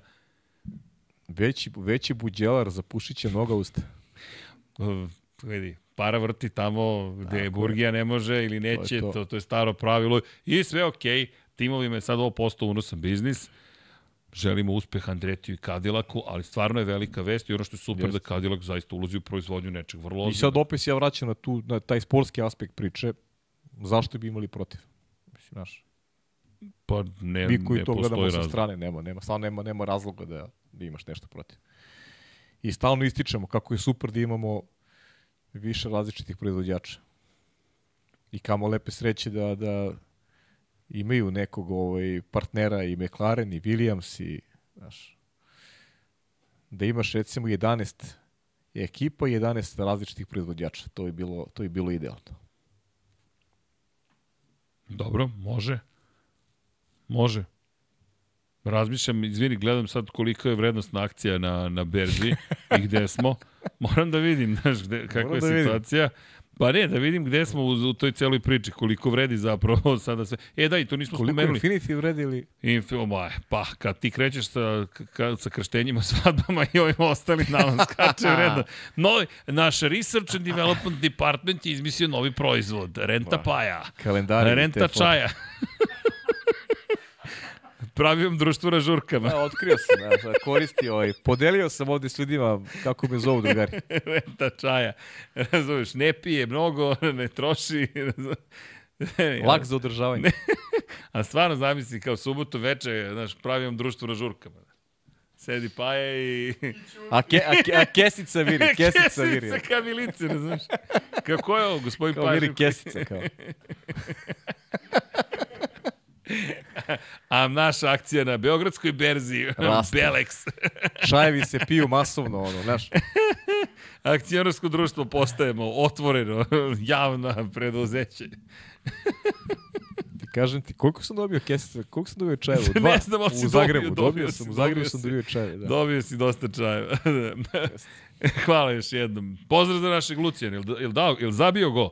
E, rekao mi da nije. Poslao Nije? mi je poruku, nije zabio gol. Da. Ao, ne. Ali, ali igra neke važnije utakmice, pohvalio mi se. Tako da Luci, držim Studira. fige, držim Uči. fige Lucijane, da, Uči. pa uči bez student, Uči, uči, pa da, ozbiljan student. Ozbiljan Dobro. dečko. Ništa, moramo da zovemo Lucijana da dođe u posetu malo. Lucijan, da obavezno, Lucijan, obavezno. Obećali, obećali smo njemu i drugaru njegovom da, da, ovaj, da dođe ovde i da ćemo ih ovaj ugostiti kad, kad, kad god budu teli. To bi bilo, to će biti baš Da. lepo. Inače, nismo spomenuli bitnu stvar, a tiče se sada novca kad smo već otvorili tu priču o parama, a to je da je deo Aston Martina prodat zapravo da je tim procenjen na preko jednu milijardu i da je deo prodat. Polako se unovčava sve ono što je ulagano i ne da se isplaćuje, nego se ozbiljno sada isplaćuje. I kada pa, pogledaš Aston Martin, ja sad ću ti reći vrednost procenjena je vrednost ima na milijardu funti, to što je 1,2 milijarde dolara američkih. I navodno je prodao udeo u ekipi, tako da novi, jedni od novih vlasnika su Arctos, koji inače su, to će Dekiju biti neviđeno drago, pošto Da. su oni u, u Liverpoolu zapravo uključeni futbolski klub i Fenway Sports, evo ga još jedan Liverpoolovac ovde, jesi zadovoljan, Vlado? Samo Zauber, o, šta ti je lojalnost, to ti je to, ne, nema šta. Ali eto, to je prvi put da se dešava, inače čisto čitamo signale, šta bi to moglo da znači ne znamo, ali Lawrence Stroll do sada je samo investirao, međutim Arctus Partners eto su sada kupili udeo i zanimljivo je eto koliko kapitala stiže, pogotovo iz Sjedinjenih američkih država u, u Formulu 1, taj trend se nastavlja i mislim da će toga biti sve više i više i više i više.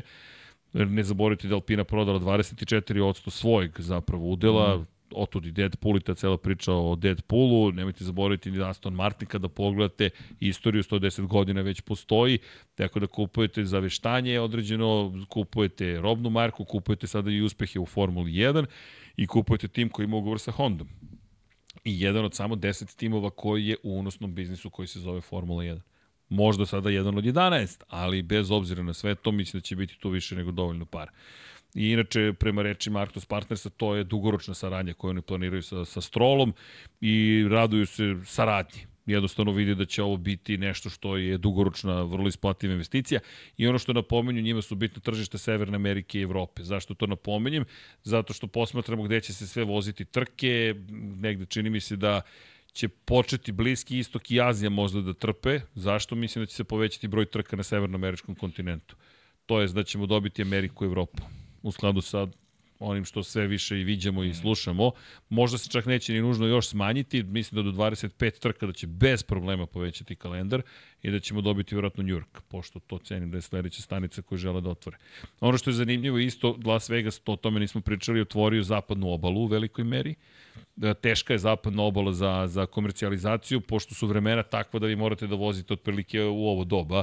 Dakle, želite noć, eventualno ne znam, ako budu negde neku dnevnu stazu imali. Ej, daj, da te pitam, da vas pitam generalno, da li mislite, to je ideja koja, koja nije nova ideja, ali da bi bilo bolje da su izgradili stazu van Vegasa, i da su napravili kompletan sportski objekat koji je u potpunosti posvećen trkanju na periferiji Vegasa i napravili neku potpuno ludu stazu. To je, to je neki koncept koji je Peter Windsor predstavljao. Zapratite ga na YouTube-u, stvarno ima i super analize. To je čovjek koji inače je bio menadžer brojnim vozačima, prati svaku trku tamo je. Njegova ideja je bila zašto ne uzmete najbrže staze sveta, najbolje, najkompleksnije i napravite namensku stazu, bar tu ima u Nevadi prostora, imate para i napravite nešto što će odvući ljude iz centra grada, i dovesti ih na, na trkačku kazu, to se neće desiti, ali kako tebi zvuči taj koncept? Pa naravno da mi, do, bolj, da mi bolje zvuči nego ovaj, ali opet, da li bi mogao da, da imaš ovo što... Da voziš u Belađo. Pa i da imaš show taj koji Znaš, to je Pa ne bi sve- izgledao tako. Pa to ti kažem, komercijala je na prvom mestu kod, kod novih vlasnika i to je jasno kao dan. Znaš, i, i zato mi dobijamo te uh, cirkuske predstave koje, koje imamo, znaš, kojima svet priča, a, kažem ti, mene ne dotiču 12 sekundi. A volao bih upravo to, da imamo, da imamo prave staze, da imamo prave trkanje. Jer, ali, znaš, prave staze, pravo trkanje, to ti onda, to ti onda srđane u- ulazak u, u neizvesnost, znaš, da li, da li će da privuče ovaj, e, te zvezde ovaj, i, i, i, celu, celu ekipu koja dolazi, da li će da ih privuče to da oni odlaze iz, e, ne znam, iz grada i da dolaze samo zbog trkanja ovaj, u neku pustinju koja je udaljena recimo 100 km, ajde lupa sada, nemam pojma koliko to možda bude i gde mogu da se prave staze. Ovaj, nisam siguran da tu bi dolazili samo oni koji e, koji su željni pravog trkanja. A da li u Americi, da li američko, američka teritorija ovaj, sa ovakvim sastavom kakav jeste danas, da li su dovoljno zainteresovani da da idu na jednu pravu stazu koja je udaljena iz grada da bi gledali, da bi gledali trkanje. Pa znaš kako, ko, E, koga u- želiš u da to, privučeš? U to nisam siguran, znaš. Pa znam, ali Srki, da li možda privučeš ljude koji će samo zbog Formule 1 da budu spremni da neka bude 50 km, nebitno. Znaš, da ti ideš u, u ne znam, ono, da se udaljavaš od grada da bi gledao trku Formule 1. Da li postoji ta publika u Americi koja je na to spremna, znaš? Pa ja mislim da Kao postoji što postoji publika. u Evropi. Da, da, ali, kažem ti, Moraš da da li, je gradiš. ali da li postoji publika Ali- koja će ti dati taj deo, komercijalni, da li će ti, znaš, da ti da i priliv novca koje ti daje recimo i Monca, E, to je drugo. koje ti daje Ne, ne, Belgija, koje vidi, ti daje Silverstone Ali to mora se gradi. Znaš, ti ćeš u Indianapolisu za 500 milijana Indianapolis imati skoro pola miliona ljudi na dan trke. Biće ih, ne znam, 350 hiljada. Na dan trke će samo doći 350 Dobro. Indianapolis je, ali... Ne, ne, ali hoću ti kažem, a to moraš da gradiš. Znaš, moraš da radiš na tome. 500 milija Indianapolisa će, to je nešto je tradicija, Da, da, ali, ali, doći, ali gledamo kako gradiš ovde. znaš. tradiciju? Vidi, ono što, mislim da si u pravu, ovo je instant publika. Dakle, ovo, Ovo- publika ovo je- koja ne mora ništa Ovo da je zna. najviše instant publika. Ovo je bukvalno najviše. instant publika. Te kao... gledaš one zvezde koji su, znaš, oni su došli tu zbog šova, nemaju pojma šta gledaju. Da, vidi, to je dobar u, u, ulazak u sport. Ti sad ulaziš u sport, ali je pitanje da li će ti Vegas doneti tu po... Jer vidi, ono što je moje pitanje za Ve- ljudi, Vegas nije baš, to je tranzitni grad. To je grad u koji dolaziš, ljudi tamo žive, ali žive zato što rade u okviru industrije, pre svega zabave i sporta. Na, na šta ste ti kažem? E, To je, na, ja se naslijem sam ali na priču, imali smo Dobro. i, i verujem, ajde, bil, znaš šta bi još mogli da uradimo? I Da. da. to skoro. Kad prođe, da uključimo Božija jedno, jedno veče, Slažem se. jer, jer Božije je pravi sagovornik za tu temu. Božije je neko koji je u auto, moto sportu aktivno, aktivan i U Sjedinjenim američkim u Sjedinim državama. američkim državama i, i, i, i jako poznaje tu problematiku i zanimljivo je slušati ga na tu temu upravo oko ovih stvari, jer, jer slušajući Boži na onom prošlom njegovom, ovaj, da kažem, uključenju, ovaj, znaš, i Amerikanci imaju odnos prema, znaš, imaju prema Indikaru, prema, imaju prema Naskaru, znaš, to je nešto na čemu oni grade neku, neku, neku svoju istoriju. Formula 1 je Ali- više onako bilo onako nešto što je što je propratno. Sada se to širi, ok, i mislim da da ceo koncept je upravo to, Las Vegas, New York, Evo. neka naseljena mesta, Evo. negdje gde ti je namet, prosto ti je negdje i nametnut show. Ali pazi ovo, evo ti, evo ti ovako, ima još jedna stvar. Ko, koji su najposećeniji gradovi iz perspektive turizma u Sjedinim američkim državama? Čitam redosled. New York, zvuči poznato. Miami, zvuči poznato. Los Angeles, Orlando, San Francisco i onda Las Vegas. I on je zasnovan pre svega na industriji ugostiteljstva. Ne zabave, nego ugostiteljstva. To su restorani, hoteli, koncerti, sportska događanja i tako dalje ti tamo dobijaš instant publiku. Ti si došao možda da se kockaš, možda si došao da se ženiš, možda si došao ne znam šta da uradiš. Ej, i tu je trka Formula 1. Jel im dovoljno para, viška ima. Ima ljudi koji će dolaziti planski iz jednih američkih država tog vikenda u Vegas da upotpune sve, ceo događaj. Pa znam, ali ti, Imam ti 1. momena gde je staza u Las Vegasu. Naravno. Ti hteo, ne hteo, ti, Pa, ti si ne, ne, tu. znam, znam, ali to, to ti hoću... mora budeš tu. Tako je, ali to Ako, hoću... Znaš, Ali ček, to hoću ti kažem, vidi, ovo je instant publika. ovo je, je. kao, otvorim kesicu, dodam vodu i dobio sam publiku. E sad, ono što je pojenta, da li će se ta publika navući bukvalno na taj instant proizvod koji je dobio i reći čekaj, moram sad da pogledam ostale trke Formule ne, 1. na šta ti ne to? znamo- ti kao kad bi mogao recimo da da renoviraš stazu A pa je, u Watkins Glenu i da je adaptiraš ponovo, pošto su Watkins Glenu Da nekad vozila Formula publika? 1. ti moraš ti- planski e, da dođeš. ti pričam. To, to, Da li će isto Watkins, pričamo. Watkins Glen koji je strašno, ja mnogo volim Watkins Glen, strašna staza. Nekada bila domaćin Nek- velike nagrade je. SAD. I Watkins, znači imaš Watkins Glen gde možeš da ga, da ga preurediš za potrebe Formule 1, pošto je staza prilično uska, ona je sad za potrebe NASCAR i neki drugih serija. Za ovu Za- formulu ne, ne, ne, ova formula. Majok, o- ovde ne može, toliko je uska staza da, da jedna formula ne može da, ne može da prođe nešto. Nema, nema Problematična je Nema da staza, se da. pretiče, ako je staza sjajna, dinamična, super staza. E sad, ali mora se prilagodi. I vraćamo da se na publiku. Da li bi publika dolazila u Watkins Glen? U ovom broju? Ne. Teško. Teško. Pa, Moraš da radiš na kažem. tome. Ali vidi, i Texas je radio na tome. Texas je 2012. dobio trku, pa nije bilo nikog, ali nije bilo nikog ni u Evropi. Barcelona nije mogla proda Srki, ulaznicu. Odličan je koncept, ali mislim da, da u ovoj, naš, s ovom grupom ljudi koje vodi, mislim da će i New York je, je viđen. I, New i York to je to. viđen. I to je to. I gledat ćemo New York koji će biti slična staza kao Miami, kao Vegas, kao Singapur, kao, znaš, to ćemo, dobit ćemo i sve više. To je neki koncept, nažalost, što bi rekao Igor Marković, tro, ko trolebusi samo na uličnim stazama i, i više ćemo imati ulične staze nego što ćemo imati prave staze. I to je to, pogotovo na teritoriji Amerike. Jer su videli da mogu da naprave, da naprave, znači to Biznis. je, to je biznis. Koliko je bilo? 305.000 ljudi je bilo. 300, Jeste. ne znam da li se računalo onda Ne znam da li su računali one izbačene. One izbačene, da, od petka, ali, znaš, to je komercijala. I to ti generalno, Srki, šta ti, ti bolje pratiš te, ja, ja recimo samo hokej gledam od američkih sportova, ti znaš i NFL kako funkcioniše i sve, mislim, to je opet, ok, to je ozbiljan sport sve, ali, znaš, to je, jako je bitna taj, taj komercijalni deo. Zašto, zašto Igor priča i to o poluvreme u formuli i tako dalje, oni prave naš događaj koji traje 4 sata, znači ti nemaš kod njih nemaš utakmicu koja nije 3 po 4 sata. I u hokeju, pošto ja hokej pratim, hokej isto traje 3 sata. Nigde hokejaška utakmica u, u ostatku sveta ne traje toliko kao u Americi i Kanadi. Znaš, to je...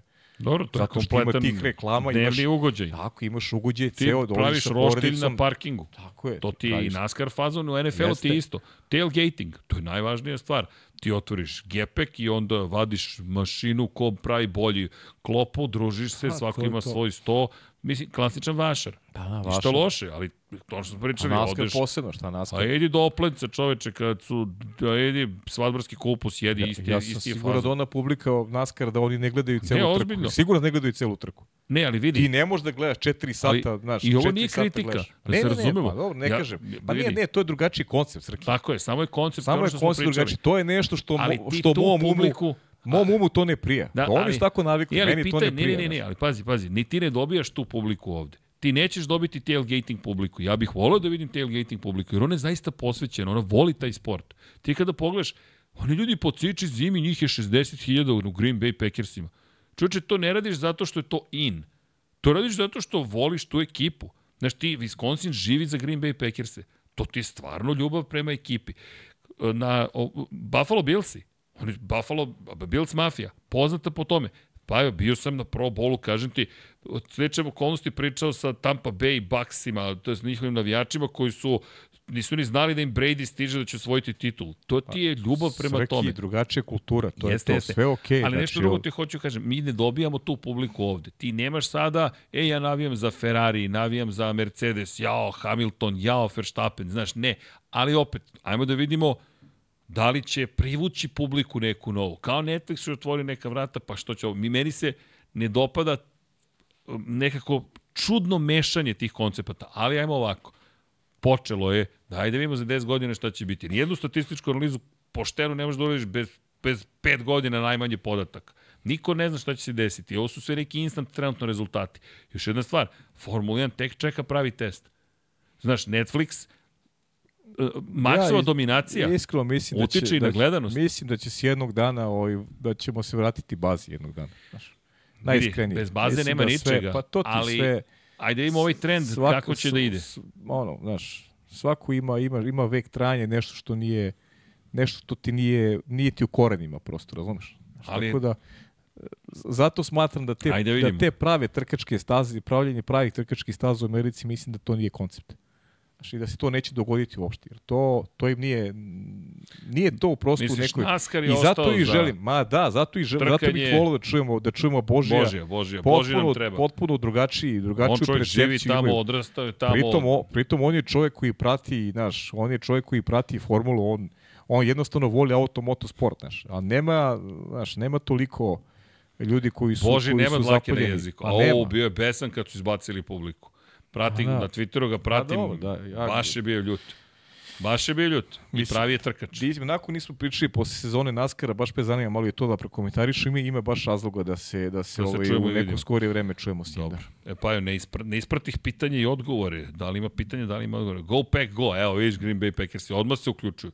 Vratit će se Dani Slave i u, u Wisconsin. Šta ti je? To ti je ozbiljna ljubav, znaš, to je stvarno e, zaista, zaista je neverovatno. Evo, već kreće, da ne dižemo pritisak bez veze.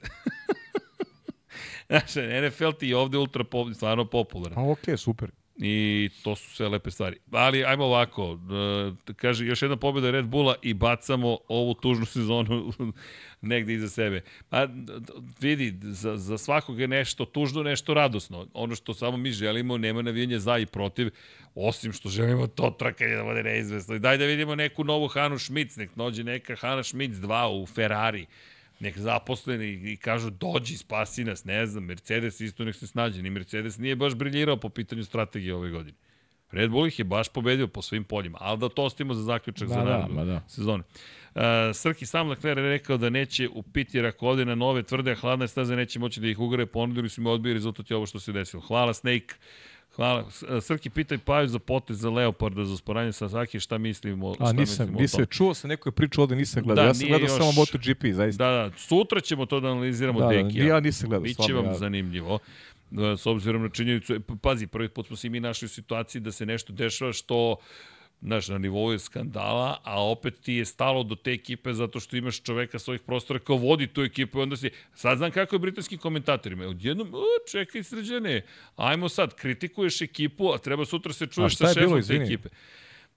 Um, tri preticanja krajnje sporna. Uh, Ayumu Sasaki preteče Đaume Masiju. Masija koji ga napada, ali na način koji nije nedozvoljen, nije nedozvoljen, ali, znaš, sad, pitanje morala, sportski, nesportski. Tako nastavlja da vidiš da nije namera da pobedi, nego da uspori samo Sasakija. Nije ga izgurao sa staze, ali su došli do ivice staze.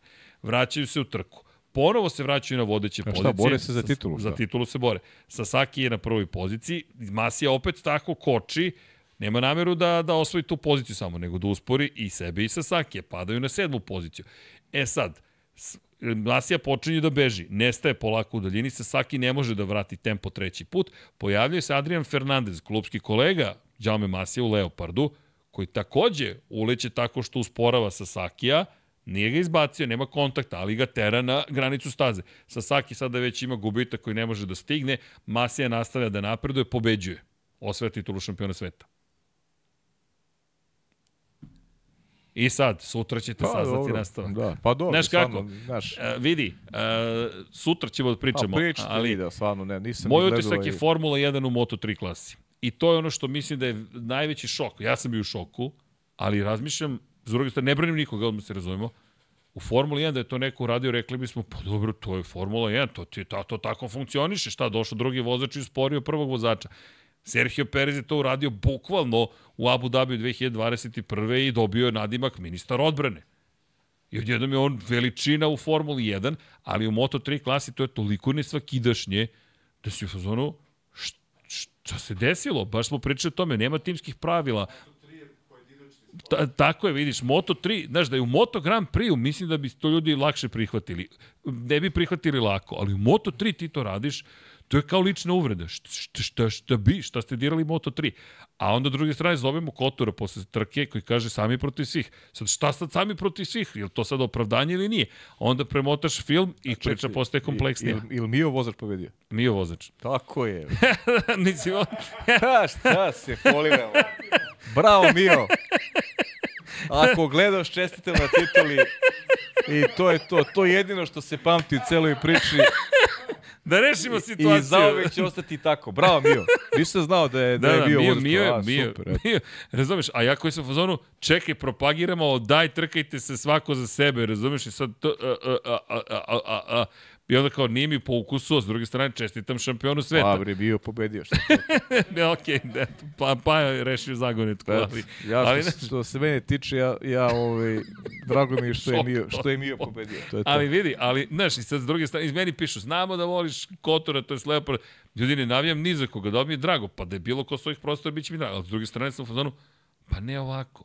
Znaš, šok, kao da me neko u stomaku, a s druge strane, pa, znaš, pa, ka, šta sad da radiš? Potpuni šok je bio zato što niko, ja nisam naviku u Moto trojkama na tako. Znaš, to je, i razmišljam, čoveče, Formula 1 u sred Moto 3 klase. Sutra Pa, ćemo da analiziramo detaljnije, ali, ali poenta da je bizarna scena, pri čemu kažeš ti zovemo Mija i onda ide to sam protiv svih. I onda gledaš, kad je to reč sam protiv svih, uh, Hondin vozač je Masija i bio je zaista jedini Hondin cele sezone protiv celog KTM sistema. Celog. E sad, nije bilo klasičnog pomaganja, ali ti si sam u celoj priči. Iz njihove perspektive, oni su sami protiv ostatka sveta. E sad, pa dobro, ali da li te to pravda ili ne pravda? Kompleksno. Sutra ćemo da nastavimo. Namerno neću da sada pričam, zato što hoću da čujete i Dekija. Već, već pa jeste čuli. priča. Ma dobro, ja, ja, ja navijački ma, Ma dobro, iskreno, rekao volim, si kako to volim vidiš. Miju, pa tako, znaš, Tako tako vidim, do- ali, dobro. znaš, sve, pa mislim, znaš, sport je, kad je, kad je ulog, to je ono što pričamo, znaš, kad je ulog veliki, imat ćete sutra analizu, ja sam malo ispratio ovaj, čitajući ono po medijima šta se dešavalo da. i reakcije, znaš kako u sportu uvek ko gubi ima pravo da se ljuti, znaš, to ti je ko, 2000, ko 2021. Znaš. Ja, ja slušam i da jače Luisa Hamiltona koji govore kako oni računaju da Luis ima osam titula, znaš. Pa ljudi, ja računam da Sena ima četiri titula, ali to nigde ne piše. Za mene je Sena osvojio četiri titula. Da, da. Ali to nigde ne piše u istorijskim knjigama. Zvanično, Alan Prost je ovaj, osvojio tu titulu i, i to je to. I tu nema, znaš, ti možda računaš šta god hoćeš, ali, ali svaka, svaka, znaš, neka, te neke godine koje su, koje su obilovale neizvesnošću, povlače za sobom i neke kontroverze. I sad mi u njima aktivno učestvujemo, ne znam, polemišemo, a, a, a jedino što je suština je ono što piše na papiru. I sa tim treba da se pomirimo i, i to je to. Znači, nema, nema, nema druge opcije. Znaš. Tako Mada, i imaš i drugo pitanje. Da li je Sena trebalo da osvoji titulu u godini kada ima manje poena od prosta? Zato što je pravilnik govorio da se ne računaju sve trke, nego samo, čini mi se, 12 najboljih trka. Dobro, ja ti kažem, Kažem, komplikuje se, to uvek je kompleksna situacija. A dobro, to ja je- ko đavolj advokat sad. ti kažem, ali ja, ja računam četiri, ti računaj kako hoćeš.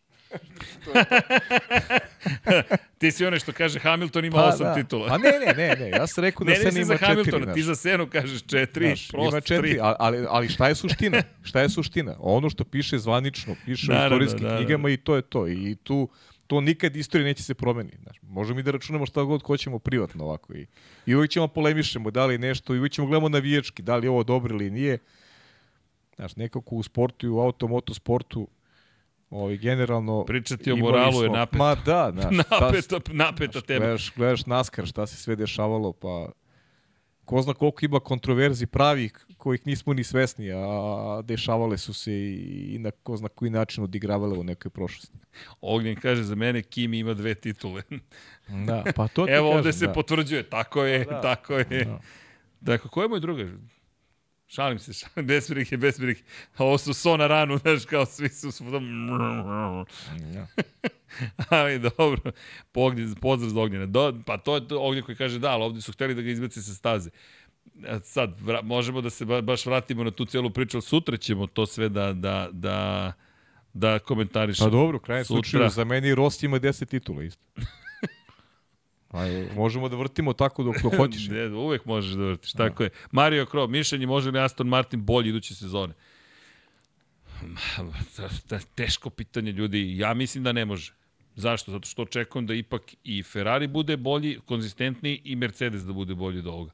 I mislim da Aston Martin imao nešto što mu se neće ponoviti, da ima ovakav niz rezultata. Mislim da, da Alonso, koliko god da je brz, neće imati takav niz uspeha kao što ima ove godine. Mislim da će biti brzi, povremeno ponovo na pobjedičkom postolju, ali ne toliko stalno. Da, Baš pa ne dobro, znaš, stalno. ajde, možemo, da- možemo da se složimo negde, da. Pa, znaš, ali nisam, teško znaš, da ja iskreno nisam očekivao Aston Martin i ove godine da će biti nešto posebno, pa su napravili neki ovaj... činjenica, E ali sad, da li, mogu da li imaš prostora od da to boda? držiš? Pa, Znaš, teško, to je. da. Mislim, Alonso, pazi rezultate na početku sezone. Treći, Ma treći, da, pa šta, treći, sedam- četvrti, sedam treći, podijuma drugi, sedmi, drugi. Da, šest podijuma u prvih sedam trka. Ja, ja zaista ne vidim da će to ponoviti sledeće godine. teško, da. Voleo bih da ga vidim u takvim bitkama i da pobedi najzad, ali ne vidim Pa, Aston Martin od, da će to hoćeš izvesti. iskreno ti kažeš? Iskreno. Ja ne bih ni voleo Šta? da, da, da Alonso bude na tom nivou rezultata. A sledeće misliš onda to podrazumeva da mnogi da će opet da dominira Red Bull, a Prvo drugi to, da, da, potom... da neće opet ni, biti, biti nigde ni Mercedes ni Ferrari. A šta ako Ferrari izdominira sledeću To, Svim trkama pobedi Ferrari. ja mislim da tri godine. A, Ferrari. A, vidi, znaš koji osmeh na licu. Može, nikom ne smeta sezona dominacije. Smeta, smeta. smeta, smeta. Ne, ne, samo je Dominacija poten- smeta. Tako je. Dobro, Pajče, e, mislim da smo Čajče u 0-0-0-8. A fantasy, ju, ju, ju, ju, ju, ju, ju, za malo, Ja, tam, za ja sam tanak. malo da padnem na najvažnijem mestu, a to Prodao je... me McLaren, tanak sam. Prodate me, ne, prodate sad. E, vidi ovako. Pačenici na poziciji broj 1. Ne, ne, moramo da organizujemo manifestaciju. Stvarno, ima da pošaljem od svima. Ljudi, ajde javite se ako ste fantazijaši. Ne, moramo na Instagram to da snimimo. Da nam se jave i onda specijal u subotu. Pre Čekaj, da početka se javi? Šta, pričaš, šta da se javi? Uključimo ljude preko Zuma ili nam dođu i kažemo, ajmo, ko će da osvoji titulu, velika, znaš, praviš, Aha. Ali više, više Praviš ne, Las Vegas ti priču. kažem, ne pravim više pehare. dok ne podelimo ove, a? Dok ne podelimo, ili ćemo da dajemo ove stare, da dajemo ovim ne, ne, novim ne, ne, pobednicima. ne, ne, a, ja sam baš Evo, htio ne, da ovo neozbiljno, ovo je ja neozbiljno. sam htio da pravim kristalne sada. Neozbiljni su nam ovaj, fantazijaši. kristala. Uh, a da, ali ne možemo mi da budemo neozbiljni zato što su oni neozbiljni. Da, znam, imaju, u Ma- u Mađarskoj su mi već rekli da rade tu 3D gravuru. Nemoj da brineš. Već sam smislio kako će da izgleda. Možda ni dovoljno, a napravimo, ne, ne Pajo. Ajmo baš suprotno. Mi, mi ovo volimo. Dakle, mi se zabavljamo. Samo ga gledam. Ajmo da napravimo najvećih šest pehara ikad. Znači, ovoliki pehari da budu. Ko Liga šampiona. Ko Liga šampiona? Znaš, možda je mali pehar, znaš. Mal, znaš. Ne, aj stvarno, Veliki napravimo. pehar, veliki kolonac, pehar, veliki razumeš? pehar imaju gde da drže, a ovi mali nemaju. Ko u hotelu kad sipaš čaj. Kako? Ma ne čaj, ma ne, ne, ne. Ali vidi, stvarno, ajde napravimo najveći mogući pehar. I kažemo, ok, pobedniku najveći, pa manji, pa manji, i to ti je to. Pala ti je Liverpool zastava sada, samo da znaš. E, Pajo, izvolite. Hvala ti. Da, nis, nije, a dobro mora. Šela prvo da Ovo, dođe. pa ovo je, ovo je šelo. Šela, pa znao sam, prvo je Ali, pačenici na poziciji broj 1, pa Nik pobednik, pa MM Team, Arija Nebeska, Vratolomac, Kaiser F1, Vozi Miško, a Indigo tražiš, BT Racing broj 1 i Formular. Formular, Formulara nije bilo ranije. Gusio 1, Pavela D, Piva F1, Banjac, Banjac, Banjac, Ninja Ratnici, BH Speed Monster, Master Blan A, Sheila. Vidi Sheilu kako je uletela na 17. poziciju u završnicu. Idemo! Dakle, nije bilo cele sezone, ali opa! Možda je propustila koju rundu. Vidi ti Sheilu. Da vidimo koga je birala sada. Dobro, malo kompanijske vernosti, Aston Martin, ovo ono. Max, dva doplirala ga, autopilot je upalila, Charles Leclerc, Carlos Sainz, Fernando Alonso, Gvanju, Joe, Joe, Don 12 pojena. Kako, kojim čudom, ali dobro. Pa izgubio 13 pozicija. Red Bull Racing 84 pojena i 56 Aston Martin. Da nisu minus 100 pojeni, isi dobro vidio. E, nisu, nisu minus poeni. Ali čekaj da vidim gde je Šela. Da li može da izvede ne, neverovatnu vratolomiju? Dakle, Šela mora da nadoknadi a, u 200 poena. Mnogo kome. Mnogo, ali Master Blanc se pojavio. Pa Milje F1, pa Bestov je F1 i F1 Merks je to. Ali Šela među vodećih 20. Kakva igračica. Dakle, prva, druga i sada možda bude među top 10. To ti je šampionska vožnja. Garato je propustila neku rundu. Ali dobro, pazi, ove godine nije više u Red Bull Racingu, sad je Aston Martinu. Znaš, budim, A, istini slabija A, strategija. malo ipak, slabija, ipak znam. malo slabija Da, strategija. ma, bolid, bolid strategija, Da, da. to je do bolida. Šela, javi se ako ovo slušaš. Mada nadam se da spavaš, ali dobro. Pozdrav za Šejlu. I ja šaljem ti jedan e-mail, imam jedno pitanje za tebe. Dakle, Paćenici na poziciji 1, 33 poena prednosti u odnosu na Nika pobednika i 45 poena u odnosu na MM tim. Hm, da vidim, Paćenici koga imaju. Paćenici Verstappen, Perez, Tunoda, Sainz, Ricardo, Red Bull i Ferrari. Dobro. Nik pobednik. Verstappen, Sainz, Leclerc, Tsunoda, Albon, Red Bull Racing i McLaren. Au, Albon 0 poena. Au. Aj, aj, aj, aj, aj. MM tim da vidimo, Verstappen, Perez, Alonso, Sainz, Leclerc, Red Bull, Ferrari. Not too shabby, 372 poena ovoga vikenda. Najbolji zapravo je bio MM tim.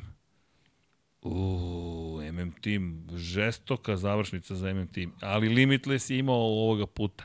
Sa Limitless svašta može... E, čekaj, sad ja mogu da upotrebim još jedan Joker. Apply chips. Wild card, final fix, autopilot, evo autopilot. Evo, potrebio sam sve. Autopilot nek me vodi dalje do moje zlatne medalje. Jao. Idemo. Možemo sami sebi da podelimo medalje. Kao u sprintu. Ajde, može. Razumeš, ja tebi zlatnu, ti meni zlatnu, Dekiju zlatnu.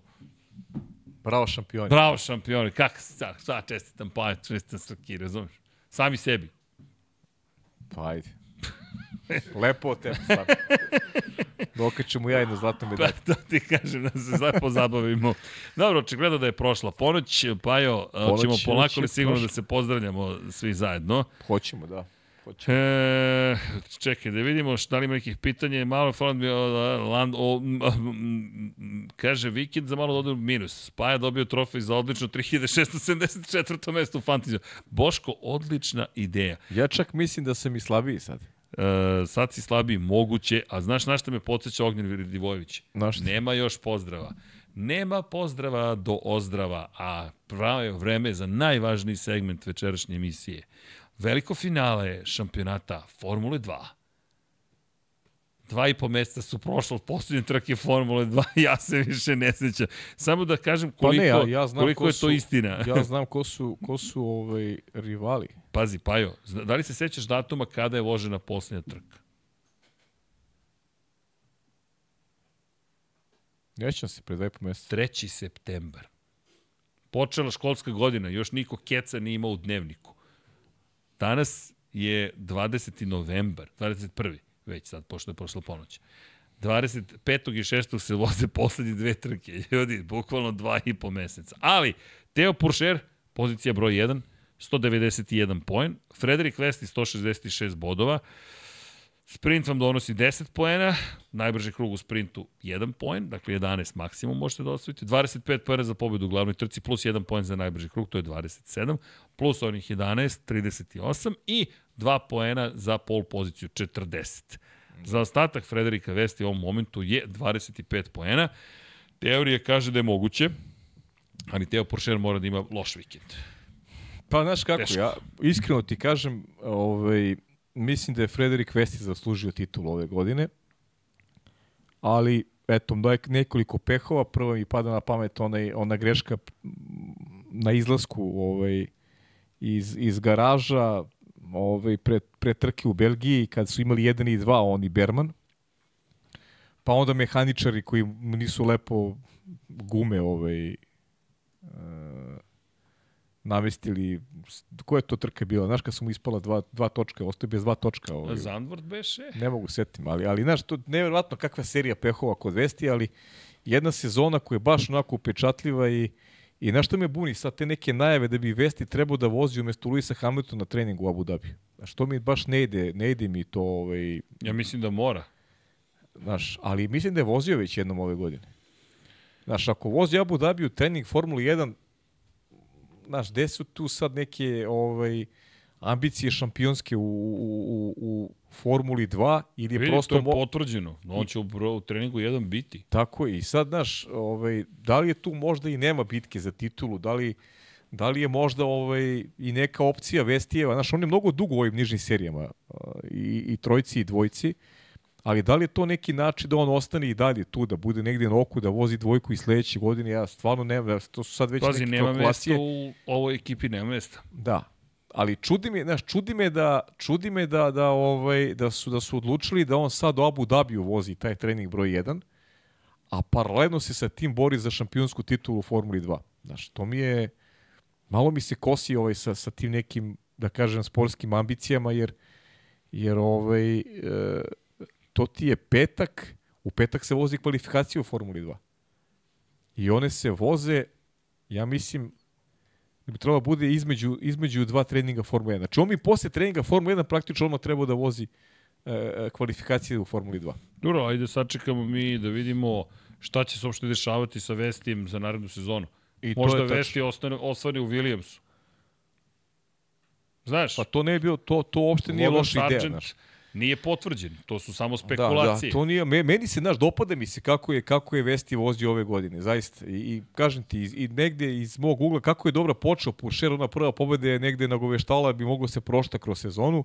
Frederik Vesti bio upečatljiviji od, od Teja Puršera i generalno Premin tim, pazi Premini vozači, oni zajedno imaju desetak pobeda, a Artovi vozači imaju samo dve. A Teo Puršer, Teo Puršer mislim ima samo jedan triumf ove godine. Dobro, naslednik Alana Prosta. Da, samo jednu pobedu ove Znaš, godine, Teo Puršer. Skupljaš poene, radiš ono što treba da uradiš da bi Pa postao i šampion sveta. kaži ti faktor sreće, znaš, ovo odustajanje, ovo, ovi, ovi svi pehovi koji imao Frederik West u finišu godine uticali su da, da, da, da Teo dođe do, onako, na domak titule, a mnogo nade, ovi svi položu Teja Puršera, eto, kaže ti, na mene jači utisak ostavio ovaj, a, Frederik Vesti i znaš i sam da je ovaj, moj ljubimac ovaj, u tim nižnim serijima ovaj, ovaj Oliver Berman. Vidjet ćemo kako će on da odradi ovu godinu. On se već pojavljivao ove godine takođe u, u bolidu Ferrarija. Tako da je momak, mislim da ima odličnu, odličnu budućnost. A eto, vidjet ćemo dve završne trke, bit će zabavno svakako. I na šta, na šta mi interesuje takođe? Da. Ko će od vozača Formule 3 imati priliku da da u principu se priprema za ono što ih čeka naredne godine? Jer, e, Srki, Dobro. rekao si, Frederik Vesti neće biti u premiji naredne godine. Neće. Dolazi Kimi. E, da li, Ne. da li će Vesti, da li će Vesti uopšte voziti posljednju trku? Da li će Kimi dobiti šansu Sada? sada? To bi bio šok. Ne vidim da će to desiti. Zašto, zašto Vesti vozi za, za Mercedes uh, u danu kad Da treba da vozi kvalifikacije? Ne, ma ne. Kad se to dogodilo? Ajde, i se sećaš da se to ikad dogodilo? Da vozač Formule 2 vozi test u Formuli 1, a treba Ne da sećam vozi kvalifikacije. Ne sjećam se. Z- Znaš da je Abu Dhabi, uvek je Abu Dhabi bio priprema za narednu godinu. Uvek su vozači iz Formule 3 ili neke Novajlije dobijali priliku da, da se predstave upravo u toj završnoj trci uh, uh, Formule, Formule 2. Tako da će vidjeti mnoge vozači iz trojke, siguran sam, bravo, Kimi vozi, tako i on vozi u, u Naredne godine. on vozi naredne godine, da. Da, ne, on je potpisao ugovor za Formulu 2, on preskače Formulu 3. Tako je, Za one koji ne znaju, Andrea Kimi Antonelli, jeste. momak stiže, on je velika zvezda u usponu i osvojio titulu u regionalnoj evropskoj formuli. Prosto momak koji je odjednom dobio takvu podršku da nema ni Formule 3 za njega. Skoro pa kao Verstappen, odmah u Formulu 1.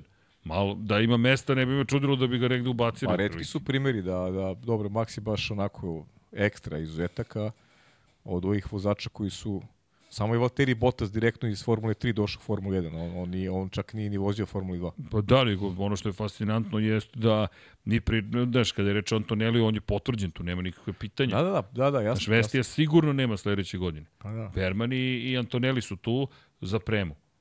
Znaš, meni deluje, i to mi se pričalo tamo u septembru kada je aktualno bila Formula 2, da bi mogao da završi u Williamsu. I to stoji negde kao mogućnost, jer Logan Sargent još uvijek nije potpisao. Strašno me zanima. Pa je pogledaj, baci pogled na, na Pa ne, sajt ali- Formule 2. Ne, ne, ne, Formula 2 najavljuje kraj sezone, onaj standardni, to ono što sam poslednje video, ajde da vidimo šta sad trenutno piše, ali ne, ne vidim pa da će neko... Ne, ovo mi je baš čudno. Znaš, da- Ovo mi je baš čudno. Čudno još mi je da, za da, da neko se bori za titulu, da, Ne, da, vidi, Aron da vozi u Formulu 1, ja- znaš. u, u Jer Trident, ti, a, ali realno, šta ti je tu fokus? Dobiješ priliku da voziš bolid Formule 1. ne, A ne, onda treba da učestvuješ u kvalifikacijama posle toga. To, to je mala razlika će biti između treninga Formule 1 i kvalifikacije. Da znam, ali opet ne vidim ne vidim da će to uraditi. Suviše velik ulog, znaš, i premije potrebno da tvoj čovjek bude tamo, da, da, da, da se taj bolid vidi u kadrovima, da se boriš, da, Jeste. da, da prikažeš najbolje što znaš. Ne, stvarno ne vidim. Pri čemu, znaš, vidjet ćemo Pola Aerona. Pola Aeron koji, evo i Makao se održavao i tamo je bilo uh, haotično. Dino Beganović imao incident, ne, jedan incident, bilo mnogo incidenta, pa Aeron je imao incident, baš je bilo, Makao je bilo onako, uh, kako bih rekao, zanimljivo.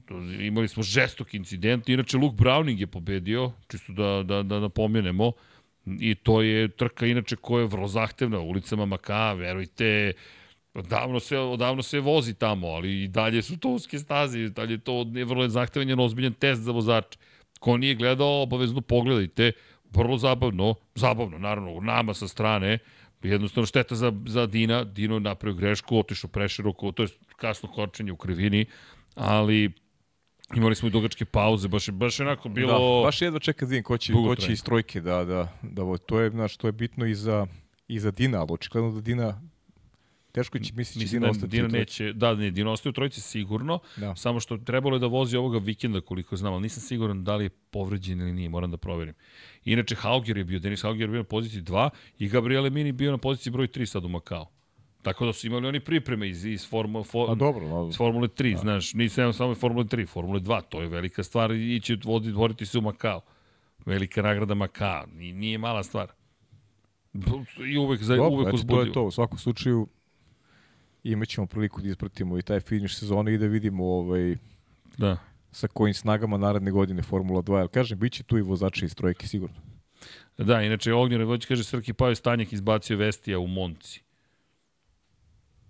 No, tako? Stajnik izbacio vesti. Da, mogu, zaborio Jeste. sam. Zaborio sam. Da. E, e da, i kaže Ivan Culin, ne zaboravite vaše predviđanje top 3 za kvalifikacije i trku za poslednju trku. Hajmo. Kako ćemo? Top 3 za posljednju trku. Da. Pa mislim da se neće dramatično menjati stvari ovaj, u Dobro, Max, Max Leclerc Max Leclerc i sad Hamilton. treba pa da, a ja ću kažem Lando. dobro, ja sam svoje rekao, Max Leclerc, Hamilton. Da, eto, slažemo se. Negde ovaj, da. A pol Opet, pozicija... opet malo, znaš, vraćam se i na onu trku od prošle godine. A pol pozicija... Kako? Leclerc. Da. A, evo, Leclerc, pol pozicija. E, to treba videti da li postoji veća kombinacija u Formuli 1. Da je drugi vozač osvajao pol poziciju, a prvi pobeđivao. Verstappen, to to, Leclerc, Verstappen. Leclerc, pol pozicija, pobjeda Verstappen. Verovatno je rekorder po tom pitanju. Ako Leclerc ne, ne, ne, ne kao drugi, nego neki vozač da osvaja pol poziciju da pobeđuje uvek isti vozač. Razumite, kombinacija pol pozicija e, Srki, Paja, pobjeda. Da saznamo kroz, kroz istoriju. Hoćeš da vozim Abu Dhabi? Neću.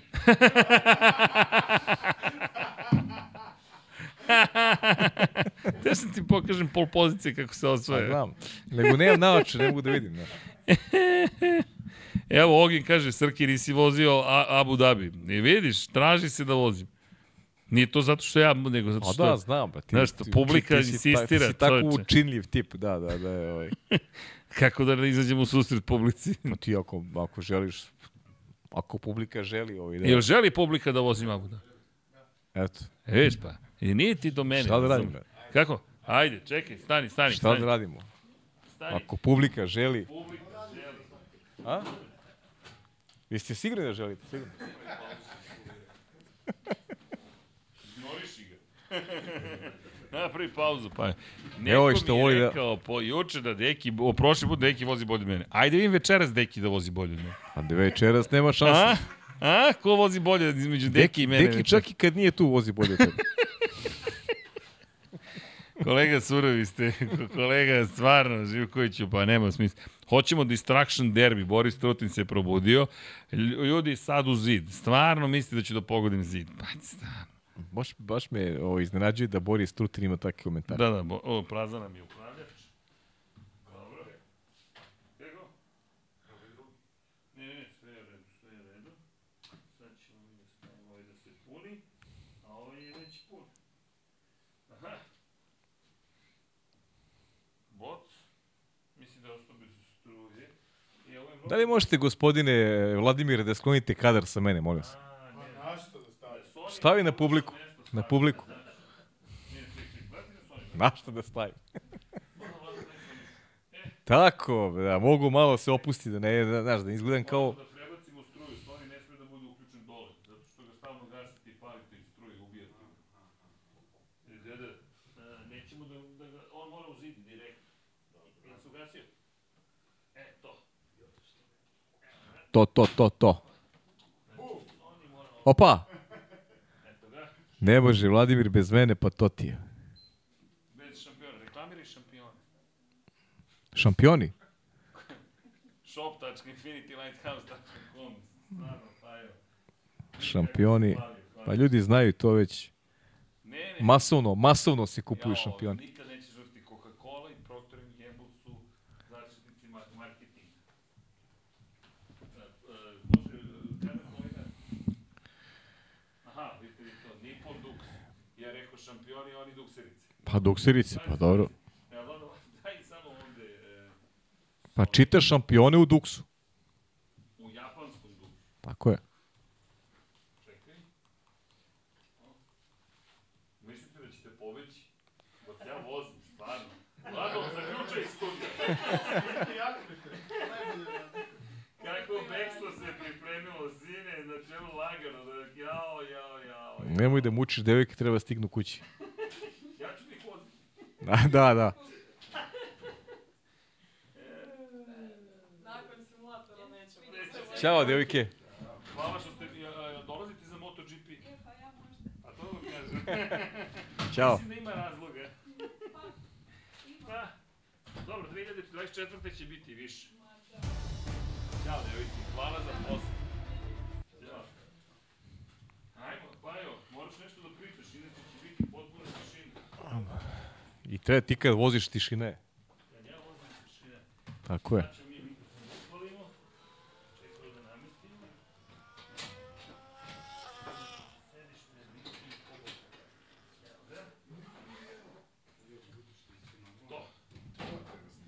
Kako? Kako?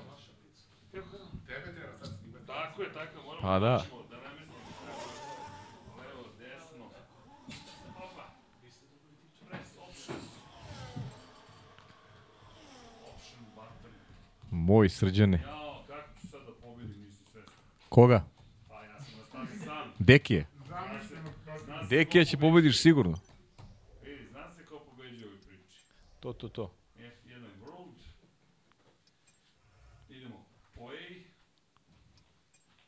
Time trial. Samo brzo da odvezemo Abu Dhabi. Ma da, brzo. Sad će mi to...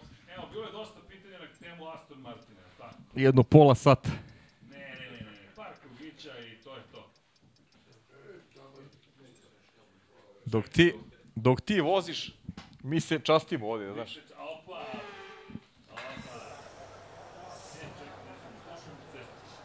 Publiku, draga, pre početak poslednje trke sezone 2023. godine. Vreme je se... Ja ne znam mikrofon radi. Ali... E, Vlada, uključio si me, a? Dobro, čekaj. Malo cheat kod. Ne moram baš iz kokpita, jel tako? Evo ovako.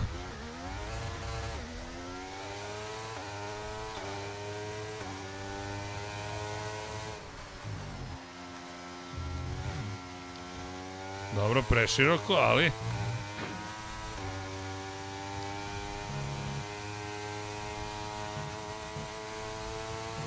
Ops, navikao sam na staru stazu. Naviko je na, na staru stazu. Htio sam da skrenem levo, to se vadim kao, znate ko? Da, da. Kao, Kao- Martin, kao Martin. Ne, ne, nego kao u Suzuki, naš dragi prijatelj. Ma nije, nego dali su ti loše gume. Sad ćete vi da vidite. Dobro, malo sam promašio kočenje. A, dobro.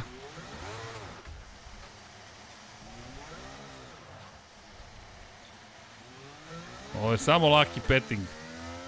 Zagrevanje. Opa, ovde imamo kablove.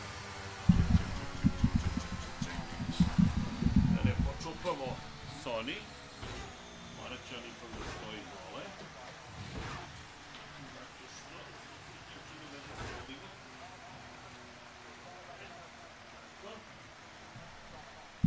Je, izvinite, ali Sony se mora da ipak spustim, pošto je malo nedostajalo da poleti sa svog mesta. E, tako.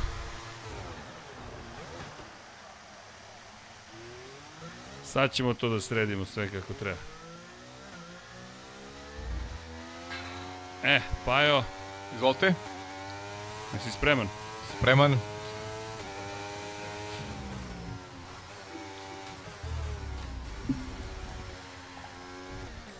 Dobar si. Fantastičan. Ko voli, super si.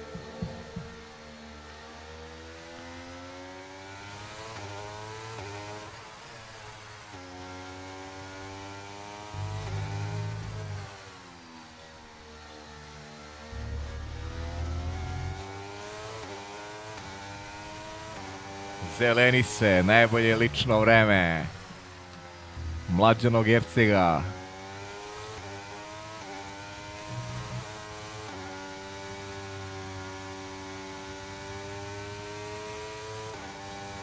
Mu se u glavi vrzma kako pobediti potkonjaka. I odmah greši. Uvukao mu se potkonjak u glavu. A lomi mu možda ne vijuge. Sad ćete vidjeti. Čak, čak i dok spava potkonjak je ozbiljan rival. A, greška. Pitanje je da li deki spava. Deki, spava 100%.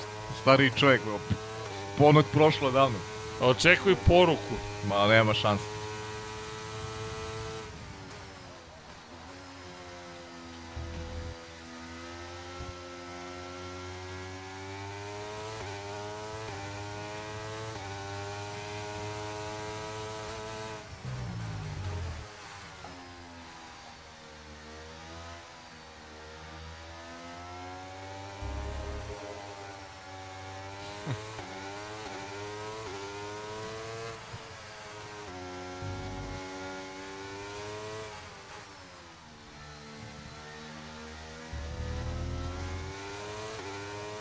Jao, poništi mi krug. Pa dobar si s obzirom da nikad nisi vozio ovo. Pa evo, ti prozivaš, ja bih rekao. Evo je ozbiljno.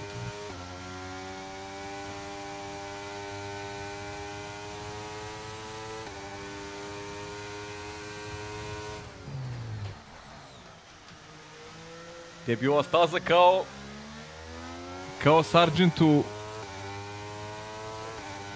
da Pa evo, ti se samo smeje, ali... Jede, odličan si.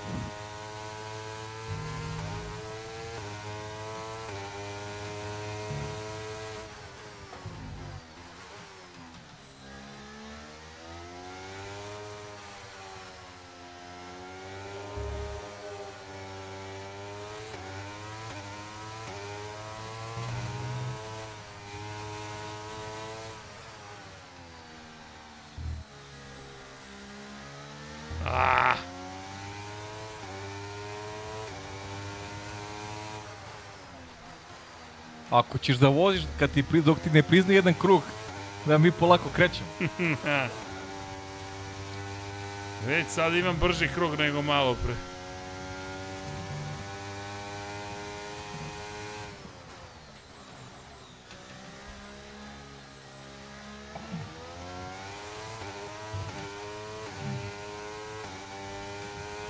A, Pajče,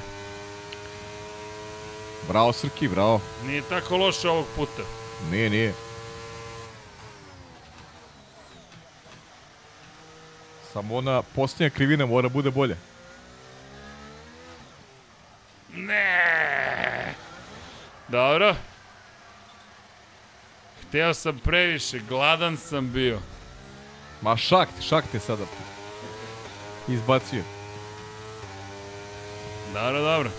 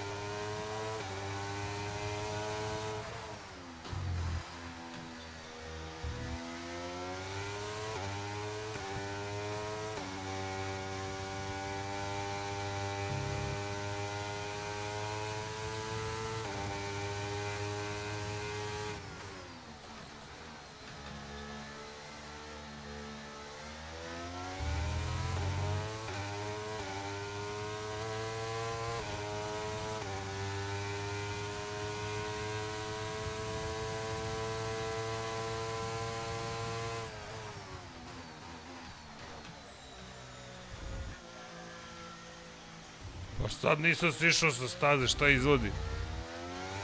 Ovo, ovo je bilo dobro, stvarno.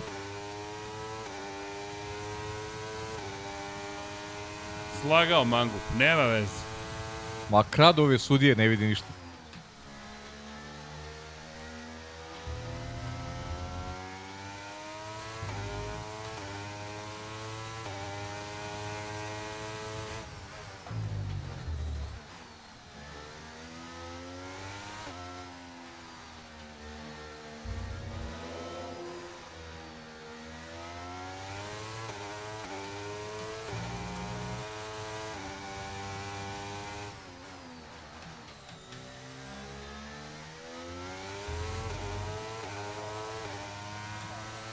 E, to bi bilo to od mene. Ne mogu bolje od ovoga. Bravo. Ma idemo, Bravo, bravo, aplauz, to vam kažem. Kaki aplauz. I nije bilo tako loše, Na a? otvorenoj Dobio sam sceni. veći aplauz od Maksa. Maksi ne čuje aplauze nigde. Ti ih čuješ. Čekaj da vratim uh, mikrofon kako treba. Aha, ovo sam neko se igrao. Dobro. Deki. Vlado, vraćamo ovo kako treba. Ovo mi liči na 99 jardi. To Miksa voli da okrene da Warm Audi. Ima fetiš, ali... Evo ga, Vlado. Reci. Sve sam namestio. Bod, bod, bod, bod. Evo ga. Ček za malo. Dok si ti jeo kolače, ja sam naporno radio, moj paje. Uh! Šta ti kažeš? Abu Dhabi. Dobro, bit će zabavan. Kako? Nije bilo loše ovo na kraju. Do, dobio si aplauz, šta hoćeš? Dobio sam aplauz. Ono, kupljen, znaš kao. ja, dobro. Ovo je bilo zabavno baš pred kraj sezone. Ako je neko još ostao da prati, Mogu samo ti kažem, da, čisto da znaš za, Da. ovaj, za, za, Za slede, ubuduće. za sledeći podcast. dobro? Nema šta da voziš sledeći, sledećeg ponedjeljka. Spajo, ali šta ako? Ajmo da zamislimo sledeće. Nemam da... Učestvujem Pa na da testu zamišljam. mladih vozača. Pa ako bude I čuča, vozim pa, Abu Dhabi ponovo. Možda budeš učestvovao na testu, ali ovaj, realno sezona je završena. Bazi, između Alonso i mene nema mnogo godina razlike, odmah se razumem. Nemojte tako sad. Nemojte tako. Nema, nema mnogo, Alonso je nešto pet mlađi. nije tako strašno. Nešto, Alonso je nešto mlađi. E, Dobro. Pajče, šta ti kažem? Još malo pa završavamo sezonu i Da. neverovatno zvuči, ali koja nam je? 13? Je li 13? 13. Da. 13. sezona, ozbiljno, nije šala. Nevjerovatno, stvarno. Bukvalno, 13. Neverovatno. sezona, istina živa. Ja, 13 sezona. da, kaže, kaže više navijača u studiju nego na drugom treningu u Las Vegasu. Tačno, bravo. Bravo, bravo, Almir. bravo Almire, živa istina. da li ćemo zvati Ma Igora Markovića da prokomentariše VRC? Naravno. Zvaćemo Igora, danas smo se čuli baš Igor ja. A slušaj ovo, kaže Mario Kro, moraš da voziš San Marino, to nije voženo. Fakat, Mario, Mario, prosto ne možemo da se izneverimo. Mario, a, ako zamolio bih te da, da mu ne daješ ideje, molim te. Ali, Mario mi je dao sad još jednu ideju. Otkazana je i Kina, nepravedno. Tako da moram da vozim Šangaj, moram da vozim test mladih vozača u Abu Dhabiju, moram da vozim San Marino. Težak je posao, Vlado, čoče. otvori mu studiju sutra u 8 da, da izvoza ono ovo. Vlada čeka oni drugi da se otvori, da me zatvorite iza vrata. Ali dobro. E, dragi ljudi, mislim da je vreme da se polako pozdravljamo. 4, 15, 17 minuta do 1 je paja. Ko naskar trke. Trajemo ko naskar trke. Prosečna naskar. A znaš, mi kritikujemo. Šta ti to što traje 3 sata, 4? Kakav je to show? Ne razumeš, ovde čak i nema pauze, nema kokica, nema da odeš da ispečeš sebi nešto, da napraviš Nema neku burgera, klopicu, nema nema ništa. To bi Ima, moglo- ali zato kod nas ima pizza, Jao. ima kolači. Ima, ima. Ima, imamo, imamo publiku koja Čekaj. je, publika koja je mesila za, za A, ovaj, jesi ti umestio? ja sam, da, ja, ja sam, ja sam svario. Kolač. Kolač, kolač. E, ali vidi, znaš ovaj koncept smash burgera? Ajde napravimo pregaženi burger. Taj se ne dopadaju moje Evo ideje. komentar neki. Uopšte, ne, ne, uopšte mu se ne dopadaju moje ideje. Ali zamisli, znaš, pregaženi burger. Pregaženi burger. Da, kako ste to ovo meso radili, pregazili smo ga. Bukvalno. Zaštitiš ga, naravno, sve je higijenski, ali pregažiš. I onda kažeš, evo, tako smo mi pripremili meso za vas, pregazili smo ga. Možeš da biraš pneumatik. Da li je bio meki, tvrdi, srednje tvrdi, kišni, Ti intermediate. imaš kišni. ja sam dobio kišni. Dobio si u Zagrebu Razumeš? kišni tematik. Pa evo, Sorry, deki, ja smo ti ostavili kišni. da, i uzela ga Andreja. Stvarno? Da, da, konfiskovala. Pa nisam bio tu. A koga nema? Bez njega se može i mora. I mora, tako je.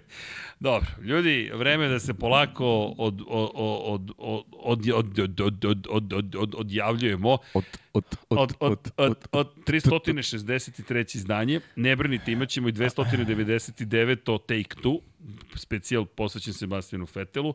Paja će nositi crvenu sledeće, ili tako? Sledeći samo podsjetnik. Plave, molim te plavu za, za pregled sezone. U, Plavu za- Logan osvojio poen. Plavu za pregled sezone. Dobro, hoćeš za neki drugi plavu. A dobro, bit će plava kad ju dođe red. Ali Logan je osvojio poen. Svoje pojene. Za- Aha, zato mora plavo. Tako dobro, je, ta dobro. obećali smo Dobro, ljudima. okej, dobro, kad obećamo. Sve za show biznis. Ali molim te podsjetnik. Podsjeti, podsjetit ćete, nema ništa. Šta trebaš da te podsjeti? Samo Podsjeti to, me. crvena, plava boja, to, da. To je Dobro, crvena, plava i to je to. Da, da. Dobro. Ljudi, vreme je da se pozdravljamo polako ali sigurno. Imamo ekonomsko-propagandni program, šalimo se. Imamo par poruka koje su nama važne, bitne i koliko god da pokušamo da budemo ponekada veseli ničim izazvano, ozbiljne su teme. Brkove sam pustio, to je dovoljno ozbiljno. Ljudi, da, da, dakle, kao četku da imamo ovde, otprilike, tako se osjećam. Pozdrav svima koji nose brkove redovno, svaka čast i za bradu, ljudi, kako je održavate. Ja ne bih izdržao. Kako vi izdržavate, dragi prijatelji? Teška priča. Jao, dakle, ali, ali, ali, sve za dobrobit čovečanstva. Tako da, u to ime, ljudi, zaista vas pozivam da, da povedete računa o sebi. Momci, molim vas, idite na kontrolu. Nije tako teško. Nije teško otići na pregled. Dakle, šta kaže poruka našeg partnera, Generali Srbija, jel te osiguranja, poruka je testiraj se prosto je. Zaista je prosto. Ko inače kada je reč o generaliju produži osiguranje auto odgovornosti u novembru ili uzme osiguranje auto odgovornosti kod generali Srbija, dakle, tokom ovog meseca kada podižemo svest o borbi protiv raka testisa i prostate, ima mogućnost samo ukoliko popuni formular koji se nalazi na ovom QR kodu, to je nalazi se na ovom linku, da dobije besplatni pregled kod urologa i da, eto, na još jedan dodatni način zapravo bude siguran da, li, da je sve okej. Ukoliko nekim slučajem nije, na pravom ste mestu, onda da se što brže reaguje, pomogne i da se uradi sve što je neophodno kako biste vi bili zdravi. To je ono što je pojenta cene priče. Otkud generali Srbije u celoj priči, generali osiguranje, vrlo je jednostavno, ponovit ću još jednom, mi smo, kada je reč o našim partnerima, sponsorima, sve ostali vrlo direktni i lični, a to je prosto zajednički jezik gde je njihova agencija Media House, inače nas negde, inače Miloš nas često propagira, voli tako da pozdrav za ekipu iz Media House-a, rekao je, ej ljudi imamo akciju, ja sam predložio vas zato što znam da to inače promovišete, Generali Srbije takođe promoviše tu celu priču o tome da 3000, nažalost, muškaraca oboli od raka testisa ili prostate godišnje u Srbiji. Ne znam za ostale države, ali verujem, nažalost, da je slična situacija. Nadam se da grešim. Hiljadu ljudi izgubi život zahvaljujući tome i to, to je nešto što ja želim da pobedimo. Kako? Pa podižemo svest. Ajmo da krenemo od sebe, da se prekontrolišemo i da pokušamo da budemo mirni, informisani, svakako treba da budemo, to je negde naš zadatak i otud Generali Srbije, kažem, čak smo se sreli sa ekipom iz Generalije na, na kaktusu konkretno, to je marketiška jedna priča gde smo se sreli i gde su zapravo pitali, ej čekaj, Miloš je vas preporučio, šta to radite, kako, zašto, ja im pokažem sliku Valterija Botasa, sve, Botas je pobedio, sve je bilo jasno na keca i zaista hvala Generali Srbije na podršci, zato i kažem, ovog meseca gde se osiguravamo, šta god osiguravamo u Generali Srbije zbog Lab 76, kao što smo vas pozivali kada reč o brijačima, o pumpama, benzinskim i tako dalje, tako dalje, ko nas podrži, mi stanemo u sto ekipu i to je tako. I onda mi potrošimo te pare koje nam oni plate našta, pa na zabavne stvari koje se zovu novo oprema, studio i tako dalje, tako dalje, tako dalje.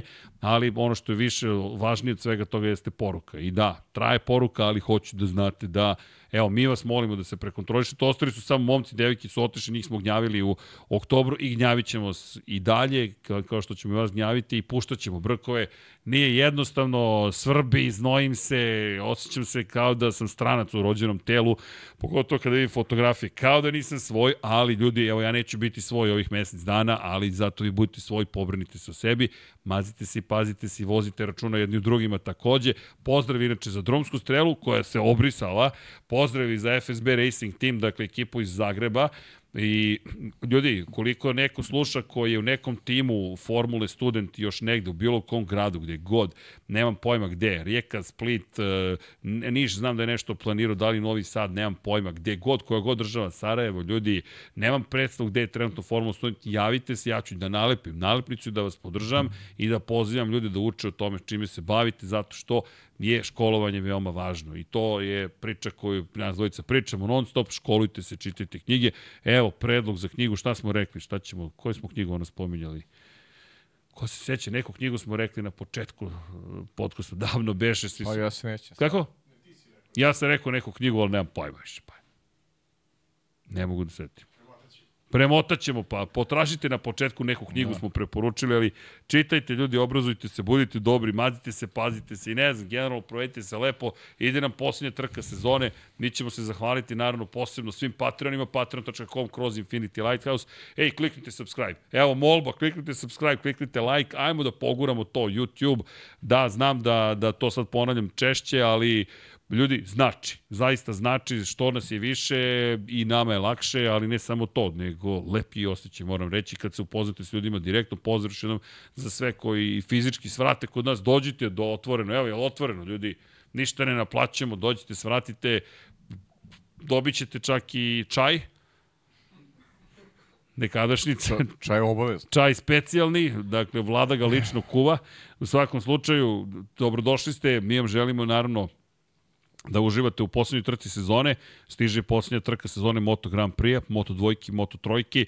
Završavamo 26. novembra sve i onda ulazimo u decembar i onda ćemo da pričamo o ko zna čemu. Već smo se dogovorili, Paja sluša Heavy Metal je naslov podcasta koji nas čeka tokom pauze kakav će to eksperiment da bude. Ali pratimo reči, pazi, sa razumevanjem, što kažu. I ne brini, nema nikakvih ludila. A onda ti meni pustiš neku muziku koju ti biraš. Okej. Okay. Uuu, ovo će da bude zabavan društveni eksperiment. Drugari skra, ali sedimo ovako, jedan pored drugog i komentarišemo. Baš me zanima šta ti slušaš u slobodno vreme. Nikad nismo slušali muziku zajedno. Nismo. Fakat. To je, znam Mi da slušamo muziku sa staze. Ovaj, da, da, da. Nikad nismo seli kao, daj popijemo piće, nego čaj i kafu, nego pa, samo o Formuli 1. Zašto si ti slabo bilazio kafane? to je činjenica. Ali, Gde je nastao naziv pod kapicom? U čašici. Da, seća se, da. E se sećaš? Da. Bili smo u Potkovici. Potkovici, da. U Potkovici smo bili kad je nastao pod kapicom. Da. Tako da... Stvari, ja sam bio, ti si svratio. Dobro, ne moramo baš potpuno da uništimo moj imidž, znaš, kao. Ne mora istina da pobedi toliko. Da, ja sam bukvalno svratio da onom u kesi. Jo, vidi, imamo kesi Infinity Lighthouse. E, blago te. Živo istina, da. Ali, ti pozdrav Ivana Toškova koji nam je napravio te kese, to se sećam. Jeste, jeste. Imam za vas nešto da vidite, a mi tek počeli, ne znamo ni šta treba da radimo, ni da se okrenemo, ali dobro. Lepi su početci. U svakom slučaju, Pajče, zadovoljstvo vidjeti te. Pozdrav Takođe, za gospodina takođe. Potkonjaka. Ponovo ste me pobedili, niste ni morali da izađete na stazu, ali vaš duh pobeđuje. Nije duh koji hoda, nego deki duh koji vozi. Razumeš? Da. Deki Potkonjak, duh koji vozi. ja sam Čiko, imam i brkove. Zagor koji vozi. Deki Tenej. Zagor i Čiko. Zagor i Čiko. A imam i stomak sada da se pohvalim tako da je sve kako treba. E, budite zdravi, to je poruka cele priče. Mazite se pazite se vozite računa jednim drugima. Shop.infinity Lighthouse, ko želi ovo remek delo da čita, a stvarno je remek delo. Mnogo je lepa knjiga, Coffee Table jeste knjižica, puno slika, ima lepog teksta, sve kako treba, mnogo smo srećni. Izvinite što kasni isporuka, ali krenuo je prvi kontingent i to rešavamo Ja se nadam da ćemo uskoro to dovesti do stadijuma koji je nekada bio, prosto, nažalost, štrajk, šta da kažem, mudro, nažalost, baš se svašta izdošavalo, ali želimo uspeh i svima koji se bore za svoje ja, tako da u svakom slučaju cijela ekipa ovde vas pozdravlja u ime ili gostiju, mada niste, vi ste svi domaći, to ovde nema gosti, ovde možeš samo da budeš domaći, ko voli automoto, sport, NFL i ostale stvari koje mi pratimo, Waterpolo, pratite u januaru Waterpolo, šta je Waterpolo? Šta je u januaru? Evropsko prvenstvo. Evropsko prvenstvo. Pratite pod kapicom takođe i ko je inače subscriber na pod kapicom, subscribeujte se i na Infinity Lighthouse jer smo prebacili pod kapicom na Infinity Sorry Lighthouse. za muškarci, izvini samo za devojke u Eindhovenu. Eindhovenu, da. dobro. Dakle, šta si rekao, gde u Zagrebu? U Zagrebu. Zagreb. Zagreb, Zagreb i Dubrovnik. u Zagreb, stvari. Dubrovnik. Dubrovnik. Pa da. dobro, dakle, morat ćemo Zagreb i Dubrovnik. Je li to Da, u redu? U redu. Smem da dođem. Naravno smeš. Stavit ću kapicu Tako je. i radimo odande direktno podcast. Ja ću I- biti stručni konsultant za Waterpolo. Plavi plivaju ka belima. Morat ću, morat ću, morat ću i šlav da ti kupim. To imam. To je, to, to. Ne, znaš, no, better is not included. Schlauf included. Dolazim sa time. Plutam, nemoj ništa da brineš. E, produžio sam još podcast 5 minuta, ne znam zašto, ali to tako uvek bude. Pet, a? Ide, pet, dobro, 55. Idemo mi dalje. Ljudi, kliknite like, share, subscribe i sve ostale lepe stvari. A Vlado, ajmo mi da se zahvalimo našim pokroviteljima, patreonima, članovima na YouTube-u i svim ostalim dragim ljudima. Ljudi, volimo vas, šaljemo puno pozdrava, vratit ćemo se za 9,5 minuta sada, je li tako? Dakle, 9,5 minuta probit ćemo mi u četvrti sat lagano. E, ljudi, da krenemo u akciju. Vlado, udri. Goša 46, Mlađan Antić, Ivan Rebac, Inzulin 13, Nemanja Zagorac, Zoran Cimeša, Stefan Vuletić, 21. novembar je, AC 43 Zla, Aleksandar Čučković, Stefan Dulić, uživo je, Safet Isljami, Zoran Majdov, publika se sprema, Alen Stojčić, Matej Sopta, Boris Radović, Đorđe Radojević, Bojan Majstorović, Hrvoje Lovrić, Anonimus, Donatorus, Dragan Matić, Darko Trajković, Boris Kujundžić, Milan Ristić, Ognjen Ungurjanović, Luka Martinović, Đole, Kube 4, Denis Špoljarić, Marin Antunović, Antonio Novak, Toni Ruščić, Blufonac, Branislav Dević, Benjo KK, Nemanja Miloradović, Marina Mihajlović, Jeca Stefan, Ivan Panajotović, Nerad Pantelić, Vučinić Miroslav, Jelena Mak, Laslo Boroš, Jovan Đodan, Ivan Ciger, Ljubo Đurović, Miloš Radosavljević, LFC, Nedim, Stefan Stanković, Renata Neš, Ognjen Grgur, Dorijan Kablar, Jugoslav Ilić, prijatno Vlado, Vukašin Vučenović, Jelena Veljković, Gloria Edson, Optimistik Josh Allen Fan, Mario Vidović, Ivan, Josip Kovačić, Jasenko Samarđić, Bogdan Uzelac, Anonimus Donatorus, Vukašin Jekić, Branko Bisački, Andreja Milodinović, Monika Erceg, Aleksandar, Vladan Milodinović, Marko Bogavac, Stevan Zekanović, Aleksa Valter, Nikola Beljić, Milan Kića, Mladen Tešić, Tijana Vidanović, Miloš Rosandić, Ivan Čule, Deus Nikola, Vojin Kostić, Marko Trkulja, Armin Durgut, Bahter Abdurmanov, Miroslav Cvetić, Aleksandar Milosavljević, Grgo Živaljić, Dimitar Vasilev, Branislav Kovačević, Luka Klaso, Boris Gvozden, Šefko Ćehić, Živojin Petković, Marko Radanović, Marko Ćurčić, Aleksa Jelić, Ivan Sović, Dejan Đokić, Peđa Janković, Vladimir Petković, Ružica Stefanović, Vambli Sapa, Stefan Prijović, Aleksandar Bobić, Nikola E, Ivan Maksimović, Anonimus Donatorus, Ivica, Ivan Milatović, Luka, Džigi Bao, Stefan Lešnjak, Ivan Maja Stanković, Ertan Prelić, Stefan Ličina, Mladen Mladenović, Andrej Božo, Strahinja Blagojević, Emir Mešić, Petar Nujić, Danka, Matija Binotto, Dejan Havić, Žarko Milić, Lj. Đurović, Andrija Todorović, Kovačević Omer, Marko Kozić, Zoltan Mezeji, Stefan Vidić, Đorđe Andrić, Ljiljana Milutinović, Miloš Banduka,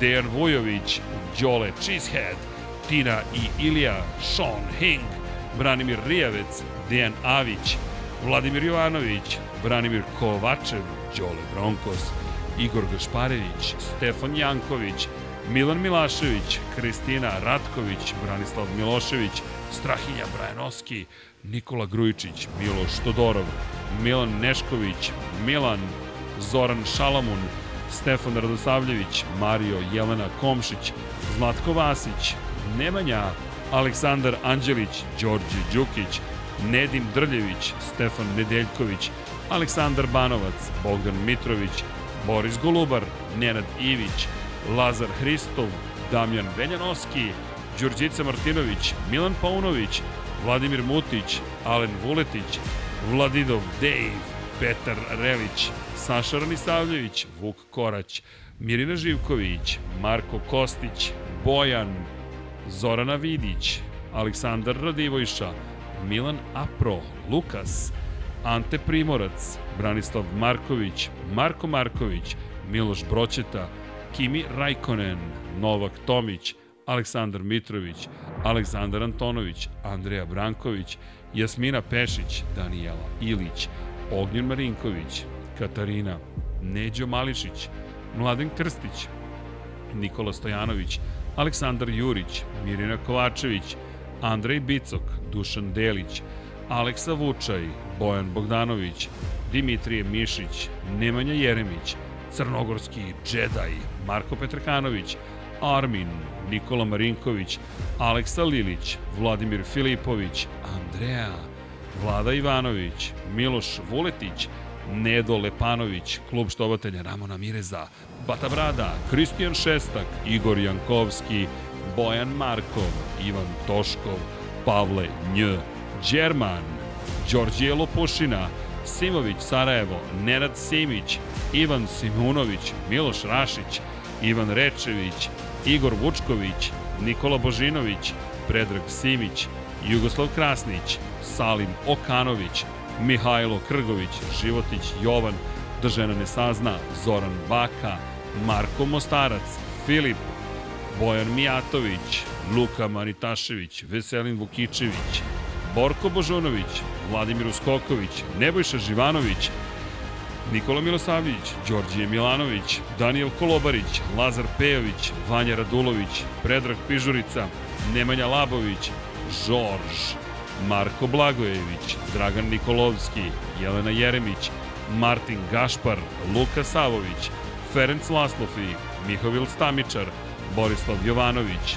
Laslo Bolok, Klara Gašpar, Sava Dugi, Vladimir Stojadinov, Boris Erceg, Ivana, Dejan Janić, Dušan Petrović, Šmele, Nenad Đorđević, Dušan Ristić, Stefan Milošević, Sead Šantić, Marko Horg, Srđan Sivić, Matija Rajić, Borislav Vukojević, Krorobi 00, Tomić Miloš, Zoran Mladenović, Mateja Nenadović, Nikola Božović, Kromit, Ejhil, Bujo, Domagoj Kovač Rajkov, Nedžad Mrakić, Škundra, Mrča, Vladimir Bulatović, Marina, Eldin Polovina, Nemanja Bračko, Marko Lučić, Hajrudin Hajdić, Mensur Kurtogić, Jovan Bojanić, Nikola Grđan, Bakadu, Marakos, Stefan Škrbić, Marko Bogavac, Future Graciano Rossi, Aleksandar Egerić,